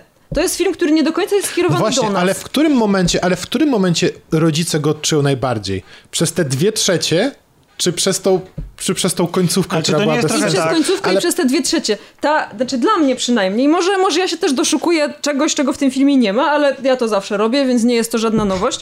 Dla mnie to wszystko to jest metafora tak naprawdę, tak? To, to, co się tam zadziało, to nie ma na celu pokazania nam jakiejś tam historii, która się zdarzyła, tylko ma na celu pokazać nam, do czego mogą doprowadzić konkretne sytuacje w życiu. I to wszystko, co się tam dzieje i ten plot twist, który się tam dzieje, to tak naprawdę nie jest istotne. Istotne jest to, w jaki sposób to wpły- wpływa na naszych bohaterów i jak ich to zmienia i do czego to prowadzi, tak? Ja I się nie zgadzam. Ja uważam, że film no- jest tak bardzo mocnym akcentem, jest ten twist, że Tak. nie zgodziłabym się z tym, że to jest e, A właśnie to metafora. to jest ciekawe, bo dla mnie ten film w ogóle nie był mocnym, znaczy ten twist w ogóle nie był Okej, mocnym akcentem. Słuchajcie, bo dla mnie on mówienie był o nim tam... bez, bez tego Tak. właściwie, o, o, bez, bez wyjaśnienia czym jest ten twist No, jest bez nie sensu możemy. już dłużej. No, Okej, no, możemy. przy, No. jakby przystajmy na tym, że różnicie się w ocenie i Tak, Czarek on i Kasia był, są... Ten twist był tani, ale on mi nie przeszkadzał niemiło, w a- odbiorze Znaczy, filmu. mm, Sorry, Ania, tym razem nie jestem po tej samej stronie No stołu. nie musisz. Ale dzisiaj zmieniają się fronty, w Fronty ogóle się dzisiaj ta zmieniają, część druga, ale ja chciałam to wam powiem, powiedzieć, jest e,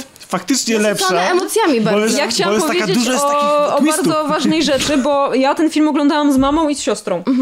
I jak wyszłyśmy z tego filmu, to tam komentowałyśmy, mama opowiadała, oczywiście mówi, no bardzo mi się ten film podobał, mówi, bo to dokładnie tak jest, że ja to samo przeżywałam, że, że to, to tak jest, że tutaj faktycznie, no i podobało mi się bardzo to, jak pokazali tego męża, że on właśnie nie był taki zły, bo, bo to nie jest tak, że ona była pokazana jako szlachetna bohaterka, która sobie sama ze wszystkim daje radę i ten, ten mąż to taki darmozjad. I mówi, ja myślałam na początku, że tak będzie, a tutaj mnie tak zaskoczyło, że ten mąż Ale to jednak no była właśnie, taka ale to fajna, właśnie, pozytywna ale to postać. właśnie to, co ale, mówisz, Ale e, potem e, oglądaliśmy tego samego dnia film, klasyczny film o miłości, który widzieli wszyscy, ale nie widziała go moja mama, jak się okazało, czyli Pamiętnik. E, ja ten film widziałam dużo razy. y, Kiedyś mi się podobał, teraz mi się nie podoba, ale moja mama widziała go pierwszy raz i ona lubi takie historie, powiedzmy, tak, jakieś historie pięknej miłości i gdzieś tam jakieś wzruszające. I powiedziała, jak się ten film skończył, oczywiście go tam oglądała, była zaangażowana w tą historię i na koniec mówi: No nie, no nie mówcie mi, że jeszcze oni razem umrą. Mi się ten film nie podoba. Ten poprzedni był o wiele lepszy. Wiesz, powiedziała jakby to podoba mi się też, myślę, że ważne, czego nie powiedzieliśmy o Tali, że ona ten film odczarowuje trochę Właśnie to takie romantyzowanie e, macierzyństwa i, i związku cementowanego przez dzieci i tego idealnego małżeństwa hollywoodzkiego. ale jednocześnie nie, pięknej nie demonizuje No właśnie, go. ale- Ale nie jednocześnie nie demonizuje, demonizuje. Właśnie pokazuje Mhm. to w bardzo fajny sposób i dlatego ja uważam, że Tali warto zobaczyć. Bo... Pokazuje też, ja- i co mm, może przeżywać kobieta, jak zmienia się jej ciało w taki tak, negatywny i całe sposób. życie tak całe naprawdę, życie. no bo E, nie ja- ma już jej, tylko jest ona i dzieci i gdzieś tam jest ten mąż, który... I z jednej strony strasznie to dziecko ją męczy i, i to przez dziecko tak naprawdę ona jest na skraju wyczerpania, a z drugiej strony widać jak, jak straszliwie jest dla niej ważne i jak bardzo kocha tą córeczkę. Tak. Więc no... To nie jest tak, że film mi się nie podobał. Podobał mi się naprawdę, tylko chciałabym, żeby zostawiał mi jakby otwarte pole do tego, jak mam go rozumieć. A jak Moim, moim, zda, moim zdaniem, ten, kto oglądał, to pewnie doskonale zrozumie. Jest taki moment, kiedy wydaje nam się, że dochodzi do, do, do rozwiązania tej całej sytuacji. I tak jak ten cały film był, był do tej pory taki stojący na ziemi, zwyczajny, to te, też w taki sposób powinien się zakończyć. Że była historia tych i tych ludzi, oni doszło do paru sytuacji, które bardzo zmieniły ich życie. No i tyle. I, i ono, i, i życie, życie, idzie, życie idzie dalej. Napisy końcowe, idziemy do domu. Chciałam jeszcze tylko powiedzieć o Charlize Theron, drugi raz po Monsterze. Tutaj się mocno poświęciła naprawdę. Przytyła według jednych źródeł 20 kg, według innych 25, no ale... strasznie ciężkie, duże poświęcenie to jest. E, to znaczy, Tomku, ale śmiejesz się, ale nie wiem, czy słyszałeś, e, co stoi za tą Nawet, historią nawet nie wiedziałem, całą. nawet nie wiedziałem, że się tak kiedyś poświęciłem w życiu. E, śmiejecie się, ale chcę No słucham. Dajcie mi skończyć. E, podobno, znaczy, żeby tak przytyć, jadła bardzo duże ilości śmieciowego jedzenia i się nie ruszała. Jak dobrze wiemy, takie jedzenie zawiera ogromne ilości cukru i jest mocno depresjogenne. I czytałam, że Charlize też to e, przypłaciła jakimiś tam zaburzeniami e, osobowości. Co podobno przełożyło się na jej jakby lepsze, e, lepsze wczucie się w bohaterkę filmu. Czyli metoda Stanisławskiego. No prawie, prawie. I to widać rzeczywiście, czy nie, że widać, że, że, że miała problemy, ale widać, że rzeczywiście moim zdaniem gra prześwietnie. Widać, że jest jej 20 kilo więcej. To zdecydowanie, ale też widać ten ból i to, to cierpienie, ten brak motywacji, to wszystko jest takie... Ale ogólnie rzecz biorąc, rzecz biorąc, mi się bardzo podobały role żeńskie obie, że tak powiem. Była chemia A, no naprawdę... bo jeszcze nie powiedzieliśmy, że Mackenzie? Mackenzie. Mackenzie Davis. Davis. Mackenzie. Davis. A ja powiedziałam, jak ona ma na imię, to jest jej imię. Mackenzie Mackenzie. Davis Tomku, ona chyba ci się podobała w... Nie, to ta druga ci się podobała w Blade Runnerze. Ona mi się podobała w Halt and Catch Fire bardzo. E, bo tam ona brała udz- udział w tej takiej fajnej scenie w Blade Runnerze, która zrobiła na tobie wrażenie. No tam wszystkie sceny na mnie robiły wrażenie, ona więc to nie jest... Ona była prostytutką. No to tak trzeba od E, razu. No. Trzeba było od razu z E, grubej I tutaj rury, też no. rzeczywiście jest, jest świetna i mają, mają super chemię, tak. Tak. To prawda. Ale jest całkowitą przeciwwagą głównej bohaterki. To Przeciwwagą tak ma być, też. tak ma być. Przeciwwagą. Tak. Słuchajcie, żeby nie było, że tak cały czas, dobra, to kończmy to i wam powiem coś śmiesznego, Dobrze. co przeczytałam w internecie. Bo Ale nie wyśmiewajcie tego, kurde, śmieciowe jedzenie i leżenie przed Netflixem jest fajne? Ja bym też popadła w tak. głęboką depresję, gdyby Ale to okej, była. znaczy nie, żeby było jasność, jakby absolutnie Gdyby- się nie śmieję z depresji, jakby no nie wiedziałem, że, tego, że to są takie tego skutki, więc tutaj to nie Nie żartuję sobie wiedziałeś, z że tego. jak człowiek je tylko hamburgery, Ale tak no się prze, to może przepraszam skończyć. bardzo, ale zaczynasz historię od tego, że ona się poświęciła, bo leżała przed tele... Nie, nie, jak leżała jadła hamburgery. Leżała i jadła Dla mnie to hamburgery. jest poświęcenie. Znaczy, zanim doszedłem, doszliśmy do depresji, to najpierw były suche żarty w głowie. Musiałem Okej. je wygłosić, Czarek Ale zresztą powiedziała też, też, więc... że z tego powodu miała duże problemy z akceptacją własnego ciała. No myślę, że dla każdej kobiety, a szczególnie aktorki, które, której ciało jest narzędziem pracy, to może być bolesne i trudne, mimo że dostaje za to miliony. Rozumiem Tak, to. aczkolwiek w, tej, w przypadku właśnie tego typu aktorów mają, oni mogą regulować swoją wagę. tak. Ale co też Jeśli nie jest tylko bez wpływu na ich zdrowie. Oczywiście, nie, no ja, jasne, to jest jakby... To o tym Christian każda Bale praca wymaga razy, jak bardzo się poświęcenia. nim odbijają te zmiany. Nagrywanie, Ale on jest, on jest też dość hardkorowy, jeżeli chodzi o zmiany fizyczne. nagrywanie podcastów też wymaga poświęcenia.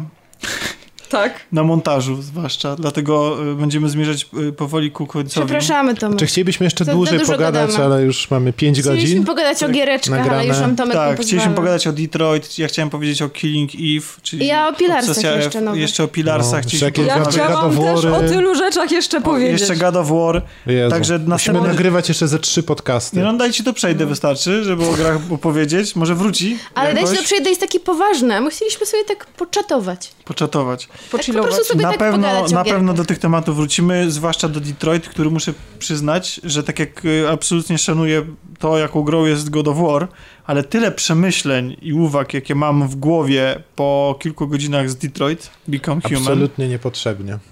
Dzięki, Czarku. Ale Nie, nie, no serio, serio, bo, bo tak poza, poza tematem. I w momencie, kiedy za, zaczynasz, zaczynasz o Detroit myśleć jako o grze, którą ona nie jest, czyli takiej, która ma coś do powiedzenia, to tu się zaczyna twój błąd. Bo tu już zaczynasz... bo tu Dobrze, już, zakończmy to nagranie. Dobrze, kończymy nagranie. Ale ja- Ale Tomek pisałeś coś wcześniej na Pierw, że okropna gra, jestem zawiedziony w ogóle bez sensu. A teraz nagle miałem przemyślenia, to jest Tak, pozytywne. no. miałem nie, przemyślenia, że jest okropna. Mogę, mogę oceniać grę negatywnie, ale ona inspiruje do tylu rzeczy, że jestem nawet miło zaskoczony i z każdą godziną moja decyzja, znaczy odnośnie oc- ocena tej, odnośnie tej gry się trochę waha, bo ona ma gry, ma momenty genialne, ma momenty, które chcą być genialne i ma momenty, które są kompletnie żenujące. Czyli pan Ja Kasz bym, trochę chciał, się ja bym chciał powiedzieć, że to jest tak e, bardzo, bardzo solidna gra, taka popcornowa, nie wymagać za dużo. Bo Czarek już skończył, a ja skończę. Nie wymagać za dużo, oglądać ładne obrazki. Bo Czarek szybciej posadzić kończy od sobie, Tomka. Posadzić sobie kogoś obok. Kasiu, a czy, Piotrek, czy Piotrek wie, że Czy masz Piotrek jakieś ci doświadczenia z Tomkiem na ten temat? Dobrze. Słuchajcie, dziękujemy wam za wysłuchanie tej drugiej części. Teraz zapraszam bardzo serdecznie na część dotyczącą Gwiezdnych Wojen, w której nie usłyszycie ani Czarka Nyszewskiego, Do widzenia. ani Ani Nowak. Pa! To jest trochę kłamstwo, bo trochę ją usłyszycie. Trochę tak, ale tylko z komentarzami jakimiś głupimi, więc może się wyciąć. E, Ani też Kasi Katki Poromskiej. Zdecydowanie nie. Papa. Papa, e, do zobaczenia właściwie po tym dżinglu króciutkim e, w części dotyczącej Gwiezdnych Wojen. Tu, tu, tu, tu, tu, tu. Tu, tu, tu, tu, To jest kry... był dżingiel.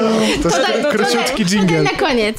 To był dżingiel. Znowu spadam. Teraz y, witamy e, w części poświęconej Solo, Han Solo, Gwiezdne, e, Gwiezdne Wojny, Han historie. Solo, Solo. Han Solo, Gwiezdne Wojny, historie u nas. Okej, no jest skomplikowany tytuł.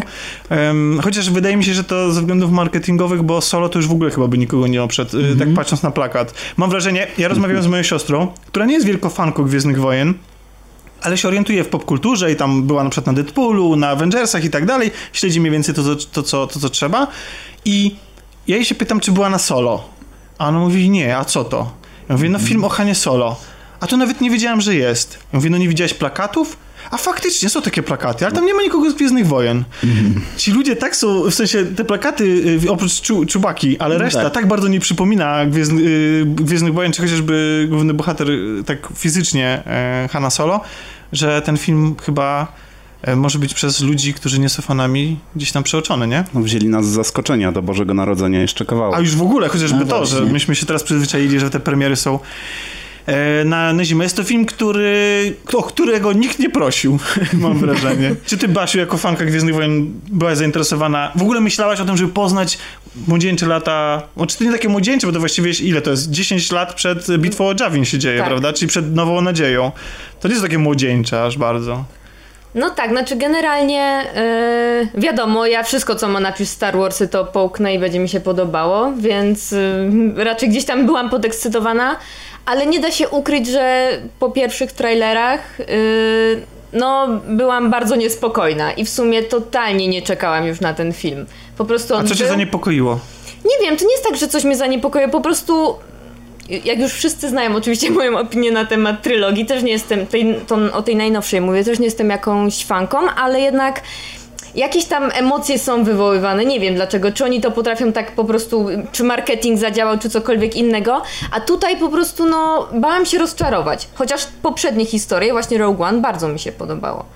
Więc y, tutaj byłam bardzo sceptyczna i w sumie tak y, nie wyczekiwałam na tą premierę i w sumie nawet nie musiałam iść na przedpremierę i tak wyszło, że poszłam, bo wiadomo, trzeba było ostatecznie, ale no szłam Ale- z takim nastawieniem, że może Że możesz się zawieść. bardzo. Czyli tak bezpiecznie. Tak. Tomku, ty wielki fanie Gwiezdnych Wojen. Nie, no nie żartuj. Absolutnie. Tak, to była jakaś obelga, nie wiem, Nie, ja sam przecież jestem. od trzech lat. To prawda, ale jestem. Ale nadrabiam intensywnie. Nie, się ja nigdy nie byłem i e, generalnie jakoś e, do tych filmów e, samodzielnych nie podchodzę z większym entuzjazmem generalnie. No są, bo taki marketing ma nowy właściciel praw. Nie da się ukryć i pewnie będzie jeszcze tego więcej. Zabijasz cały romantyzm. Po Gdyby prostu. nas zaskoczyli, może by jeszcze w tym roku się udało jeden wepchnąć właśnie na Boże Narodzenie. A tutaj... Pewnie tak będzie. Pewnie do Może tego zrobią zmierzają. Christmas Edition po prostu, nie, O nie, z porgami o nie. na przykład pod choinką. Już raz to zrobili. Był taki film. Tak, niestety. Właśnie Grzegorza, ty znany hejterze Gwiezdnych Wojen. No, ja też, jak, jak chyba każdy, nie czekałem na ten film w ogóle. Mm, Jeszcze po drodze się wydarzyły jakieś różne perturbacje, z, zmiany reżysera i tak dalej, więc nie wiadomo było, co z tego filmu powstanie. Tam się zmieniali ludzie na stołkach. Ostatecznie się tym Ron Howard zajął, czyli specjalista od kina familijnego. To już w ogóle pomyślałem Disney i Ron Howard, to już nudy straszne. Tam zdaje się większość filmu była jeszcze raz nakręcona. Tak, tak, poszła tak. do kosza po zmianie reżysera. Dokładnie. Na, na, na, I właściwie większość filmu nakręcono jeszcze raz na prędce, więc no nie wróżyłem, że powstanie z tego cokolwiek dobrego. Mimo, że ja fanem tego pierwszego spin-offu też nie jestem za specjalnym. Rogue One też mnie trochę rozczarowało. Za to y, dwie te, te kanoniczne, czy kanoniczne, wszystko jest kanoniczne, ale, ale mm, te Główna główne, saga. głównej sagi, te dwie części ja bardzo lubię. Więc, mm, ale zaspoiluję już swoją opinię tak króciutko, że w sumie się, jak można użyć tego słowa, chociaż go nie lubię, miło się rozczarowałem. O, proszę. No właśnie. Nie mieliśmy wielkich oczekiwań, wieszczyliśmy tragedię. Ja prawdę mówiąc po obejrzeniu trailerów to byłem totalnie zawiedziony. Naprawdę, nie czułem absolutnie żadnej magii z tego tam wybijającej, a jeszcze te wszystkie perturbacje odnośnie reżyserów i, i tego, że ja mam wrażenie, że o ile y, z jakiegoś dzi- dziwnego powodu Disney robi coś takiego, że tą główną sagę puszcza samopas i ci reżyserzy mają taką dowolność, czy, wiecie, no taką ograniczoną dowolność, ale jednak Ale w tym, jednak jak jest podchodzą do tematu. Natomiast w przypadku tych stories, tych spin-offów, One mam są do bólu bezpieczne rzeczywiście. bezpieczne i takie, i że oni tam maczają te palce i się wpychają i wydaje mi się, że oni tym sterują trochę tak jak MCU, czyli tymi Marvelowskimi filmami. Nie wiem, Tomku, też masz takie Nie, tutaj bym się zupełnie nie zgodził. E, Jeżeli chodzi... Kontrowersja! Nie, nie, no jaka kontrowersja? No to To widać, masz nie tak agresywnie. widać od... nie szkaluj. E, Widać od razu, jeżeli chodzi o uniwersum e, Marvela, to filmowe, tam są osoby odpowiedzialne za spójność tego i nawet jeżeli oni natrzaskają już prawie 20 filmów, to mają jakiś sens. E, w ciągu, tak, i widać, że mają plan. E, tutaj tego planu e, średnio widać. Wydaje mi się, że wybierają takie najbardziej chwytliwe hasła z historii tego świata i próbują właśnie wepchnąć do głów fanom, jak to rzeczywiście wyglądało. A fani mają już to i tak od dawna, od wielu lat ugruntowane.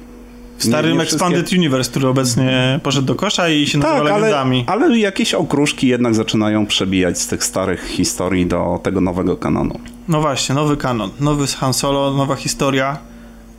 Tutaj Grzegorz już zdradził, że się miło rozczarował. Barbaro, jak, jak bardzo ty się rozczarowałaś? E, ja bym mogła użyć tego samego określenia dokładnie, bo właśnie tak krótko podsumowując, tam pewnie będziemy dalej rozkminiać jeszcze, ale w sumie byłam zadowolona. Powiem wam, że nie byłam zażenowana na przykład żartami, co mi się często zdarza na tego typu filmach, właśnie takich rozrywkowych, nazwijmy je tak. Dobrze się bawiłam, wyszłam generalnie w miarę usatysfakcjonowana po tym filmie. A czułaś- Stwierdzam, że spoko. A czułaś e, magię Gwiezdnych Wojen? Momentami tak, szczególnie jeżeli chodzi o postacie niektóre. Mm, No, Czubaka, Lando. Z Han, nad Hanem pewnie też porozmawiamy No więcej, właśnie, przejdźmy, ale... przejdźmy do postaci. Porozmawiamy teraz właśnie Dobra, o, już o, teraz. o, o samym e, Hanie Solo, który w, ta decyzja o- obsadowa wzbudzała największe kontrowersje, ponieważ raz, że aktor na pewno nie był znany z takiej charyzmy jak Harrison Ford. I to i jednak Han Solo to jest postać legenda. Wydaje mi się, że on i Darth Vader to są takie dwie najbardziej charakterystyczne, wychodzące nawet poza światek fanów i przechodzące w ogóle do popkultury postacie. Nawet nie Luke, tylko właśnie Han Solo, ten awanturnik, ten... No bo jest e, bardziej charakterystyczny. Dokładnie. I pytanie, jak wyście się na to zapatrywali i jak odbieracie tą postać teraz? Znaczy tę postać, którą wykreował pan? Alden Ehrenreich. nazwisko. Nowy Han Solo. Tak. No to jak ci się Basiu ten nowy Han Solo podoba? Tutaj również bym użyła określenia, że byłam mile rozczarowana. Faktycznie, bo mogłabym się na siłę przyczepiać do czegoś, ale w sumie nie było źle. Generalnie uważam, że no nie był taką, wiadomo, ja uwielbiam po prostu postać Hanna Solo graną przez Harrisona Forda, jak pewnie każdy, no bo on nadał jej charakter i on ją stworzył generalnie. E, ale tutaj, mm, no powiem tak, na pewno nie starał się naśladować e, Harrisona Forda. Miał tam jakąś. Mm, nie kopiował tych wszystkich jego zachowań, a mimo to zostawił właśnie tą taką zawadiackość, nie wiem jak to nazwać, tego, że potrafił jednak otworzyć w jaki, jakiś sposób te role. No, mm, nie wiem, na początku szczególnie, na samym początku, tak patrzyłam na tego aktora, mówię, miałam wrażenie, że to jest w ogóle o jakiejś innej postaci e, generalnie film, ale potem właśnie, jak nie wiem, czy do tego doszły inne postacie i jakby już potem się troszkę rozwinęła ta postać dalej, no w miarę to kupiłam. Tomku? Y, Mogę się podpisać y, pod większością tego, co powiedziała Basia. No, Faktycznie y, to, to coś, co ujęła jako zawadiackość. Faktycznie to było widać. Y, Jakieś y, y, takie drobne, charakterystyczne rzeczy jednak z tej poprzedniej kreacji Hanna Solo próbował włączyć do tej swojej roli. Można było to czasami zauważyć, no ale taki sz- szelmowski uśmiech. No ale mniej chyba o to chodziło w sumie jednak, no to No tak, tak, nie no. patrzeć, to miała być ta postać, nie? Na pewno nie, nie odcinał się zupełnie od tamtego. Gdyby spróbował coś takiego zrobić i na nowo kompletnie zreinterpretować, to prawdopodobnie zostałby rozszarpany przez Basię. Ja, tak, przeze mnie, głównie przeze mnie. A czy przez Grzegorza? Mm, Nie, no tu będziemy chyba zadziwiająco zgodni wszyscy. Uważam, że... Nie, no właśnie, okej. Jezu, ale- Tomek, Ale uważam, że no poradził, poradził sobie. Też, też na początku trudno mi było się do niego przekonać. Czasem im, im dalej film, tym, y, tym lepiej jakoś y, to wychodziło. Może się do niego po prostu przyzwyczaiłem. No ale trzeba przyznać, że Donald Glover go charyzmą przyćmi mimo wszystko. No. Em, nie zgodzę się w dwóch punktach twojej wypowiedzi. Pierwsza rzecz e, jest taka, że ja, to nie jest mój Han Solo, po prostu. To znaczy, to nie jest tak, że ja tutaj wychowałem się na Harrisonie Fordzie i tak dalej, ale dysproporcja dla mnie. To jest tak, że on zrobił tą swoją robotę poprawnie tutaj.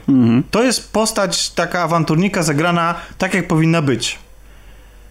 Ale mam wrażenie, że jak bardzo Harrison Ford nie chciałby grać Hanna Solo, bo on nie chciał przecież wielokrotnie, miał tą postać gdzieś, Tak. to tego na ekranie nigdy nie było widać. I No może w y, ostatniej części, jakiej wystąpił trochę też było nie, jednak. znaczy może, ale wiesz co, ale tak naprawdę wydaje mi się, że, y, że i tak podszedł do. Wiesz, wiesz co, w jednym uśmiechu, jednym Mhm. spojrzeniu Harrisona Forda kryje się więcej charyzmy i tego szelmowskiego uroku niż y, w całym dwugodzinnym, czy tam ile on występuje na ekranie, występie pana o nazwisku. Ehrenreich. Po prostu. Nie wiem, czy tak z niemiecka. I to nie chodzi o to, że on, faktycznie on nie położył tego filmu, to nie jest tak, że to jest jakiś, jakiś wielki minus i on mi przeszkadzał czerpać No nie przyjemność. tak jak Emilia Clark. No właśnie, znaczy, O nie. no dobrze, ale to... to, to Spoiler. Okej, to może przejdźmy do tej Emilii Clark, nie? Nie no, skończmy, powiedz do Nie, końca. nie, po prostu, po prostu wydaje mi się, że mm, od Gwiezdnych Wojen oczekiwałbym odrobinę troszeczkę więcej i na każdej płaszczyźnie odrobinę, czy czegoś takiego, y, co, znaczy to jest Han Solo, nie? To wiecie, to, to nie jest, nawet to nawet nie jest nowa postać, y, którą można czasem polubić, przyzwyczaić no się ja tego. się nim podkochiwałam całe dzieciństwo, no ty mi nie musisz o tym mówić. No i dlatego właśnie, mimo tego, że zgadzam się z wami, absolutnie on nie razi tak bardzo i się do niego można przyzwyczaić, to i tak jest ten jednak krok, czy nawet dwa e, w, w tyle za, za Nie, Fordem. Nie no, ja się To zgadzam, no nie ma efektu wow nie było, no. Ale przy innych y, aktorach na planie potrafi Błyszczał. zabłyszczeć, jak w przypadku tutaj bo powiedzieliście Emily Clark, chociaż ja też się nie do końca zgodzę, bo odnajduję w jej słabej grze aktorskiej po- jedną pozytywną cechę, ale najpierw posłucham waszych opinii. Jak wam się w ogóle ta postać Znaczy ja się w ogóle bałam, że ona tutaj może być takim najsłabszym ogniwem i że może być po prostu irytująca. Nie była, w sensie ja nie mówię, że ona mnie zaskoczyła, że o, jaka super postać, ciekawa i tyle wniosła, ale generalnie właśnie nie wkurzała mnie, tylko nie, nie wiem, czy powinnam to uważać za coś dobrego, tak? No bo w sumie nic wielkiego, tak? Nie powiedzieliśmy, nie zarysowaliśmy tutaj fabuły, A, więc sumie zanim, tak. zanim do tego przejdziemy, jeszcze opowiemy sobie jednak o tych postaciach, e, to y, Kira, bo znaczy właśnie Emilia Clark gra tutaj Kirę i Kira y, to jest właściwie miłość Hanna Solo. Tak. A jednocześnie też siła napędowa całego filmu, taka fabularna powiedzmy, mo- motywator naszego bohatera i fan fatal trochę, Tak. nie zdradzając zbyt dużo. Tomku, I tak się zachowuje. jak ci I- się, jak ci się podoba ta relacja? Najpierw ta między Emilią Clark i I Hanem Solo. Między Emilią Clark a Hanem Solo. Nie jest yy, to może wątek romansowy, który w jakikolwiek sposób, yy, no nie wiem, zapisałby się w historii już tych Gwiezdnych Wojen. No, tak jak yy, gdzieś już wspomniałem, ciężko tutaj przywiązywać do tego wagę, jeżeli wiadomo, że na końcu i tak księżniczka czeka w zamku. Niby tak, Ale, ale z drugiej strony na przykład to, że Gwen Stacy umiera w Spider-Manie też jest oczywiste. A w momencie, kiedy umiera w Spider-Manie, w Amazing Spider-Man 2, ja mam łzy w oczach, bo dzięki charyzmie, dzięki reżyserii, dzięki odpowiedniemu scenariuszowi, jesteś, nawet jeśli wiemy, jak się coś skończy, albo coś się nie skończy, w ogóle nie zadzieje, to i tak jesteśmy w stanie przeżywać emocje, jeśli to jest odpowiednio fajnie rozegrane. I nawet możemy wewnętrznie nawet krzyczeć, że nie, my chcemy, żeby to się potoczyło zupełnie inaczej. Czy chciałeś, żeby Han Solo z Emilią Clark ruszyli na em, Podbój galaktyki. razem, spłodzili masę dzieci Nope, nope, i nigdy nie poznali nie. Leję. no. Nie, ale tutaj tak naprawdę jakikolwiek, e, przynajmniej ja to tak ode- odebrałem, jakikolwiek e, e, iskrzenie między nimi można było e, zobaczyć chyba tylko w pierwszej części filmu. Tak, na samym początku. Później dzieje się coś zupełnie innego. Tak jak mówiłeś, ona e, staje się motorem e, napędowym akcji, ale e, jakby nakręconym przez kogo innego. Niestety. E, Bardzo lubiłem popatrzeć na panią Clark w tym filmie. Niekoniecznie na jej grę, zresztą też nie mam tutaj jakby punktu odniesienia do jakichś jej e, wybitnych wcześniejszych ról. Gra o Tron. E, I, I Sarah Connor w Terminatorze Genisys, e, przepraszam, Genisys. No nie, e, wydaje mi się, że jednak e, w grze o Tron ona gra taką bardzo, bardzo wycofaną, taką e, posągową postać. No bo nie E, gra. No, no tak, tak jest właśnie gra, gra posąg. I, i tutaj e, tutaj może więcej, więcej uczucia jakby przelała swoją rolę, ale fotosy z nią są śliczne. tak bym to ujął. E, Ale rzeczywiście z tym charakterem fan fatal e, zdecydowanie się zgadzam. Nawet e, jest takie, taka scena, e, gdy pierwszy raz spotykają się całą grupą z Lando i ona tak staje z boku, obserwuje całą tą salę i rzeczywiście wtedy ona ma najwięcej e, z tych e, kobiet z filmów noir. W sobie. Ja właśnie w tej jej takiej nie do końca dobrej grze aktorskiej odnajduję pozytywne cechy w przypadku tej postaci. Tej postaci, której em, która właściwie w jednej scenie, ona nawet w jednym ujęciu potrafi zmienić e, charakter wypowiedzi i potrafi zmienić charakter podejścia do głównego bohatera od jego, nie wiem, dziewczyny po kogoś, e, kto się chce nim tylko posłużyć. I to jest takie... em, nie wiem, na ile to wynika z... Właśnie nie wiem, czy to celowe było. Czy to, bo, ja, ja wiem, w sensie nie wiem na ile to wynika z z prowadzenia tej postaci przez reżysera, a na ile wynika z braków warsztatowych i, i, i samej Emilii, ale dla mnie w tym wypadku to o dziwo podziałało na korzyść, bo ja nigdy nie wiedziałem, czego się mogę spodziewać po jej bohaterce w danej scenie. Prawda. W jednej scenie powiedziałem, że ja bym już uciekał. Te, te przejścia były zbyt mało subtelne, moim zdaniem. Tak. No takie, tak, takiego, o czy- czym się zgodzę, ale jednak wydaje mi się, że, że właśnie, że to mogło tutaj współgrać. Natomiast y, wspomniałeś o Lando. Lando, który jest grany przez Donalda Glovera. Tak, który obecnie właściwie jest takim. No, Jest na fali, tak? jest na fali, totalnie zdobywa wszy, wszy, w- na wszystkich możliwych mediach e, popularność. I on tutaj jest uwielbiany przez publikę, uwielbiany przez recenzentów, przez wszystkich. E, Czy, I kto nam to Nie przez wytłumaczy? Nie, nie, nie. Czy wy się nasyciliście, na, nasyciliście tą postacią w tym Nie. filmie? Nie, jest jej za mało. Jest świetna w tych scenach, w których się pojawia, jest świetna. Naprawdę e, charyzmą, tak jak powiedziałem, kradnie show, ale mm, rola jest zdecydowanie za mała i rzeczywiście tam jakieś zalążki jakiegoś brom- bromansu się rodzą między nim a Hanem, ale tak nawet parafrazują y, słynną kwestię Hana Solo do Lei, y, co mnie, co mnie zaskoczyło dosyć, ale, ale no za mało tego jest. Zdecydowanie, a naprawdę mogła tu powstać fajna relacja. Chociaż mimo wszystko, że jest taka szczątkowa, to i tak bardziej w nią uwierzyłem niż, niż w relacji z jego ukochaną. Niż w relacji z jego ukochaną. Z tą właśnie No, Kirą. zgadzam się, zwłaszcza, że Gdzie- łączy gdzie ich tam w ogóle- obydwóch miłość do statku. Tak, tak i właśnie. Tak. Nie wiem, jak dla mnie generalnie oczywiście Lando faktycznie fantastycznie stworzona postać i ja go też kupiłam w całości, ale wcale nie uważam, żeby go było za mało. W sensie, no nie jestem nim za bardzo nasycona, ale no to nie miał być jakby o nim też film. E, Szkoda. szkoda z A jednej będzie strony. spin-off. Nie wiem, czy słyszeliście. Eee, to nie wiadomo, zobaczymy. Nie wiem, ja myślę, Na razie że o Boba będzie. Ja myślę, że będzie z racji też właśnie chociażby odbioru i to wszędzie właśnie głównie o nim się mówi. Znaczy, ja byłam jakby usatysfakcjonowana z tego, co pokazał i dla mnie to było ok. Mhm. Aczkolwiek, no, chciałabym go zobaczyć więcej jeszcze. Także on i Czubaka, moim zdaniem, w tej części to jest coś, nie wiem, najlepszego. No właśnie, wspomniałeś tutaj o, bro, o bromansie Grzegorzu. Ym, O, a Anna nas nawiedza. Założymy jej słuchawki na uszy. Tak. Masz Nie- takie nie ma Niech niech gra, no, masz tu. A, takie mam. Wspomniałeś o romansie Łuki i Han Znaczy, Solo. No ja akurat Znaczy, mówiłem o Lando. o Lando, właśnie, ale, Ale, ale tutaj ale mamy, jest, mamy, mamy, ważniejszy nawet Tak. bromans. Tomku, jak ci się... Jak, jak odnajdujesz to, jak odnajdują siebie nasi bohaterowie i cała, cała ta ich relacja tutaj? że ja do wszystkich tego.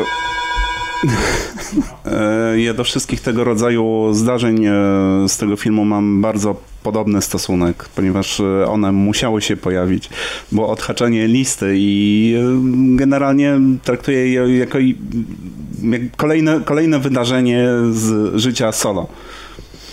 Nie, tutaj nie, nie poczułem nic takiego konkretnego między postaciami Chewbacki a, a Solo. O nie, to ja Poznali bardzo. się, w którymś momencie y, został jego drugim pilotem, ale nie Wiesz wiem, co, a może- Momenty, w których ja byłam wzruszona i właśnie jakieś emocje czułam. Może to dlatego, może dlatego, że i Czułego mieliśmy okazję niedawno oglądać e, i, mm, i jakby widzieliśmy ich przez ostatnie lata często, natomiast w przypadku Lando nie widzieliśmy go na ekranie od, właściwie od, my to go nie widzieliśmy na ekranie nigdy, o nie, od 97 roku, kiedy wyszła edycja e, specjalna i, i tej relacji jego z Hanem i Też powiem wam, że to nie był ten Lando z Imperium kontratakuje. nie? Moim zdaniem nie. Tam, ten, ten był bardziej jakiś taki pewny siebie, bardziej charyzmatyczny. Tamten był jednak trochę wycofany. młodszy. Tak. No I jeszcze też- taki, taki bardziej może... No wiesz, ten jest jeszcze taki bardziej koki, Właśnie, prawda? właśnie, Taki właśnie, tego- do Ale też przodu. między tymi Mhm. postaciami jest 10 lat różnicy, tak? Więc y, generalnie no to też możesz robić swoje. Ja teraz też jestem poważniejsza niż 10 lat temu, wiecie. No i ten Lando mimo wszystko bardziej mi się podobał niż ten z Imperium. Naprawdę? Tak. Okej. Ja, się, ja się zgodzę trochę z, z Tomkiem, ale to sobie do tego jeszcze, do tego przejdziemy później, do tych wydarzeń, których świadkiem tutaj jesteśmy. Jak już lecimy po tych bohaterach, to już i przelećmy do końca. E, właśnie, jak jesteśmy przy przelatywaniu bohaterów, to e, jest, w filmie występuje e, L3, czyli robot, android, Robocica. robocica i słuchajcie, ja bym... e, Jest świetna! tak, grana e, przez... E, nie pamiętam nazwiska, przez panią Phoebe Waller-Bridge. tak. Nie E, wiem, I to jest nie taki, potwierdzaj. To jest robot, który, y, który może skraść serca widzów podobnie jak to było w Ale przypadku wszystkie droidy przez y, całą sagę, no mamy... C-3PO nikogo nie Ale- skradł. No, Ale zawsze dobra. był i to był pierwszy film, w którym nie było go. Ale Spoiler alert! mój Boże. Nie, nie, ale... y, Ale nawet w Roku mieliśmy tego tutaj. y, imperialnego droida, który tak. też kradł każdą Ale scenę. ostatnio takie wyszczekane droidy są w modzie, jak widzę. Tak. Chyba, chyba to od czasu, nie wiem, gry, y, jak ona się nazywa, Kotor, Knights of the Old Republic. O, tam też Myślisz, że to, że, to, tak. że to jest inspiracja? Nie no tak okej, się ale na, na, pewno, na pewno dobrze się je ogląda. Ja uważam, że ta postać dostała też za mało czasu ekranowego. Ja właściwie naprawdę chciałbym dużo bardziej oglądać Właściwie ich na ekranie. Ja niż szoku, jak, ur, jak został jej wątek urwany w ogóle. Y, Tak, i, i natomiast y, y, wytłumaczę Między się... nią a Lando była chemia, Chemia. większa Właśnie, chciałem, między Kirą chciałem, chciałem o tym właśnie powiedzieć, że o tym przelatywaniu wytłumaczyć się z tego suchego żartu, bo okazuje się, że prawdopodobnie Lando jest tutaj postacią, i ja teraz zupełnie nie pamiętam tego terminu, ale generalnie taką postacią, która jest w stanie zakochać się... We wszystkim. Tak. Pan, Pan seksualny, tak. Panseksualny, tak. Ja Co by wytłumaczyło jego relację z e, robotem. Ale moim zdaniem to już jest takie doszukiwanie się. Przecież tam w sumie nie było powiedziane tak naprawdę, że wiesz... Ja wiem, aczkolwiek, aczkolwiek nawet, i ten, nawet L3 żartuje z takich y, relacji damsko-męskich, No jeśli tak, chodzi o tak, Lando. no bo w sumie, no... Dobra, nie będę spoilerował. Tak, tak. Em, w każdym razie jest to na pewno jaśniejsza. No i ostatni, bo, jeszcze przedostatni bohater, czyli e, grany przez Woody'ego. Woody'ego Harrisona. Mentor? Koś wzór Hanna Solo? No nie do końca. Na pewno jakąś... Ciężko powiedzieć, żeby on był jego mentorem, ale na pewno jakąś tam jego ścieżkę e, nakreślił. Mhm. To właśnie była ta, ta relacja jakoś tak zbyt szybko, to oni tak, weszli. tu mnie też nie przekonał ten wątek. Za mało czasu im relację. poświęcili i za szybko ta postać została poprowadzona. A to nie nie było- poświęcono jej wystarczająco dużo czasu, jak dla mnie. To nie było trochę tak, że Harrelson, przepraszam, nie pamiętam jego, po- imienia jego postaci, Tobias A, Beckett. Tobias. Beckett, mhm. to nie było tak, że jak on go zobaczył, to zobaczył od razu siebie sprzed lat? Znaczy I- tam bo nawet był taki tekst, że on Mhm, coś tak. tam widzi. I to była taka iskra i w tym momencie całkowicie go ta postać kupiła, w sensie, że Han go kupił. E, nie, że Beckett kupił kupił Hana? Hana. To było zbyt łatwe rozwiązanie scenariuszowe, to, to, to zebranie, y, właśnie zebranie Hanna Solo przez, przez ekipę tego Aha. Woody'ego. Do łatwych rozwiązań scenariuszowych też sobie jeszcze za sekundkę przejdziemy. To, Co same łatwe rozwiązanie, może zacznijmy od No nie tego. Chciałbym jeszcze o jednym bohaterze, Tomku, ciebie usłyszeć. O którym? Ach, o którym? O Sokole Millennium. O matko. Jak ci się podobał Soku Millennium? Jak wypadł w tym filmie? Yy, nie, nie, bym musiał cytować tutaj ciebie tak naprawdę, bo już sporo żeśmy na ten temat y, przegadali, ale y, pierwsza rzecz, w pierwszych y, zwiastunach, gdy on się pojawił, widzieliśmy te korytarze bielutkie, takie prosto spod igły. Tutaj nie do końca, może to tak wyglądało, Później e, znowu jakby na ścieżce marketingu pojawił się plakat, gdzie tak patrzę na tego Sokoła Millennium i mówię, no coś tutaj nie pasuje. No tam zaczynają tłumaczyć oczywiście, bo to różne modele były i tak dalej. Tutaj mamy wytłumaczenie dokładnie, jak on zaczął wyglądać, tak jak wyglądał w filmach, które znamy. Ale... e, e, Właśnie Czy Lego chyba, wjechało? chyba widywaliśmy go już e, przez ostatnie lata na tyle często, że no nie ma, nie ma tej nostalgii. Nie ma. Chociaż sam nie- Han tutaj ewidentnie się w nim zakochuje i czuć tą relację między nim a tym statkiem. No ale na przykład, bo to jest taka też, nie wiem, no ikona Gwiezdnych Wojen, tak? No i na przykład jak było e, w The Force Awakens, pierwszy trailer, no to po prostu jak on wylatywał, no, No to nie właśnie. wiem, No tam robił wrażenie. za serce, A tutaj tak? już trochę jest wyeksploatowany chyba ten... A Czy jak moim- wylatywał, czy nawet jak, jak e, się pojawiał w samym filmie. Tak, a tutaj po prostu, w sensie... Co to za e, kupa złomu? Już mi się opatrzył przez ostatnie a, lata. a moim zdaniem to nie jest wina opatrzenia. Się. To nie jest wina Sokoła Millennium. Tylko to jest kwestia tego, jak on został przedstawiony w tym filmie. Kiedy pojawia się Soku Millennium w The Force Awakens, ja sobie nie wyobrażam lepszego e, pojawienia się tak ikonicznego statku. On po- pojawia się w doskonałym momencie, kiedy my go na ekranie widzimy, kiedy bohaterowie go odkrywają, go spotykają, kiedy z niego korzysta, korzystają. To, to jest pełna emocji scena i jak, jak go widzisz, to chwyta cię serce. Kiedy w The Last Jedi pojawia się na polu bitwy w pewnym momencie, odwracając trochę jej sytuację, pomagając tej, w, w tej bitwie, to też jest ten moment, że czuję, że to jest soku milenium i on teraz przyjechał robić Tora. E, Ro, robić po prostu, e, że, że to jest ten statek w tym miejscu. Tymczasem tutaj widzimy pierwsze spotkanie tych bohaterów, pierwsze wykorzystanie tego, tego statku na ekranie, znaczy w, w historii Hanna Solo. Widzimy jego miłość do tego statku, sympatię i widzimy to, jakie on niestworzone rzeczy nim robi, o których przecież krążyły legendy. I moim zdaniem ja tego nie czułem. To znaczy widzę to wszystko, tylko nie było to dostatecznie fajnie skompo skomponowane. W całą historię. No właśnie, historię, bo ci wszyscy bohaterowie e, połączeni różnymi ścieżkami fabularnymi i powodami, dla których ich losy się splątują, uczestniczą w czymś, co można, co wszędzie internet i wszyscy krytycy określili jako heist movie. Napad. Taki Czy wy- wannabe heist. Czy, movie. właśnie, no czy, tak. czy wy się z tym zgadzacie? No, na pewno.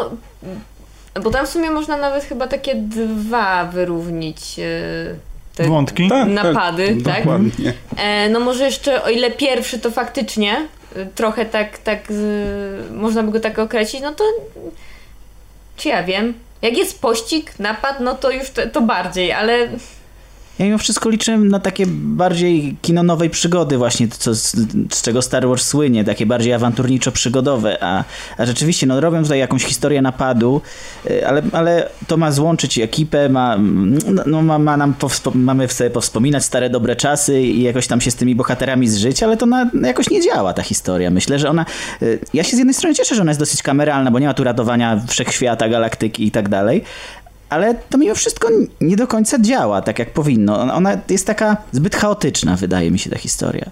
Trochę czerpie w ogóle, w ogóle ta mm, cała drużyna i te relacje między nimi, to w jakich sytuacjach się znajdują, to, to ta ich misja, w cudzysłowie, e, kojarzy mi się z serialem e, Firefly, tylko że serial Firefly robił to lepiej. No, bo miał dłużej, cza więcej czasu. Właśnie, tak, no ale nawet nawet pojedyn w po, pojedynczych odcinkach ja już, tą, ja już tą ekipę bardziej polubiłem ni, niż tą z tego filmu, mimo że no, takie przygody mi się kojarzyły, nawet, nawet i, wojenna przeszłość bohaterów też, też, tam, też tam miało miejsce, bo chyba e, Firefly w ogóle się inspirował Hanem Solo, e, zapomniałem nazwiska, Reynolds, tak, kapitan Fire, Firefly.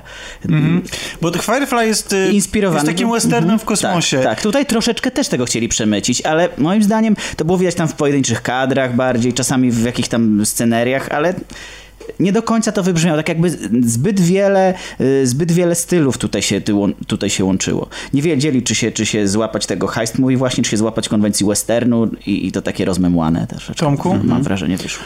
Ym, chyba za bardzo rozbiło to wszystko.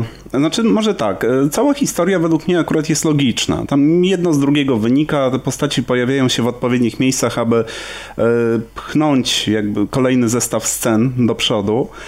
A to, że tutaj planowano zrobić taki heist movie, a mimo wszystko to nie do końca wyszło, to może było związane właśnie z tym, że dwa prawie identyczne wątki upchnięto w tym filmie. W związku z tym nie ma absolutnie miejsca na coś takiego, co nam się kojarzy z taką e, konstrukcją heist movie, że mamy opracowywanie planu, zbieranie jakiejś e, super ekipy, w której każdy członek jest na swój sposób bardzo charakterystyczny, jakiś wyspecjalizowany może w czymś. Tutaj tego nie mamy. Mamy jakąś grupkę postaci, którą na raz w jednym e, momencie się spotyka i próbuje coś zdziałać. Mnie się heist movie kojarzą z lekkością. Z e, taką awanturniczą mm, kreśleniem akcji, gdzie z takimi Ocean Eleven. Mhm. Z, z, tutaj nawet jak następuje tytuł, jak się pojawia, on jest taki bardzo szybki, gwałtowny, świetlisty i w ogóle taki niepasujący trochę do Gwiezdnych Wojen zupełnie. I myślę sobie, o, to będzie, tego, to będzie taki film. Szybki montaż, dużo bohaterów, e, właśnie ta lekkość, sypanie żartami, konfrontacji charakterów, ostatecznie przeprowadzanie akcji, trzymanie napięcia d, d, z jakimś charakterystycznym antagonistą po drugiej stronie, którego trzeba okraść, oszukać, wyrolować i tak dalej. Tego się spodziewałem, zresztą postać Hanna Solo idealnie się do tego nadaje. Jasne. Film taki nie jest, tak jak tutaj powiedzieliście, on jest dla mnie przyciężkawy. Znaczy, to nie jest tak naprawdę zarzut, to zarzut wobec pewnej obietnicy Heist Movie, bo jakby nie można mm, też krytykować filmu za coś, czym nie jest, jest, tak? No, był tak oceniany, był tak y, reklamowany, więc był, ja tylko mówię o swoich wyobrażeniach na ten temat. Natomiast kiedy już sobie uświadomiłem, że to nie jest taki No film... właśnie, tylko nie wiem, nie wiem, czy jesteś w stanie powiedzieć, czym on jest w takim razie. Wiesz co, Bo ja nie jestem. Ja powiem ci, jest tym, czym Tobek w swojej recenzji pisanej na naszej stronie, po którą oczywiście zapraszamy bardzo serdecznie do przeczytania jej, e, wszystkich naszych słuchaczy, e, nak- e, napisał. To jest film o tym, żebyśmy sobie odhaczyli wszystkie kultowe rzeczy związane z Hanem Solo, o których, których, o których chyba właściwie nawet nic nie prosiliśmy. To jest e, film, który ma na celu, moim zdaniem, głównie przelecieć się po wszystkich tych e, tajemnicach z jego życia. Nie wszystkich, nie wszystkich, bo jeszcze e, dochodzi pewna jedna nowa postać. Ja może nie będę spoilował tym, którzy nie śledzą Gwiezdnych Wojen z komiksów i tak dalej, ale jest jeszcze jedna ważna postać, z którą ja nie wiem, co się z nią stało nagle. To sobie w części spoilerowej em, sobie o, o tym Chyba powiemy. wiem, o czym mówisz i to było dla mnie zaskoczenie, bo też nie znam Nie, jakichś tych... nie, nie, nie chodzi o to, kto się tam pojawia. Aha. Nie chodzi o ten, o ten, o ten, ten, nie, o zupełnie o coś innego. Dobra. I ten film mnie pod tym względem jakby tonu, on mnie nie rozczarował. I nie rozczarował mnie mm, tym, że, że nie jest tym heist movie, natomiast rozczarował mnie to, w jaki sposób obchodzi się z tą legendą tych Gwiezdnych Wojen.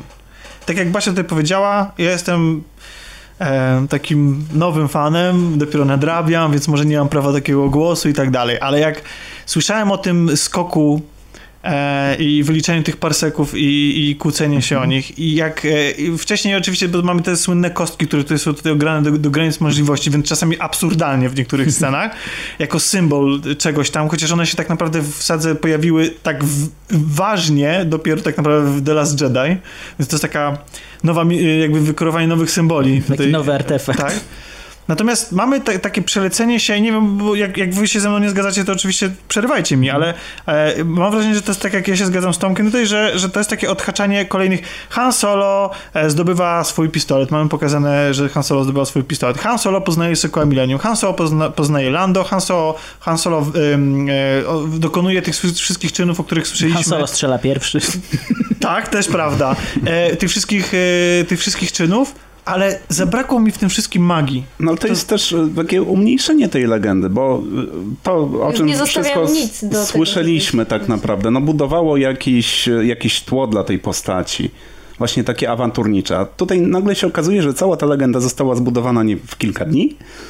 Właściwie wszystko Ale miało ja też miejsce. mam takie odczucie i najlepsze jest to, że ja też jako fanka idąc na, no mówię, i tak się nie oczekiwałam za wiele, ale ja się przede wszystkim nie spodziewałam, ja nie szłam na ten film z takim, że chciałabym to, to, to, żeby mi wszystko właśnie pokazali, wytłumaczyli. W sumie nawet liczyłam na jakieś nowe rzeczy, też nie, bo szczerze nie czytałam, nie interesowałam się za bardzo, co tam będzie, więc nie wiedziałam, czy Czubakę będzie, że dopiero się poznają, czy już, że się znają, na jakim to w ogóle będzie etapie. Czy zginie przy akcji na pociągu? Właśnie. Na To, to, to jest w ogóle też dla mnie marnowanie czasu i energii na kręcenie scen akcji, w, które, w których zagrożeni są życie lub zdrowie bohaterów, o których doskonale wiem, że przeżyją, jest bez sensu. No. No, Tymczasem, kiedy giną bohaterowie, o których nic nie wiemy, których dopiero poznaliśmy, to jest dla mnie jeszcze bardziej bez Tak. sensu, dlatego, że nie zdążyliśmy ich nawet poznać. I mało tego, mam wrażenie, że znaczy, to powiemy sobie o tym w To były postacie z jakimś tam potencjałem w sumie. Dokładnie, że ja nawet nie wiem, dlaczego one zginęły. Słuchajcie, ale jak już jesteśmy właśnie przy ginięciu i przy scenach akcji, jako, jako kino rozrywkowe, jako kino przygodowe, jak ten film się sprawdza?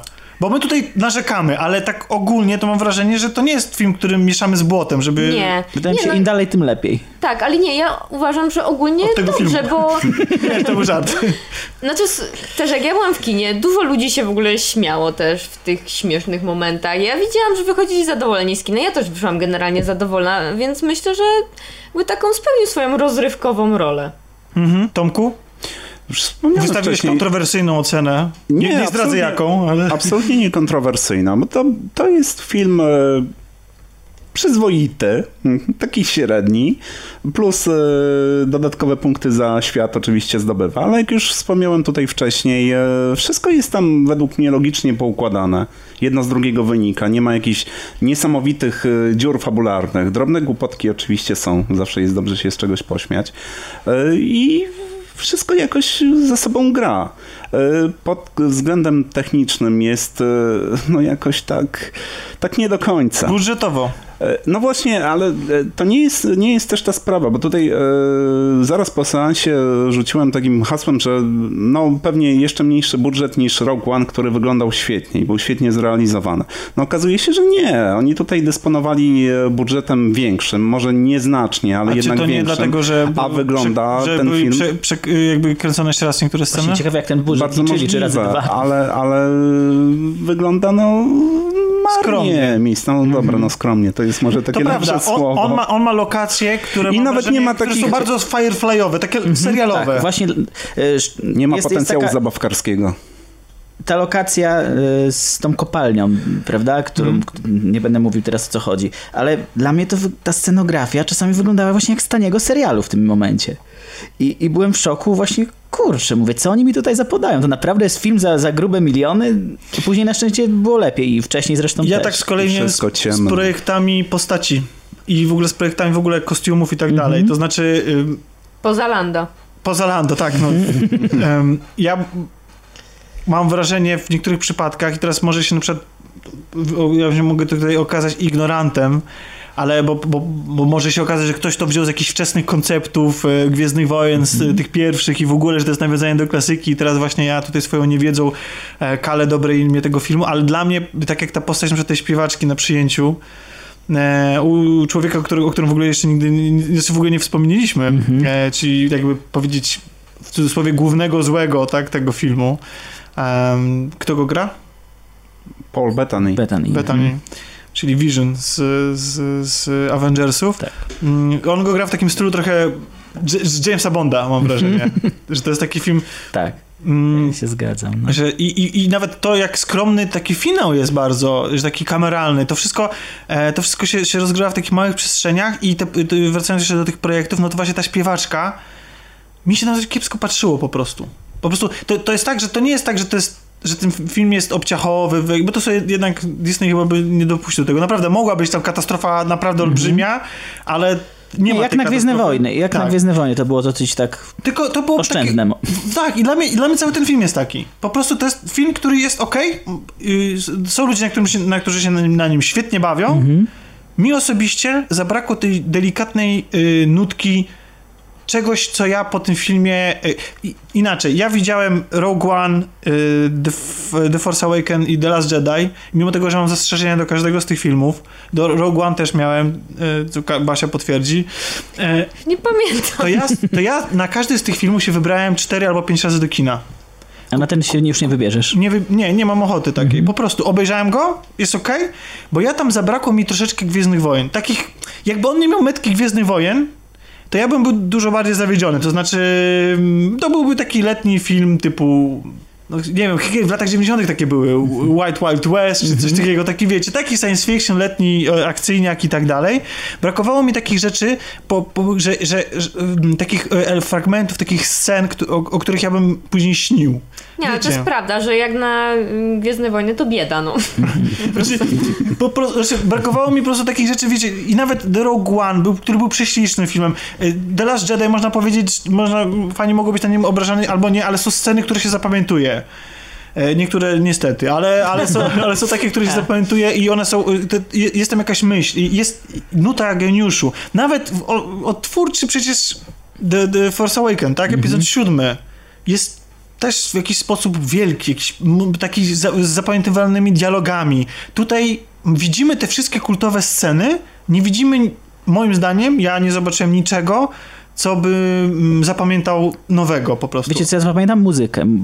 Muzyka moim zdaniem się wyróżniła tutaj na plus. Bardziej mi się podobała niż na przykład w Last Jedi. Szczególnie był jeden taki motyw muzyczny z, z chórkami, e, jak, jak pewna grupa mm, postaci się pojawia. Bardzo moim zdaniem e, motyw godny zapamiętania. Ale muzyka generalnie była mocno inspirowana. Bardzo była twórcza, tak.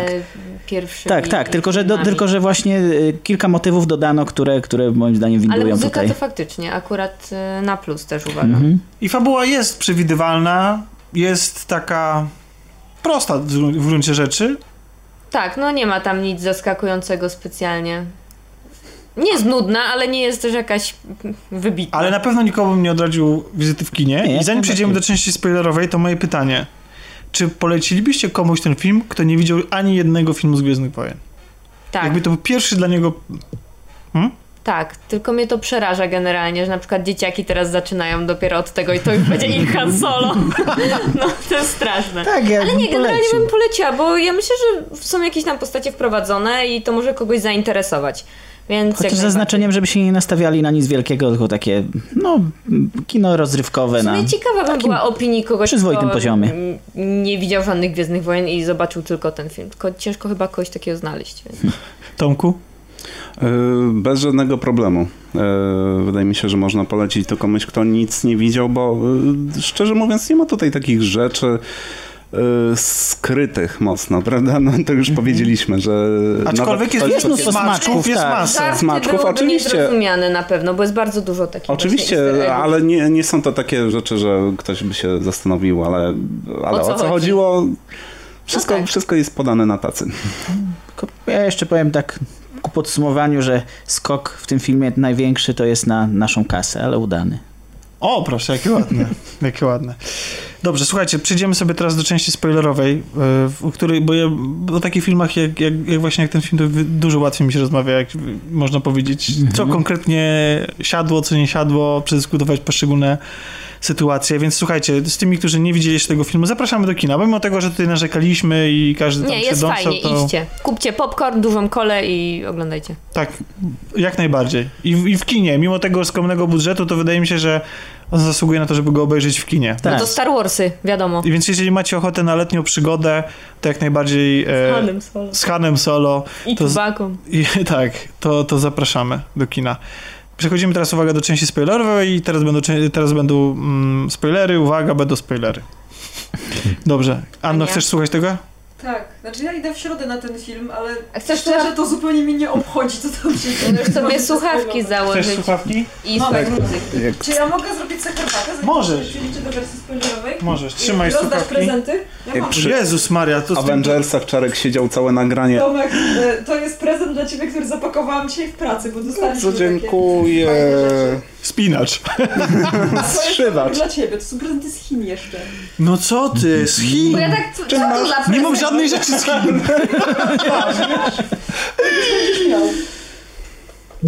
Mój rozmiar! Ja mam taki sam. Czy Tomek, to nieźle. Ale dziękuję, jest prześliczny em, e, na, naszym słuchaczom. Co dostałeś? Ale opisz. Co? To, co, ja to widzę, a co dostałeś? Prezydent Ania, me gdzie mój prezent? Kurde, tyle ty prezentów dostałeś, że e, ciebie mogę poczęstować herbatą robiankową. Dostałem. Grzesiek. Ania, hej, kończymy, że A to dzisiaj c- całe rodzeństwo Nowak poznajesz? Tak, proszę bardzo. Mama wczoraj wróciła do domu, ale tak to by też przyszła. tak to mama... Zapraszamy. Ja myślę, że mama by chętnie o talii opowiedziała.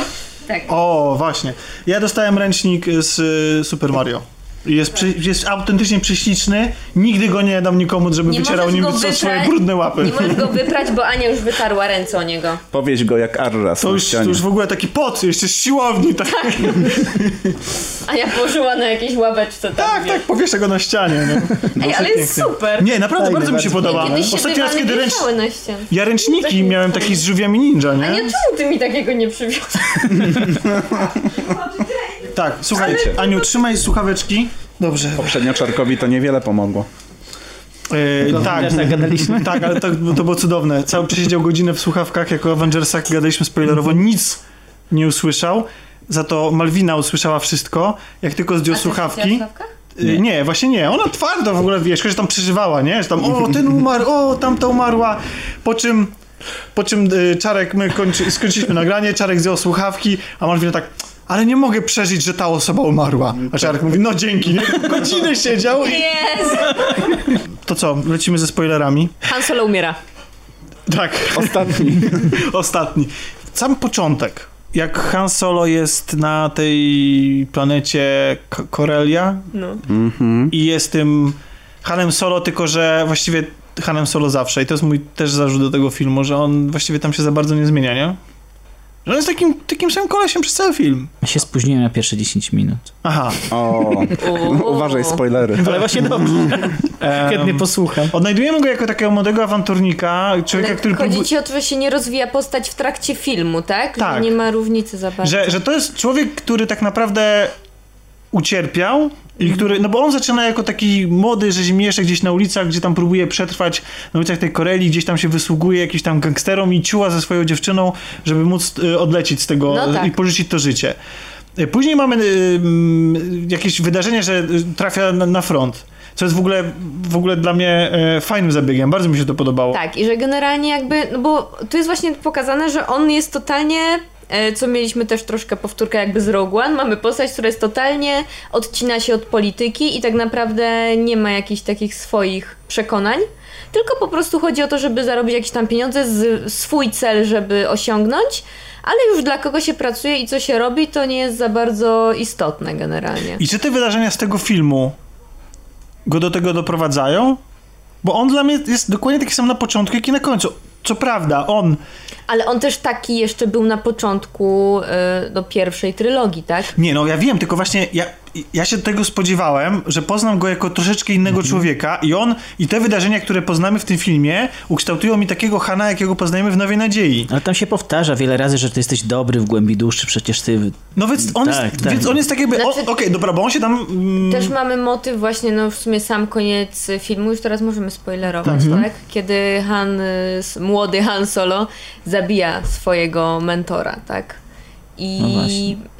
I ja nie wiem też, czy to jest pierwszy człowiek, którego on w ogóle zabija, bo w sumie nie ma o tym nic wcześniej powiedziane. Chyba w czasie filmu nie zabija nikogo, Nikogo innego. wcześniej chyba nie zabija, też mi się nie wydaje, żeby, no bo on był raczej takim złodziejaszkiem, nazwijmy to, niż bandytą. ale film się jakoś nie pochyla nad tym wydarzeniem specjalnie. No właśnie, ale też chodzi o to, Nad że no żadną jednak... śmiercią się nie pochyla. No ten to film. też swoją drogą. No jednak to też odmienia człowieka, tak? I jeszcze szczególnie, że on nie zabił takiego złego z krwi i kości, tylko jakąś tam. Figurę ojcowską trochę, nie? Trochę tak. No, trochę. No ale ważną na pewno postać dla niego, która czegoś go nauczyła i jakoś go poprowadziła. Chodzi mi o to, że ta figura, jak jesteśmy nie, przy Harrelsonie jego postaci, no to jest postać, która można, powie- tak jak powiedzieliśmy, że ona w jakiś tam sposób wpłynęła na tego Hanna Solo, że jakoś go tam ukształtowała, tylko czy na pewno? Bo, bo, bo, bo ona go nauczyła tego, że nie ufaj nikomu. Ale czy on wcześniej był jakiś specjalnie ufny? Oprócz tego, że ufał swojej kobiecie, którą kocha, co właściwie nie miało Nie, żadnego ale się znaczenia. Bo... utwierdził w tym przekonaniu. Po prostu. Czyli stał się jeszcze bardziej taki sam jak na Cyniczny. początku. No i właśnie, i właśnie go Ale, ale jednak mm, jakieś te, y, zauważył, że można walczyć o słuszną sprawę, jakieś tam się te pojawiały już motyw właśnie rebelii, tak? Tak, jednak gdzieś wybrał i, I- i- jednak mhm. e, no, jakąś decyzję podjął, po jakiej stronie się Tak. Ale on od razu. On miał du- dużo mniej takich e, zahamowań niż to w przypadku, jak go poznajemy w Nowej, w nowej Nadziei. E, I okej, być może ta ucieczka Kiry to go właśnie zmieniło, ale ja bym właśnie chciał to zobaczyć chyba w tym filmie. Chyba, że zobaczy to w następnej części Lando, bo on ma podpisane na trzy części, zdaje się, że ten aktor podpisano umowę z, na trzy filmy. Z, Film sobie podobno finansowo słabo radzi, więc, więc nie wiadomo jak, jak tam to chyba pierwszego dnia, pier- weekend 80 milionów chyba. Coś To, że takiego. mało Mhm. zarobił, to nie znaczy, że Disney nie ma pieniążków. Nie, no jasne. Pieniążki najgorsze słowo. No, ale, ale jeszcze za- zanim, zanim do, do tych finansów, to, to o tym samym nie brakowało wam tego? Czy jak odbieracie w ogóle tą, no w tym postać? wiele mi brakowało, Tomek, no już to powiedziałam na samym początku. No bo y, Wszędzie jest taki mały niedosyt, bo mówię jakby podsumowując, nie bawiłam się źle i wszystko, ale na każdym jakby pułapie tego filmu ja mam niedosyt, jeżeli chodzi o Gwiezdne Wojny. ale to, to w takim razie mm, lećmy tymi pułapami. Najpierw mamy tą pierwszą planetę, y, sam początek filmu. Jak wam się ona podobała w ogóle? Znaczy tam mało widać, bo jest ciemno, szaro, chodzimy po kanałach generalnie. Jest to niby wytłumaczone, E, tak? tak, ale wiesz co, W ogóle Znaczy, przez nie- pierwszą połowę filmu jest ciemno, szaro, co za- na każ- każdej chyba lokacji. Później na I froncie później mamy przez tak drugą połowę. Właśnie, jak, Nie, jak, Film jest szary dosyć generalnie. jak, jest, jak jesteśmy przy froncie, to em, z jednej strony super, że zobaczyliśmy takie działania wojenne w Gwiezdnych Wojnach, ale takie, że nie tam walka z rebelią, tylko to jak Imperium. To mi się bardzo podobało, że, że widzimy jakiś fragment takiego życia tej, Jak tej, tego kosmosu. Imperialny te- został wykorzystany do celów propagandowych. Świetny.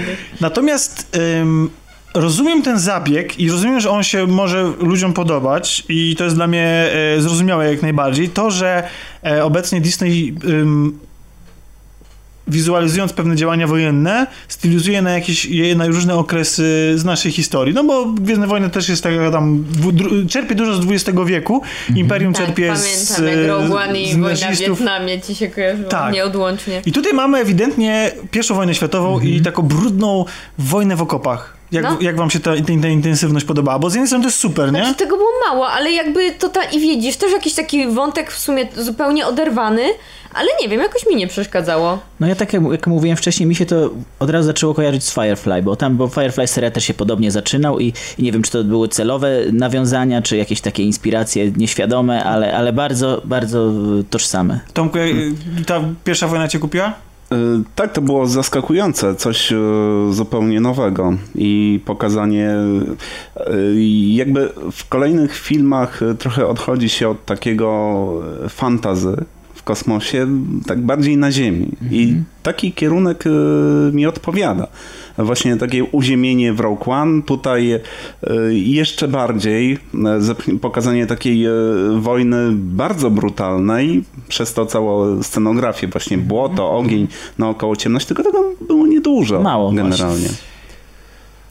Mi się podoba, że widzieliśmy, natomiast mój pewien taki zgrzyt, no, no co ja na to poradzę, no tak, tak, mówię o swoich emocjach, polega na tym, że Gwiezdne wojny czerpały z XX wieku, ze, styli, ze stylistyki faszystów, nie, Niemiec i tak dalej. Natomiast kiedy przedstawiały nam działania wojenne, to były to rzeczy, któreśmy, które żeśmy nie widzieli nigdy w życiu. To znaczy, to były rzeczy jak wojna, na przykład bitwa o Hot, czy bitwa o Javin chociażby, to, to są rzeczy, które kreowa, które były wykreowane na ekranie i tylko tam i to było w tym, to, to było fantastyczne, że nawet y, to, co tam dostawaliśmy The Force Awakens, czy chociażby teraz w The Last Jedi, to, to nie są rzeczy, które możemy odnieść do naszej rzeczywistości w żaden sposób, e, nawet jeśli są lekko wystylizowane, to są rzeczy, które, które my, które w nas zaszczepiają pewne wizje. Dla mnie na tym polegają Gwiezdne Wojny i ta strona wojenna, że ja widzę coś, czego ja jeszcze nie widziałem i to jest takie wow. I to była też siła Gwiezdnych Wojen, że widzę potwory, że widzę maszyny wojenne, że widzę żołnierzy, nawet zestawienie tych białych kasków y, i totalnie opancerzonych y, trup, st, y, stormtrooperów z piaskami pustyni Tatooine. To, to, to było, to jest takie niecodzienne, to jest takie fantazyjne. Tymczasem w, u Disneya w spin-offach dostajemy, dostaliśmy już Wietnam, teraz dostajemy pierwszą wojnę światową i dla mnie to jest okej, tylko to jest takie odzieranie trochę z magii tego świata, że to nie jest nic takiego nowego, tylko to jest taki miszmasz. Ale A, z drugiej weźmy strony- jakąś stylistykę z, pierwszej, z XX wieku i wojenną i sobie zmiszmy. Szczególnie, że tutaj nie miałeś jeszcze e, tych bardzo charakterystycznych wojsk Imperium, prawda? To były Ale jakieś takie szare mundury zupełnie... W Rogue One mieliśmy fajną bitwę w kosmosie, tak? Tak, tak. Tutaj tego nie było z kolei, ale jeszcze nie wiem, czy to jest aż taki minus. Nie, to jest tylko moje odczucie, ja, jakby, bo to, to zostało przedstawione bardzo, zupełnie, y, o wiele lepiej zostało przedstawione niż Ale pierwsza część jakby nie filmu. zapomnijmy, że to jest jakiś tam ułamek z y, historii i wydarzeń. To jest ułamek historii wydarzeń jakiejś tam jednej małej części galaktyki, tak? I to też przecież Imperium w dużej części prowadziło jakiekolwiek działania wojenne, a to była jakaś jedna przypadkowa planeta. Może na planecie obok się super jakieś rzeczy działy, a tutaj poznajemy No wiem, ale... Ale wiesz, o co mi chodzi, że to nie jest- ja bym chciał mieć te obrazki, wiesz, żeby one mi kształtowały moją wyobraźnię, tak, inspirowały mnie do czegoś zupełnie właśnie, nowego, wiesz, to nie nie? jest taką postacią jak Han Solo, który się dopiero pojawia, jeszcze jest w ogóle nieznaczący generalnie w całej galaktyce, no to Że, rozumiem, że on nie, nie zasługuje na, na kreatywną bitwę. No jeszcze nie, no daj mu czas, słuchaj, niech się rozkręci. A jak, a, jak, a jak już jesteśmy przy tym okresie i przy tym fragmencie w filmie, Czubaka zjadał ludzi? Nie, znaczy nie, Bo bo, oni tam- generalnie łuki są znane z tego, że są, no, bardzo niebezpieczne. Ale czy one zjadają ludzi? Bo tam było, że... Nie że no, może oni... Zabijać, no i zjadać, czemu miałby nie zjeść? To już nie, nie, chyba nie wiem, czy ja tak lubię Czubakę. no, a z drugiej strony, okej, był gło- głodzony, no, no nie wiem, no ale w sensie, bo oni tam mu zrzucali, No tak. żeby, żeby zabijał i, mm, i, i ta, ta taka, e, to ta nić sympatii, porozumienie między Czubaką a Hanem, moim zdaniem troszeczkę za szybko przebiegła. Ale bo on go potraktował właśnie jako jedyny, nie jako potwora, tylko po ludzku. A jak wam się, jak wam się, jego język, a czy tak? potrzebowaliście słyszeć, jak, jak, jak Han Nie. posługuje się językiem Czubaki? Znaczy powiem wam, że to było troszkę żenujące, ale było zabawne. Nie wiem, nie przeszkadzało mi. Było to takie... Nie, ja w ogóle miałam za każdym razem, jak tam coś było z Hanem i z Czubaką, to miałam takie a, w- to było takie urocze dla było, mnie akurat. okej. Naprawdę było. Jak jesteśmy przy właśnie przy, przy kultowych postaciach, przy kultowych e, sytuacjach, to cały, cały, ca, cały, ten, cały ten fragment dotyczący... Właściwie dla mnie najbardziej, jeśli chciałem się czegoś dowiedzieć i zobaczyć, jak to wyglądało, to właśnie ten skok. Tam było 11 par, parsek... 12. 12. 12? 12. 12, tak. dobrze, no. Em, jak, jak, jak w ogóle- ogóle odebraliście całą tą sekwencję tej, tej, tej, tej gonitwy w tej mgle? Mi się bardzo podobała. E, Przepraszam, już zakładam z powrotem. To jest to, o czym ty już mówiłeś, Tomek, że to wszystko było troszkę mało widowiskowe. Czegoś tam brakło. W sensie Bo ja na przykład w ogóle nie odczułem tego, tego że to jest wielkie wow. I, jakoś wyróżnienie tego, żeby to było jakoś takie specjalne. No, że, że, że, że, że, to mi, że to, mi, to mi zginęło gdzieś tam, Ja co? się nudziłam w tych scenach akcji, Ale, powiem wam szczerze. ale Naprawdę? przerośnięta kałamarnica, czy tam inne... Katulu, Ktulu. Tak. Ktulu. Świetne. tak? Ktulu w ko- Nie. nie. Nie, nie świetne, nie, nie świetne. Jak cały film. Spoko. Ok, że może być. Tak. Może E, być. Tomku, mówiłeś tutaj o tym, że, że poznajemy Sokła Millennium w innej formie i tutaj widzimy w, jak, w jaki sposób on nabrał tej nowej formy, no tak pośrednio, bo nie widzimy Mhm. do, ostatecznie, ale bo on tam ulega zniszczeniu, ale, ale widzimy jak się pozbywa. mu odpada. I wszyscy się zastanawiali, co to jest ta część ta z przodu do, doroś, dorośnięta. Tak, się okazuje, że to była dołożona przez Lando kapsuła ratunkowa, która posłużyła no, generalnie do tego, żeby ją wystrzelić i żeby Sokół Millennium wyglądał tak, jak go znamy. A w filmie. No, No, później żeby... po prostu już nie była potrzebna, już nigdy nikt więcej nie potrzebował żadnej, żadnej kapsuły ratunkowej. Nie, bo nie, ten no. statek sam sobie był tak super, że nie trzeba było kapsuły ratunkowej. Nawet ta antenkę mu się dosztukowało. Tak. No ta antenka to, że się tam ciągle... Jeszcze nie raz mu się urwie. To, tak, to, to, to jest akurat z tego znany. Natomiast e, tam jest taki manewr wykonywany, gdzie ja, nie wiem, może ja czegoś nie zauważyłem, ale ja nie mam pojęcia w ogóle o co w nim chodziło, gdzie nagle Han Solo się zniża do poziomu gruntu, wysuwa podwozie i sunie, to nie Han Solo, e, Han Solo to był, tak? Tak, już solo. I, i, Mhm. e, I sunie po lądzie i za, za, zaciąga ręczny. I tam się rozwalają te em, imperialne myśliwce i ja nie mam pojęcia właściwie, co on tam zrobił. No, stwierdził, zobaczymy, może coś wyjdzie z tego. Znaczy on, on, on, on, on chyba powtórzył ten tak manewr y, z, z, tym, jak śmiga kabrioletem po swoim mieście, nie? Bo on tam też tam... No tak, też yy, w- driftowanie. Driftowanie. To jest akurat model, który mi się podoba i w ogóle y, tak jak na przykład moje zastrzeżenia co do tego filmu od strony wizualnej, że on, że on jest jednak trochę skromny i biedny, żeby nie użyć tego słowa, o tyle na przykład projekt tego kabrioletu i niektórych y, mi się podoba akurat. No ale też nie ma tutaj nic takiego charakterystycznego, żeby e, zrobić z tego fajną zabawkę. Na przykład, czy zestaw klocków Lego. To mnie właśnie zdziwiło, oglądając te wszystkie projekty, jak, jak bardzo budżetowo to wszystko wygląda, do tego stopnia, że nie mamy e, tak charakterystycznych No, jest elementów filmów, jak jakieś właśnie tak? nowe, Tak, zupełnie mały potencjał mar- e, marketingowy jak na, jak na taki film. technologiczne sprawy. Mhm. Powiedzmy o pierwszej ekipie. O, No właśnie, właśnie, tak. Tak, To- to, jest... O tych najbardziej charakterystycznych postaciach, którymi nikt się nie To jest przejmuje. de- definicja braku charyzmy. Nie? Te, te, w sensie, y, jak się nazywa ta pani, która występuje też w Westworld? Tandy Newton. Tak. No i właśnie ona będzie znana z tego, że to jest ta sama pani, która ma więcej do zrobienia w Westworld niż tutaj. Zdecydowanie. Wytłumaczcie mi, to tam jej postać jest jaka jest, chociaż mnie to afro też trochę wybijało, trochę z tego, z tego Miała świata. brwi. Natomiast wytłumaczcie mi, dlaczego ona zginęła? Nie Czy po co ona zginęła? To, to samo pytanie bym chciała. Bo musiała zginąć. Nie, ale Scenarzystów Nie, trzeba właśnie było nie zapytać. musiała, właśnie totalnie nie musiała ginąć. ona się... Nie no, trzeba było się jej pozbyć z jakiegoś nie, ja wiem, ale, powodu. ale, ale ona zginęła w imię czego? Bo, bo jeżeli oni by nie zdobyli tego skarbu, no to by go nie zdobyli. Żeby, to ale... było, żeby chodziło jeszcze o jakąś ideę, to jej No poświęcenie miałoby sens, bo ona tutaj się poświęca, jest wprost Tylko- powiedziane, tylko że ona się poświęca poświęci. się w imię Tylko czego? po co? Znaczy po co? Co, co daje jej poświęcenie? ginie w odrobinie bardziej emocjonujący sposób jej kolega czte, czworo czy sześcio... No nie, on po prostu zszedł w fotelu, ona w wybuchu chociaż zginęła. Ja wiem, ale chodzi o to, że emocjonalnie, że jego śmierć była No taka, tak, wiecie, tak, Tak, że, bardziej była że podbita tak, jednak. nie, nie, nie chcę umijać panie, pa, panie Stark, ale... E, no, by, by, No tak to wyglądało. Tak to wyglądało, ale e, znaczy, no, no, niestety przyjąłbym się tą śmiercią, gdyby wcześniej cokolwiek y, od tej postaci charakterystycznego bym dostał, oprócz wyglądu, bo Nie mogłeś przejąć się śmiercią, ponieważ nawet ktoś, kto spędził z nią prawdopodobnie wiele lat e, na takim łobuzowaniu po galaktyce, też się za bardzo nie przejął generalnie. żałoba w tym filmie nie istnieje. Po Nie prostu istnieje umiera dziewczyna Harrelsona i umiera... Ale jeszcze widać, że właśnie oni są, są blisko, to nie jest tak... Tak, nawet dostają kilka scen nie? jakichś takich, że widać, że coś ich naprawdę łączy większego. Tak. A... I że się też tego nie wstydzą, że są taką, tacy właśnie, nie wiem, a Po czym widzimy scenę, jak on stoi chyba nad ich grobami, tak? Tak. E, to trwa ułamek sekundy, odwraca się do, Ford, do Forda, do Hanna Solo, sprzedaje mu y, wpysk, strzał i to jest koniec żałoby. I jeszcze później go za to I przeprasza. zaraz śmieszkują sobie już. Śmieszkują, w ogóle mamy już kolejny plan, trzeba, się, trzeba sobie załatwić, y, mm, no wyjść z tej sytuacji. Ja rozumiem, że to... porozmawiać z szefem. Dokładnie, czy ja rozumiem, że to w jakim miejscu oni się znaleźli i jakie życie ich jest zagrożone ze względu na układy biznesowe i tak dalej, to ja to doskonale rozumiem.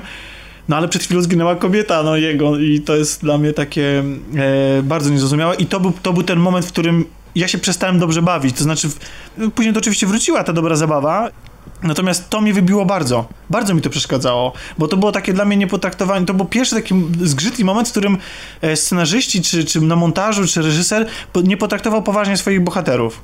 Bo, bo dla mnie kino rozrywkowe to nie musi być wielka sztuka.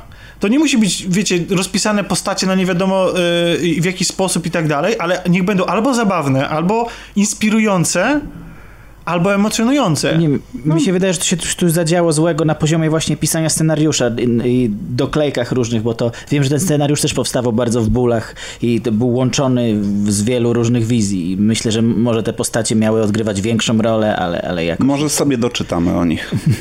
Ale, ale ja, tylko najgorzej, że ja nie mam, wiesz, takie o, fa- o faźmie na Tak. przykład, nie?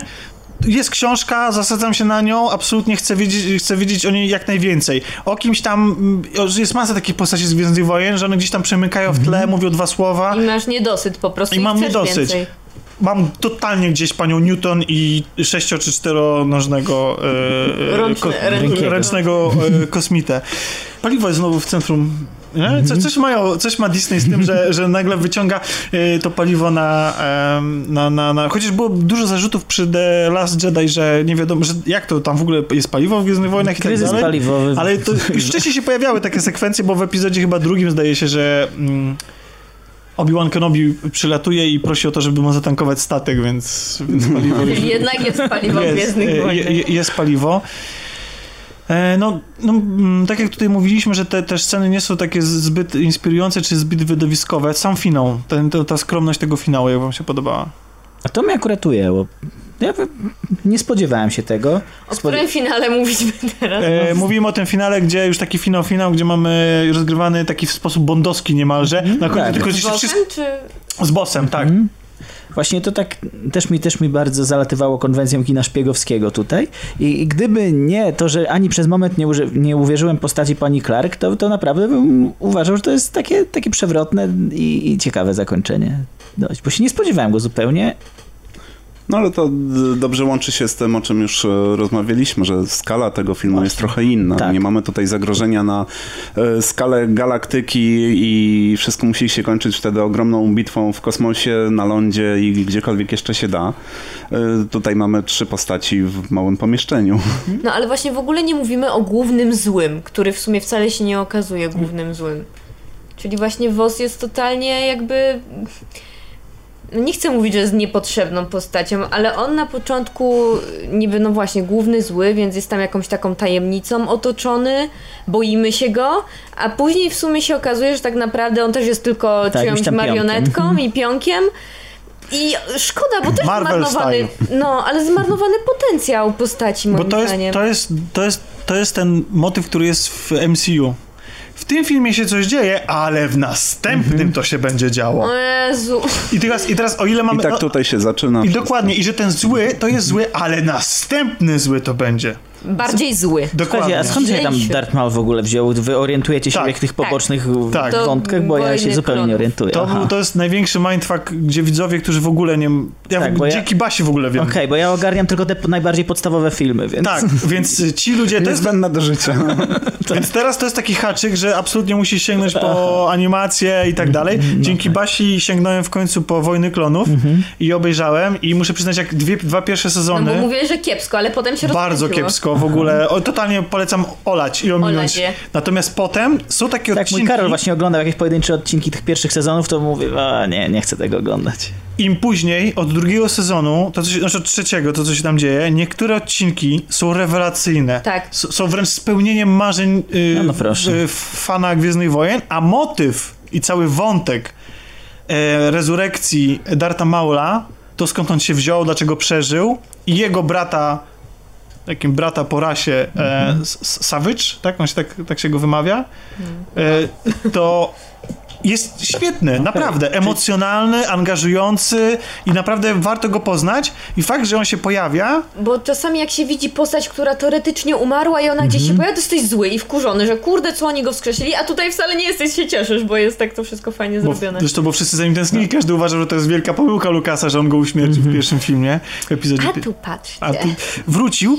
E, tylko tak, Tak jak Red Skull w Avengersach też, też miałem taki O podobny Jezu. mindfuck, Nie, za nim nikt nie tęsknił akurat. no domyślam się. Natomiast e, to, to, ten jego powrót też nie jest taki do końca fajny. Znaczy, podoba mi się to, Ale że... mówisz, że tu w filmie. Tak, w filmie, bo, bo mhm. e, czy, On brzydko wyglądał jakoś tak. to, to raz, a dwa, bo to był CGI chyba, to nie był ak- aktor żaden. tylko- Nie, to była to... Aktor i Tak? to właśnie chyba ten sam. Aha. Nie wiem, czy ja nie czytałam gdzieś. Znaczy nie dam sobie teraz ręki uciąć, Okej. ale nie wiem, czy On nie. pełni rolę tutaj takiego trochę imperatora wannabe, takiego imperatora świata przestępczego, nie? Tak, natomiast po co on odpala ten miecz świetlny? A właśnie, to już jest totalny fan serwis. Tylko po to, bo żeby był miecz świetlny Tak, w bo nie, bo nie mogą być Star Warsy bez nawet jednego I cyk, kawałka. dwójeczka. Ale poważnie, on tam odpala go i tak, to jest tak bez sensu w ogóle. To On jest chce ją postraszyć mieczem. serio, to jest tak jakby... Nie wiem, zapalił zapalniczkę tak zupełnie... Tak rozmawia, że tak ps. Tak. No nie, chyba że, chyba, chyba, że on ma, chyba, że on ma jakiś taki tik albo nawyk, że po prostu, że go odpala w losowych momentach. W animacji tego nie było. Zresztą to chyba nie jest do końca A to ten... W postać. pierwszym epizodzie on był taką milczącą postacią, nawet nie wiedziałem, czy on umie złożyć jedno zdanie poprawnie, a, tu się, a tutaj zaczyna dużo mówić, jakiś taki intrygant z niego wychodzi. Tak, to tak, bo tam jest, on tam jest w ogóle, Bawidamek, w- w- patrzcie. taki, taki drobny spoiler do, do animacji, on tam zostaje szefem, e, to, to chyba mi się to już w Rebeliantach to się dzieje, że on zostaje szefem świadka przestępczego, Aha, więc on tam, okej. on tam ma swoją intrygę jak najbardziej, on tam działa, jest inteligentny i w ogóle. Natomiast e, w ogóle to jest fajne, to mi się podoba, że w, to jest oczywiście, tutaj widać, że ewidentnie to są macki mm, Disneya, że on się tam pojawia, to, to dlatego, żeby, żeby cię zachęcić. Pieniążki, Dokładnie. pieniążki. Ale podoba mi się to, że się pojawiają, że się pojawia do tej pory w tych spin-offach ciemna strona. Aczkolwiek to jak Darth Vader wypadł w Rogue One, no to ja nie wiem, czy cokolwiek jest w stanie tego Jezu, przebić. no, do tej Więc, pory mam ciary, jak sobie przypomnę. więc nawet jeśli tam zrobili te macki, to jest ewidentnie było obliczone pod to, żeby, bo, bo musi być Darth Vader i tak dalej, no to było to zrobione w taki sposób, właśnie w ten sposób, Taki wysmakowany. w taki sposób, że ci to zapada w pamięć i chcesz to oglądać w kółko, coś czego tutaj właśnie zabrakło. trwa 30 sekund. Tak, ale jednocześnie No tak. a, jednocześnie jak, jak, jak fajna jest, nie? I jeśli chodzi, jesteśmy przy tym złym, no to na przykład dyre- dyrektor y, Krenik, tak? Krenik? Krenik. Mhm. Tak. Krenik. No, a tutaj, a ten złol, wiecie, No, to, a WOS jest kompletnie po prostu 50 poziomów różnicy, To nie? prawda. I, I nie ma tutaj takiego złego, który by na, mm, właśnie odpowiednikiem, bo gdyby Darth Maul był od początku na przykład, nie?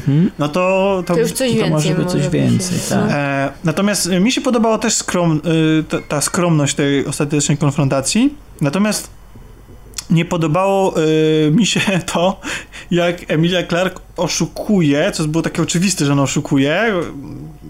E, natomiast ona oszukuje po to, żeby zabić ostatecznie Wosa, e, tylko robi to w taki sposób, że jak już oszukujesz, że chcesz zabić, że, że chcesz być tym złym, czyli być po stronie Wosa, którego chcesz jednak zabić, to pozwalasz mu się zbliżyć tak blisko, żeby go zabić jednym dźgnięciem, ale nie. Ona po prostu, tam musiała być jeszcze jakaś potyczka bzdurna, na, na, na, że, że ona się umie bić, pokazać, yy, yy, trzeba było pokazać, że ona się umie bić i tak dalej. To takie było takie dziwaczne, jeśli chodzi o taką inscenizację i choreografię w przestrzeni te, tego, tego wszystkiego.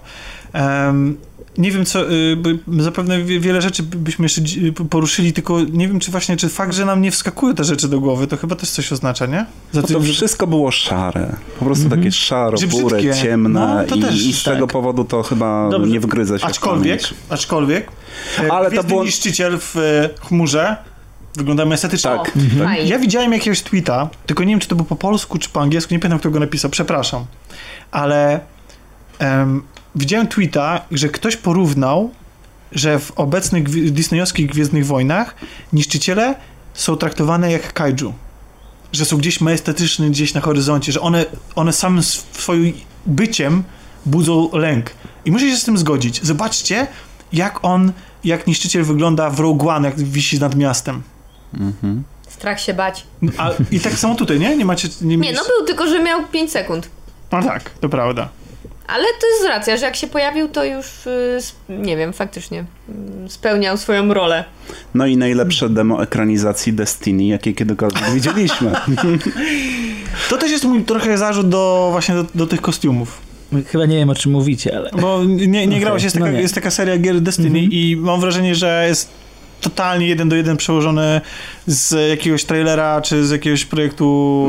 em, To z projektu e, rasy zwanej Upadłymi chyba bodajże. E, kostium e, tej e, no, Rebeliantki. rebelii. Mhm. A, okej. Dokładnie, dokładnie wygląda. Jeszcze jedna scena ataku też wygląda tak, gdy ona skacze z impetem, e, rozsyłując jakąś tą falę uderzeniową naokoło siebie. No ale właśnie, a propos, to mamy jeszcze Narodzenie Rebelii. Już po raz setny Narodzenie Rebelii. tak, generalnie. bo nie, nie byłoby Kolejny bez, Znaczy ta postać- nadziei. A czy ta postać w kanonie, pytanie do znawców, jest, jest jakaś istotna? Ta, Ja jej nie znam. Ja Aha. też jej nie znam. Nie wiem, czy ona się w Aczkolwiek Rebeliantach pojawia, Nie będę mówiła, wiesz, że, Mhm. że nie. Ja natomiast nie oglądałam właśnie jeszcze y, tego serialu. trochę, przepraszam, ale nie uwierzyłem, że to ona jest pod tym kostiumem.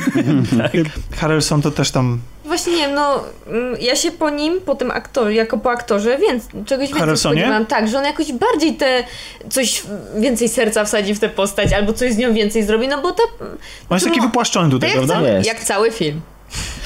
Tak, i właśnie, i że spełnia swoje zadanie, ale ja też nie wiem, może dlatego, że ja pamiętam Harrisona z... e, Miał to gdzieś totalnie.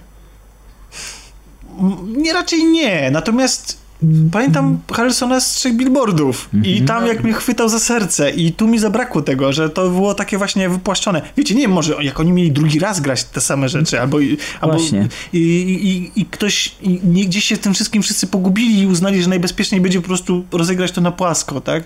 I na, Swoją drogą, jak mówiłeś o tych wygodnych zabiegach scenariuszowych, to po prostu pojawienie się Kiry w, akurat u, u Wasa, u Wosa, tak? Ym, Tak. To jest tak, e, tak mi to też zgrzytło, tak mi, tak mi... mi też w tym momencie pomyślałem już po raz drugi w tym filmie, że coś tu mocno nie gra. Ale liczycie na to, że ona, że będzie na przykład w, w kolejnej części, nie wiem, czy będzie Solo 2, czy Solo 2. O, właśnie, jak jesteśmy przy tym, to jest najbardziej żenująca rzecz w tym filmie. Wytłumaczenie nazwiska Solo.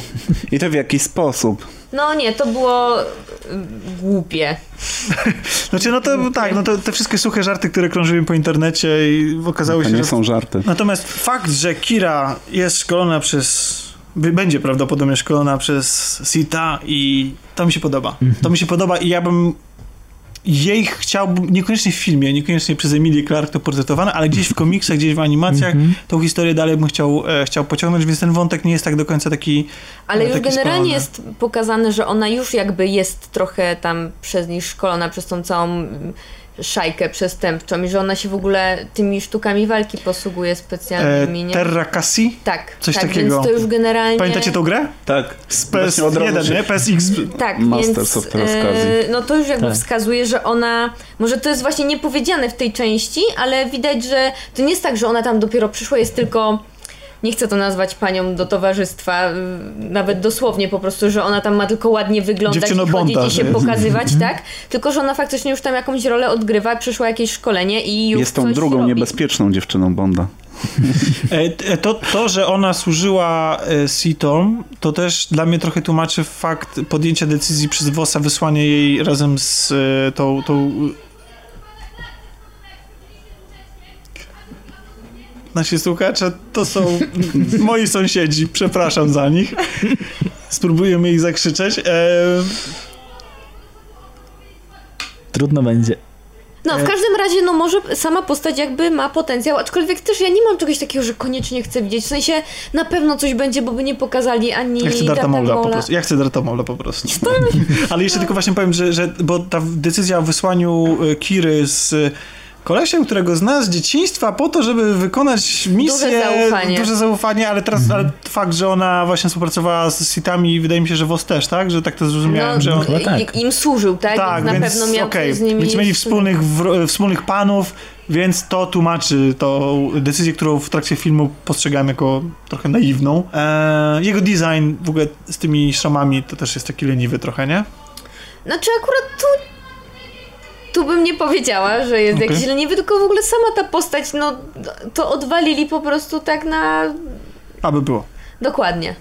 Bo on totalnie jest nie... nic o nim nie jest powiedziane. Nie wiadomo, czy dostaniemy Lando, ale na pewno dostaniemy, znaczy na pewno, w sensie, że coraz głośniej się mówi o tym, że dostaniemy Bobę? e, Bobę. I dla mnie Boba jest... I w ogóle jak się na to zapatrujecie? O, znowu się boję, ale się cieszę z jednej strony, no bo tak jak powiedziałam, nie wiem, kupiłbyś mi podrobiony długopis, który ma napisy Star Wars i byś mi go dał i o, długopis ze Star Wars. Star Trek.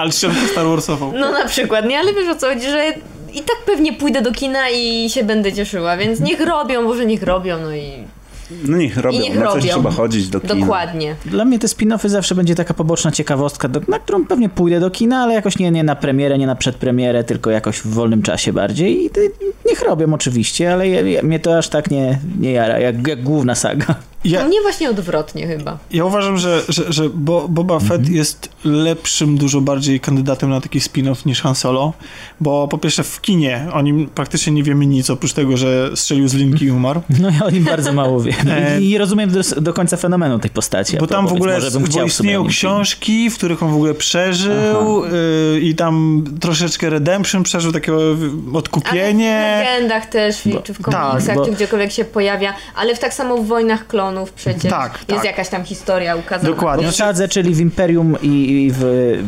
w Powrocie Jedi, to on nie jest właściwie postacią, jest taką figurą, takim, takim bossem, mini-bossem tak, i nawet. wokół niego I sam, że właśnie nic o nim nie było powiedziane, ale wokół niego się jakaś taka legenda, Legenda. Bo wytworzyła. właśnie tak, dlatego, że nie było No powiedziane. więc właśnie, no i to ma swój urok, to żeby może...